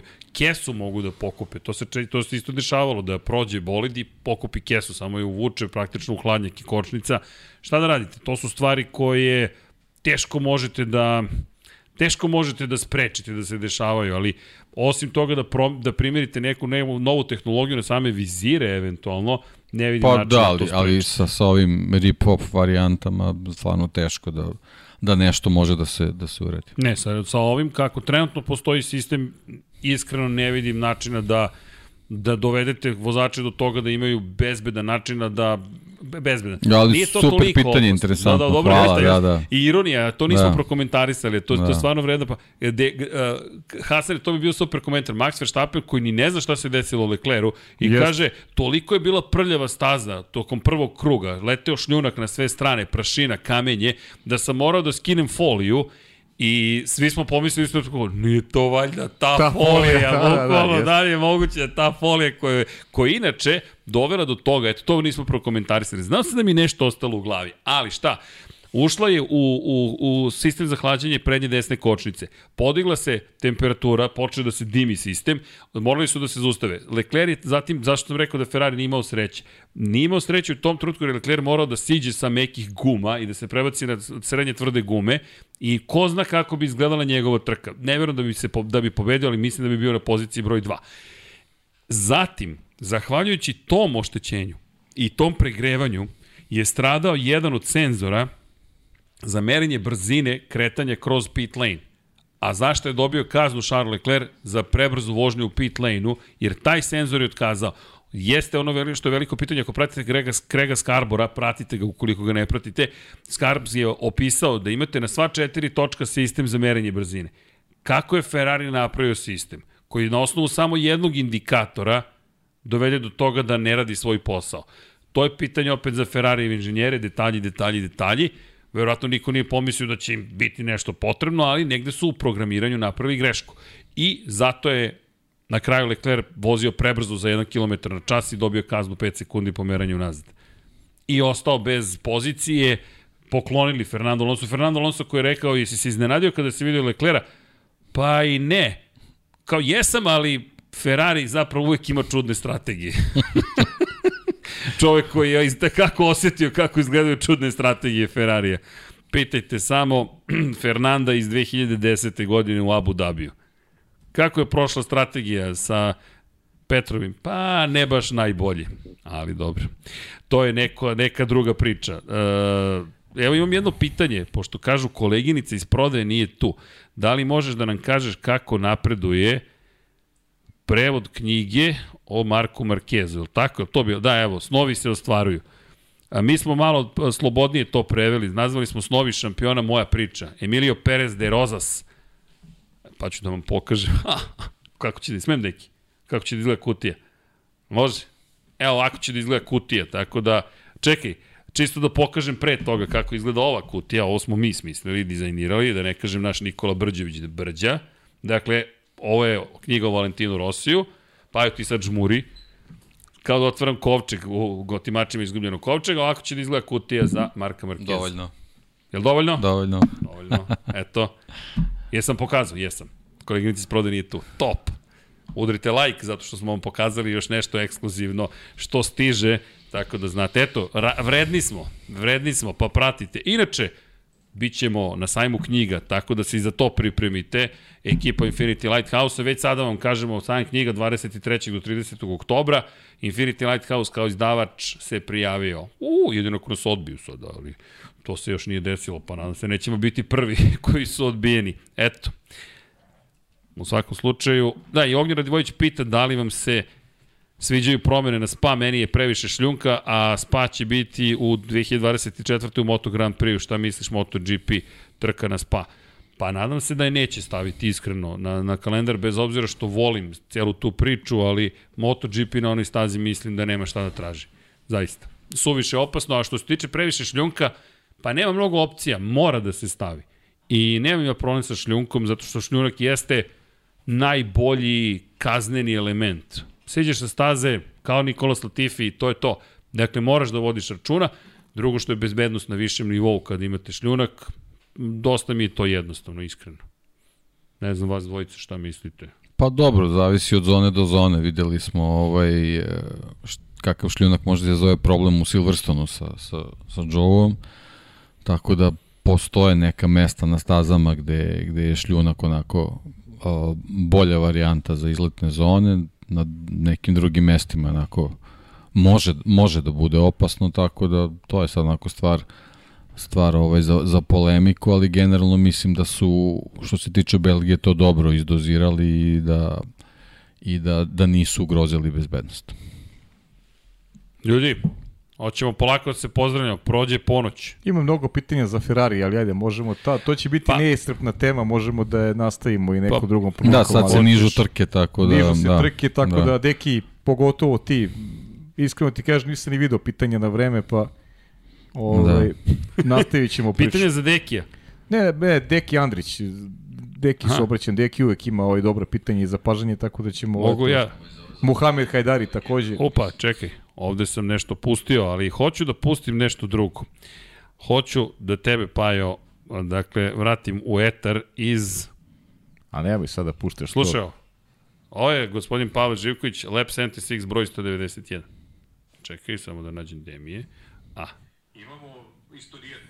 evo ga. Vidjet ćemo koliko će Ferrari moći da bude ovakav kakav jeste.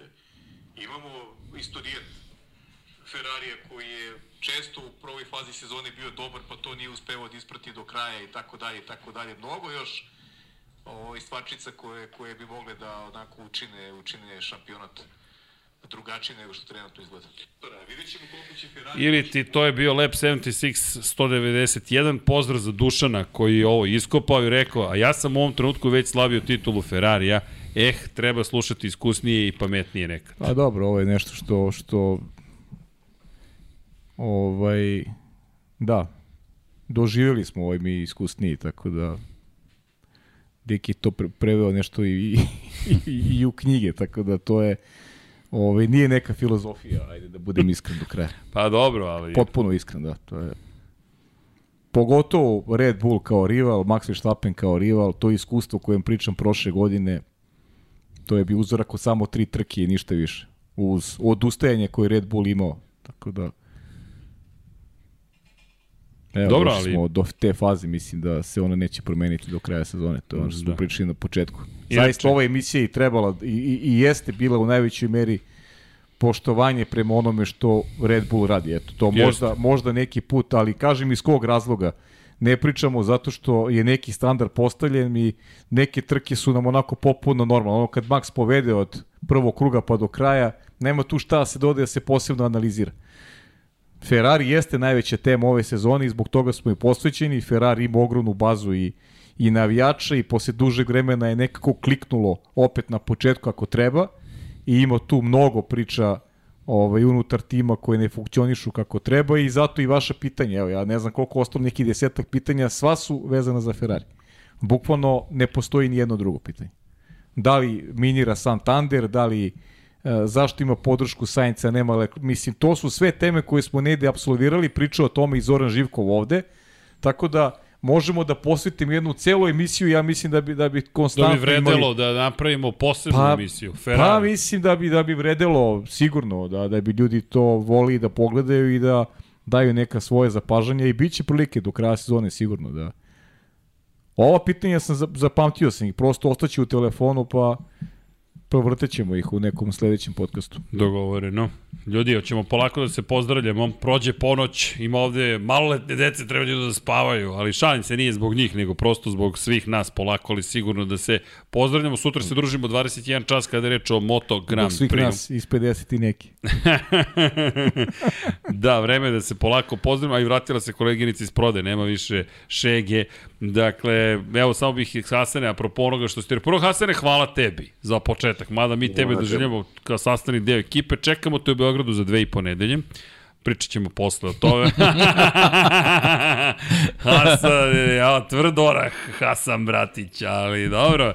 Dobro, inače, evo, e, Uroš, nam je post prosledio nešto od, od FN Trolls, FN Memes, gde kaže da je u intervju ove nedelje Christian Horner otkrio da ponekada kad im je dosadno tokom trka vole da se zabavljaju sa, sa Maxom Verstappenom i jednog tokom trka, dakle ne samoj trci, već tokom trkačkog vikenda i jednom prilikom su mu podesili zapravo volan na japanski jezik u sred treninga su mu prebacili na japanski jezik i kad je krenuo da paniči, svi su se u radio komunikaciju Red Bullu obraćali na japanskom jeziku. što je potpuno suludo, ali samo vam govori koliko je dosadno u tom trenutku, dakle oni su odradili sve što je trebalo da odrade, mogu i na japanskom da pričaju. Pa u to ime, konbama ili ti dobro veče svima, i moram ja na japanskom ćao svima da uvežbam To će biti dobar moment. Ne znam da ćemo te pratimo, deki ja, ali ti uvežbaj. ali ja ću da uvežbam, a moram nešto da primetim da me ne pratite, a to je čitanje svih divnih ljudi koji nam pružaju podršku. I mislim da bi ti pa mogao da počneš da nosiš naočare na ove skupove naše i da se lepo zabavljamo. Dakle, ja bih da se zahvalim svima. Opa, idemo muzika, koleginica iz prode DJ, isekla je celu priču, tu je i Vanja koji je sad pod kontrolom. Ugasili su mi klimu, to je jedini način da me oteraju zapravo. Sve je jasno kao dan, dobro. Momci, nam se ste uživali. Dobro, devojko jesi uživala, ima jedna dama ovde, koleginica iz prodaje. Udrite like, ljudi, udrite subscribe, lepo se zabavite. Posjetite patreon.com kroz Infinity Lighthouse. Ko je do ovog stigao momenta u podcastu posle 3,5 sata, pa ja mislim da zaista je uz nas svim srcem, pa može i novčanikom. Šalu na stranu, meni su dali da budemo oni što promoviše komercijalizaciju projekta. Matija, imaš pozdrav od kupca, kaže da su majice savršene i da su visokog kvaliteta i da je mere koje smo stavili na sajtu da su precizne. Naravno da su precizne, kolega Matija Medoni, nema tu šale, tako da znate, inače, hvala Igor Ilić, Žarko Jovanović, Acke, Marko Bogovac, Voća Pero, Marko Stojilković, Dejan Ilijev, Mortal Kombat, Nikor 24, Vladan Đurić, korespondent, korespondent, Kosta Berić, Marakos, Zlatko Marić, Milan Knežević, Aleks Vulović, Vuk, Nemanja Cimbaljević, Bojan Pejković, Koja 7, Almir Vuk, Resničanin, Petar Bjelić, Kro Robi 0-0, Pavle Lukić, Nikola Božović, Milorad Reljić, Andreja David, Nenad Lukić, Saša Stevanović, Toni Soni 76, Nikola Niksi, Branko Rašević, Nemanja Bračko, Nikola Grđan, Miloš Tanimirović, Vukašin Felbo, Bakadu, Bojan Gitarić, Ivan Magdalenić, Ivan Vujasinović, Tatjana Limajić, Veselin Vukićić, Branislav Dević, Vukašin Vučenović, Almedina Ahmetović. E, stanite, pre nego što nastavim. Udrite subscribe. Zašto? Ljudi, još malo nam fali do 20.000, ajmo da poguramo da YouTube kaže čekaj, ova ekipa je top. Razumete? Igramo se sa algoritmom. Subscribe, subscribe, subscribe, subscribe. Ne volim da vas zovem za brojeve, ali suviše je zabavno. Na, 100, na 19.195 smo. Ajmo svi zdušno jedan subscribe. Ne gnjevimo vas mi mnogo. Mi imamo utorkom emisije, sredom, petkom, imamo i četvrtkom pod kapicom, novi thumbnailovi su stigli, čekajte, jedan high five za grafičare, za Petra Perića, dakle, udrite subscribe, mi ćemo se truditi da bude još zabavnog materijala, ne patimo za brojevima, ali kada smo tako blizu 20.000, ajmo ljudi da doteramo do 76.000, Zatim Miloš Zed, LFC, Nikola Kojić, Nemanja Miloradović, Zvonimir Papić, Marina, Vlada Ivanović, Oliver Nikolić, Andrija Todorović, Jelena Jeremić, Aleksandar Nikolić, Lukas Kok, Nemanja, Bojan Markov, Danilo Petrović. 61 osoba je uz nas na YouTube-u, fantastično i prelep je taj osjećaj naravno, a na Patreonu, tek to je neverovatno, imamo nove Patreone, ukoliko možete, koliko god da možete, ljudi, hvala. I uvek ćemo vam govoriti hvala i truditi se da vam pružimo nešto, ako ne novo, makar zabavno i dalje. Inače, imamo novog patrona, Gloriju Edis Edson. Pozdrav za Gloriju Edson. Dakle, ne znam ko je dama, ali top što nas podržavate. Igor Jankovski, Saša Ranisavljević, Nikola Milosavljević, Marko Kozić, Šmele, Marko Petrekanović, Srđan Sivić, Milan Apro, Branimir Rijevec, Nemanja Jasmina Pešić, Matija Rajić, Zoran Cimeša, Danijela Ilić, Đole, žena mi zna, Andreja Miladinović, Borislav Jovanović, Miloš Radosavljević, LFC, Crnogorski džedi, samo ovi tvoji Liverpoolovci bacuju eh, oznake kluba, fascinantno, ali dobro. Da se Crno... zna. Da se zna, Crnogorski džedaj, zatim Grgo Živaljić, Vlada Ivanović, Jugoslav Krasnić, Nenad Pantelić, Andreja Branković, Nebojša Živanović, Ivan Rečević, Andrej Bicok, Veselin Vukićević, Dimitrije Mišić, Ivan Ciger, Safet Isljam, Ivan Panajotović, Boris Erceg, Džigi Bao, Branislav Kovačević, ne znam zašto imam potrebu, kažem Džigi Bao, super mi to zvuči, Depressed Cody, Gardbrand Fan, Aleksandar Jurić, Vladimir Filipović, Vladimir Petković, Đorđe Đukić, Pavle Njo, Miloš Todorov, Emir Mešić, Andrija Todorović, Ertan Prelić, Alen, Bojan Markov, Bahter Abdurmanov, Darko Trajković, Predrag Pežurica, Malo pa Dejan će nam Đokić, trebati 3 sata pričitamo ovaj Patreon. Laslofi. Neka, neka, nek treba i 5 Tri za sati. emisiju i tri za Patreon. Jeste, sati. ali zato uz vašu podršku stižu nove knjige, nove majice, nova zabava, 99 yardi majice su u izradi, čisto, ili su u izradi, jesu, pretpostavljam to, top. Dakle, Luka i Kuzma uvode svoju modnu liniju, stižu i za Luku i Kuzmu majice, stižu i duksevi, sad se dogovaramo oko dizajna, sam Matija nam je dao sve opcije, dakle, ako imate predlog za dukseve, napišite u komentarima šta želite, ako želite još nešto, smislili smo, mislim, Matija, moramo nešto, sad sastanak u dva ujutru, šalim se, ima ovde dece koje moraju da spavaju, ali Ferenc Laslov i Dejan Đokić, Branko Bisački, Žarko Milić, Aleksandar M, Igor Gašparević, Vukašin Jekić, Branislav Marković, Igor Vučković, Aca Vizla, Dejan Vujović, Nemanja Zagorac, Aleksandar Antonović, Novak Tomović, Tomić, Boris Kujundžić, Mama ti si krivo što se palim tek posle ponoći, Tijana Vidanović, Aleksa Jelić, da žena ne sazna, pozdrav za mamu i tatu, tu su Dušan Petrović, Lazar Pević, Stefan Deljković, Nemanja Jeremić, Alen Vuletić, Zoran Majdov, Mihovil Stamičar, Nikola Stojanić, Jasenko Samerđić, Bojan Majstorović, Antonio Novak, Stefan Milošević, Miroslav Cvetić, Đole Bronkos, Ognjen Marinković, Vukašin Vučenović, Nemanja Miloradić, Mi- Marina Mihajlović, Dušan Ristić, Miloš Vuletić, Luka Manitašević, Zorana Vidić, Marko Hork, Boris, Gol, Boris Golubar, Mirina Živković, Josip Kovičić, Andrej Božo, Boris Gvozden, Nenad Simić, Petar Relić, Bojan Mijatović, Milan Nešković, Borko Božunović, Marko Ćurčić, Mlađan Antić, Kristijan Šestak, Stefan Vidić, Ivan Žorž, Luka Savić, Jelena Mak, Goša 46, Kovačević, Omer, Monika Ercig, Vučinić, Miroslav, Nenad Đorđević, Nikola Božinović, Filip, Mihajlo Krgović, Đorđe Radović, Predrag Simić, Ivan Simonović, anonimna osoba, Zoran Šalamun koja se je žalila inače na Formulu 1, ali nas podržava, to vam je prava ljubav. Zoran Šalamun, Aleksa Vučaj, Miloš Banduka, Mario Vidović, Zoltan Mezej, Stefan Lešnjak, Ivan Maksimović, Toni Ruščić, Milan Đurđević, Marko Bogovac, Nikola Grujičić, Marko Mostarac, Mladen Krstić, Marko Čuković, Stefan Dulić, Ivan Toškov, Sava Dugi, Jelena Jeremić i Ozren Prpić. 141 osoba. Uuu, Bravo. ljudi, hvala. To je 200 ljudi. Ua, hvala, šta drugo da vam kažemo. Samo nastavite, nama, naravno da puno znači zato što možemo mnogo toga da uradimo. Udrite ljudi like, subscribe, join, klik, klik, klik, klik, klik, klik. Nije to toliko teško, ali je zabavno. Dobro. Kako ide? Klik, klik, klik, klik, klik, klik, klik, klik. Hvala ti, da, da znam sad. Sad ću ja da vozim bez usporenja. Sad ćete vidjeti znam vrdu kako se postavljaju rekordni krugovi. Ljudi, šalu na stranu, posjetite patreon.com kroz Infinity Lighthouse, udrite join shop.infinitylighthouse.com, knjige stižu nove, idemo na sajam knjiga, stiže i, smem da kažem za 9.9. Smem da kažem za 9.9. 9.9. spremite se za tap room, čeka vas iznenađenje. Biće top, ima koleginica iz prodaje, Da te stavi u top. Pa, već, pa već si rekao, kad, kad koleginice nije bilo u a prostoriji. dobro, to sad kao da... Kao je Sad se folira, a, pitaš da, i da, kao, aha, da. Da, da, da. Da, po- pogledajte koleginice posljednjih 10 minuta emisije, mislim da bi trebalo. Čuli ste? Nemoj da gledaš ništa, nemoj ništa da gledaš. Dobro, dragi ljudi, dragi Dejane, dragi Pavle, dragi Hasane, nadam se da si tu negde, mada te sklonio Vanja. Otišao je Hasan, ugasio se, rekao, ko će ovo sada sve, ali sad ćemo te zovemo Hasan jer znamo da si budan. Ljudi, bio ovo Lab 76 broj 227, jel tako Vanja? Nisam promašio, pomešao brojeve. Vidimo se za vikend, ljudi, pa Tako onda je. utorak. Imamo A i MotoGP za sutra, vikend da. i Formula 1 za vikend, biće zabavno i NASCAR stiže, a mi sutra, deki, jedva čekaš da me vidiš, vidim po tebi, Pajo, top. Ljudi, ajmo da se pozdravimo, hoćemo na 3, 2, 1. 3, 2, 1. Ćao, Ćao svima! svima! Ćao, čao.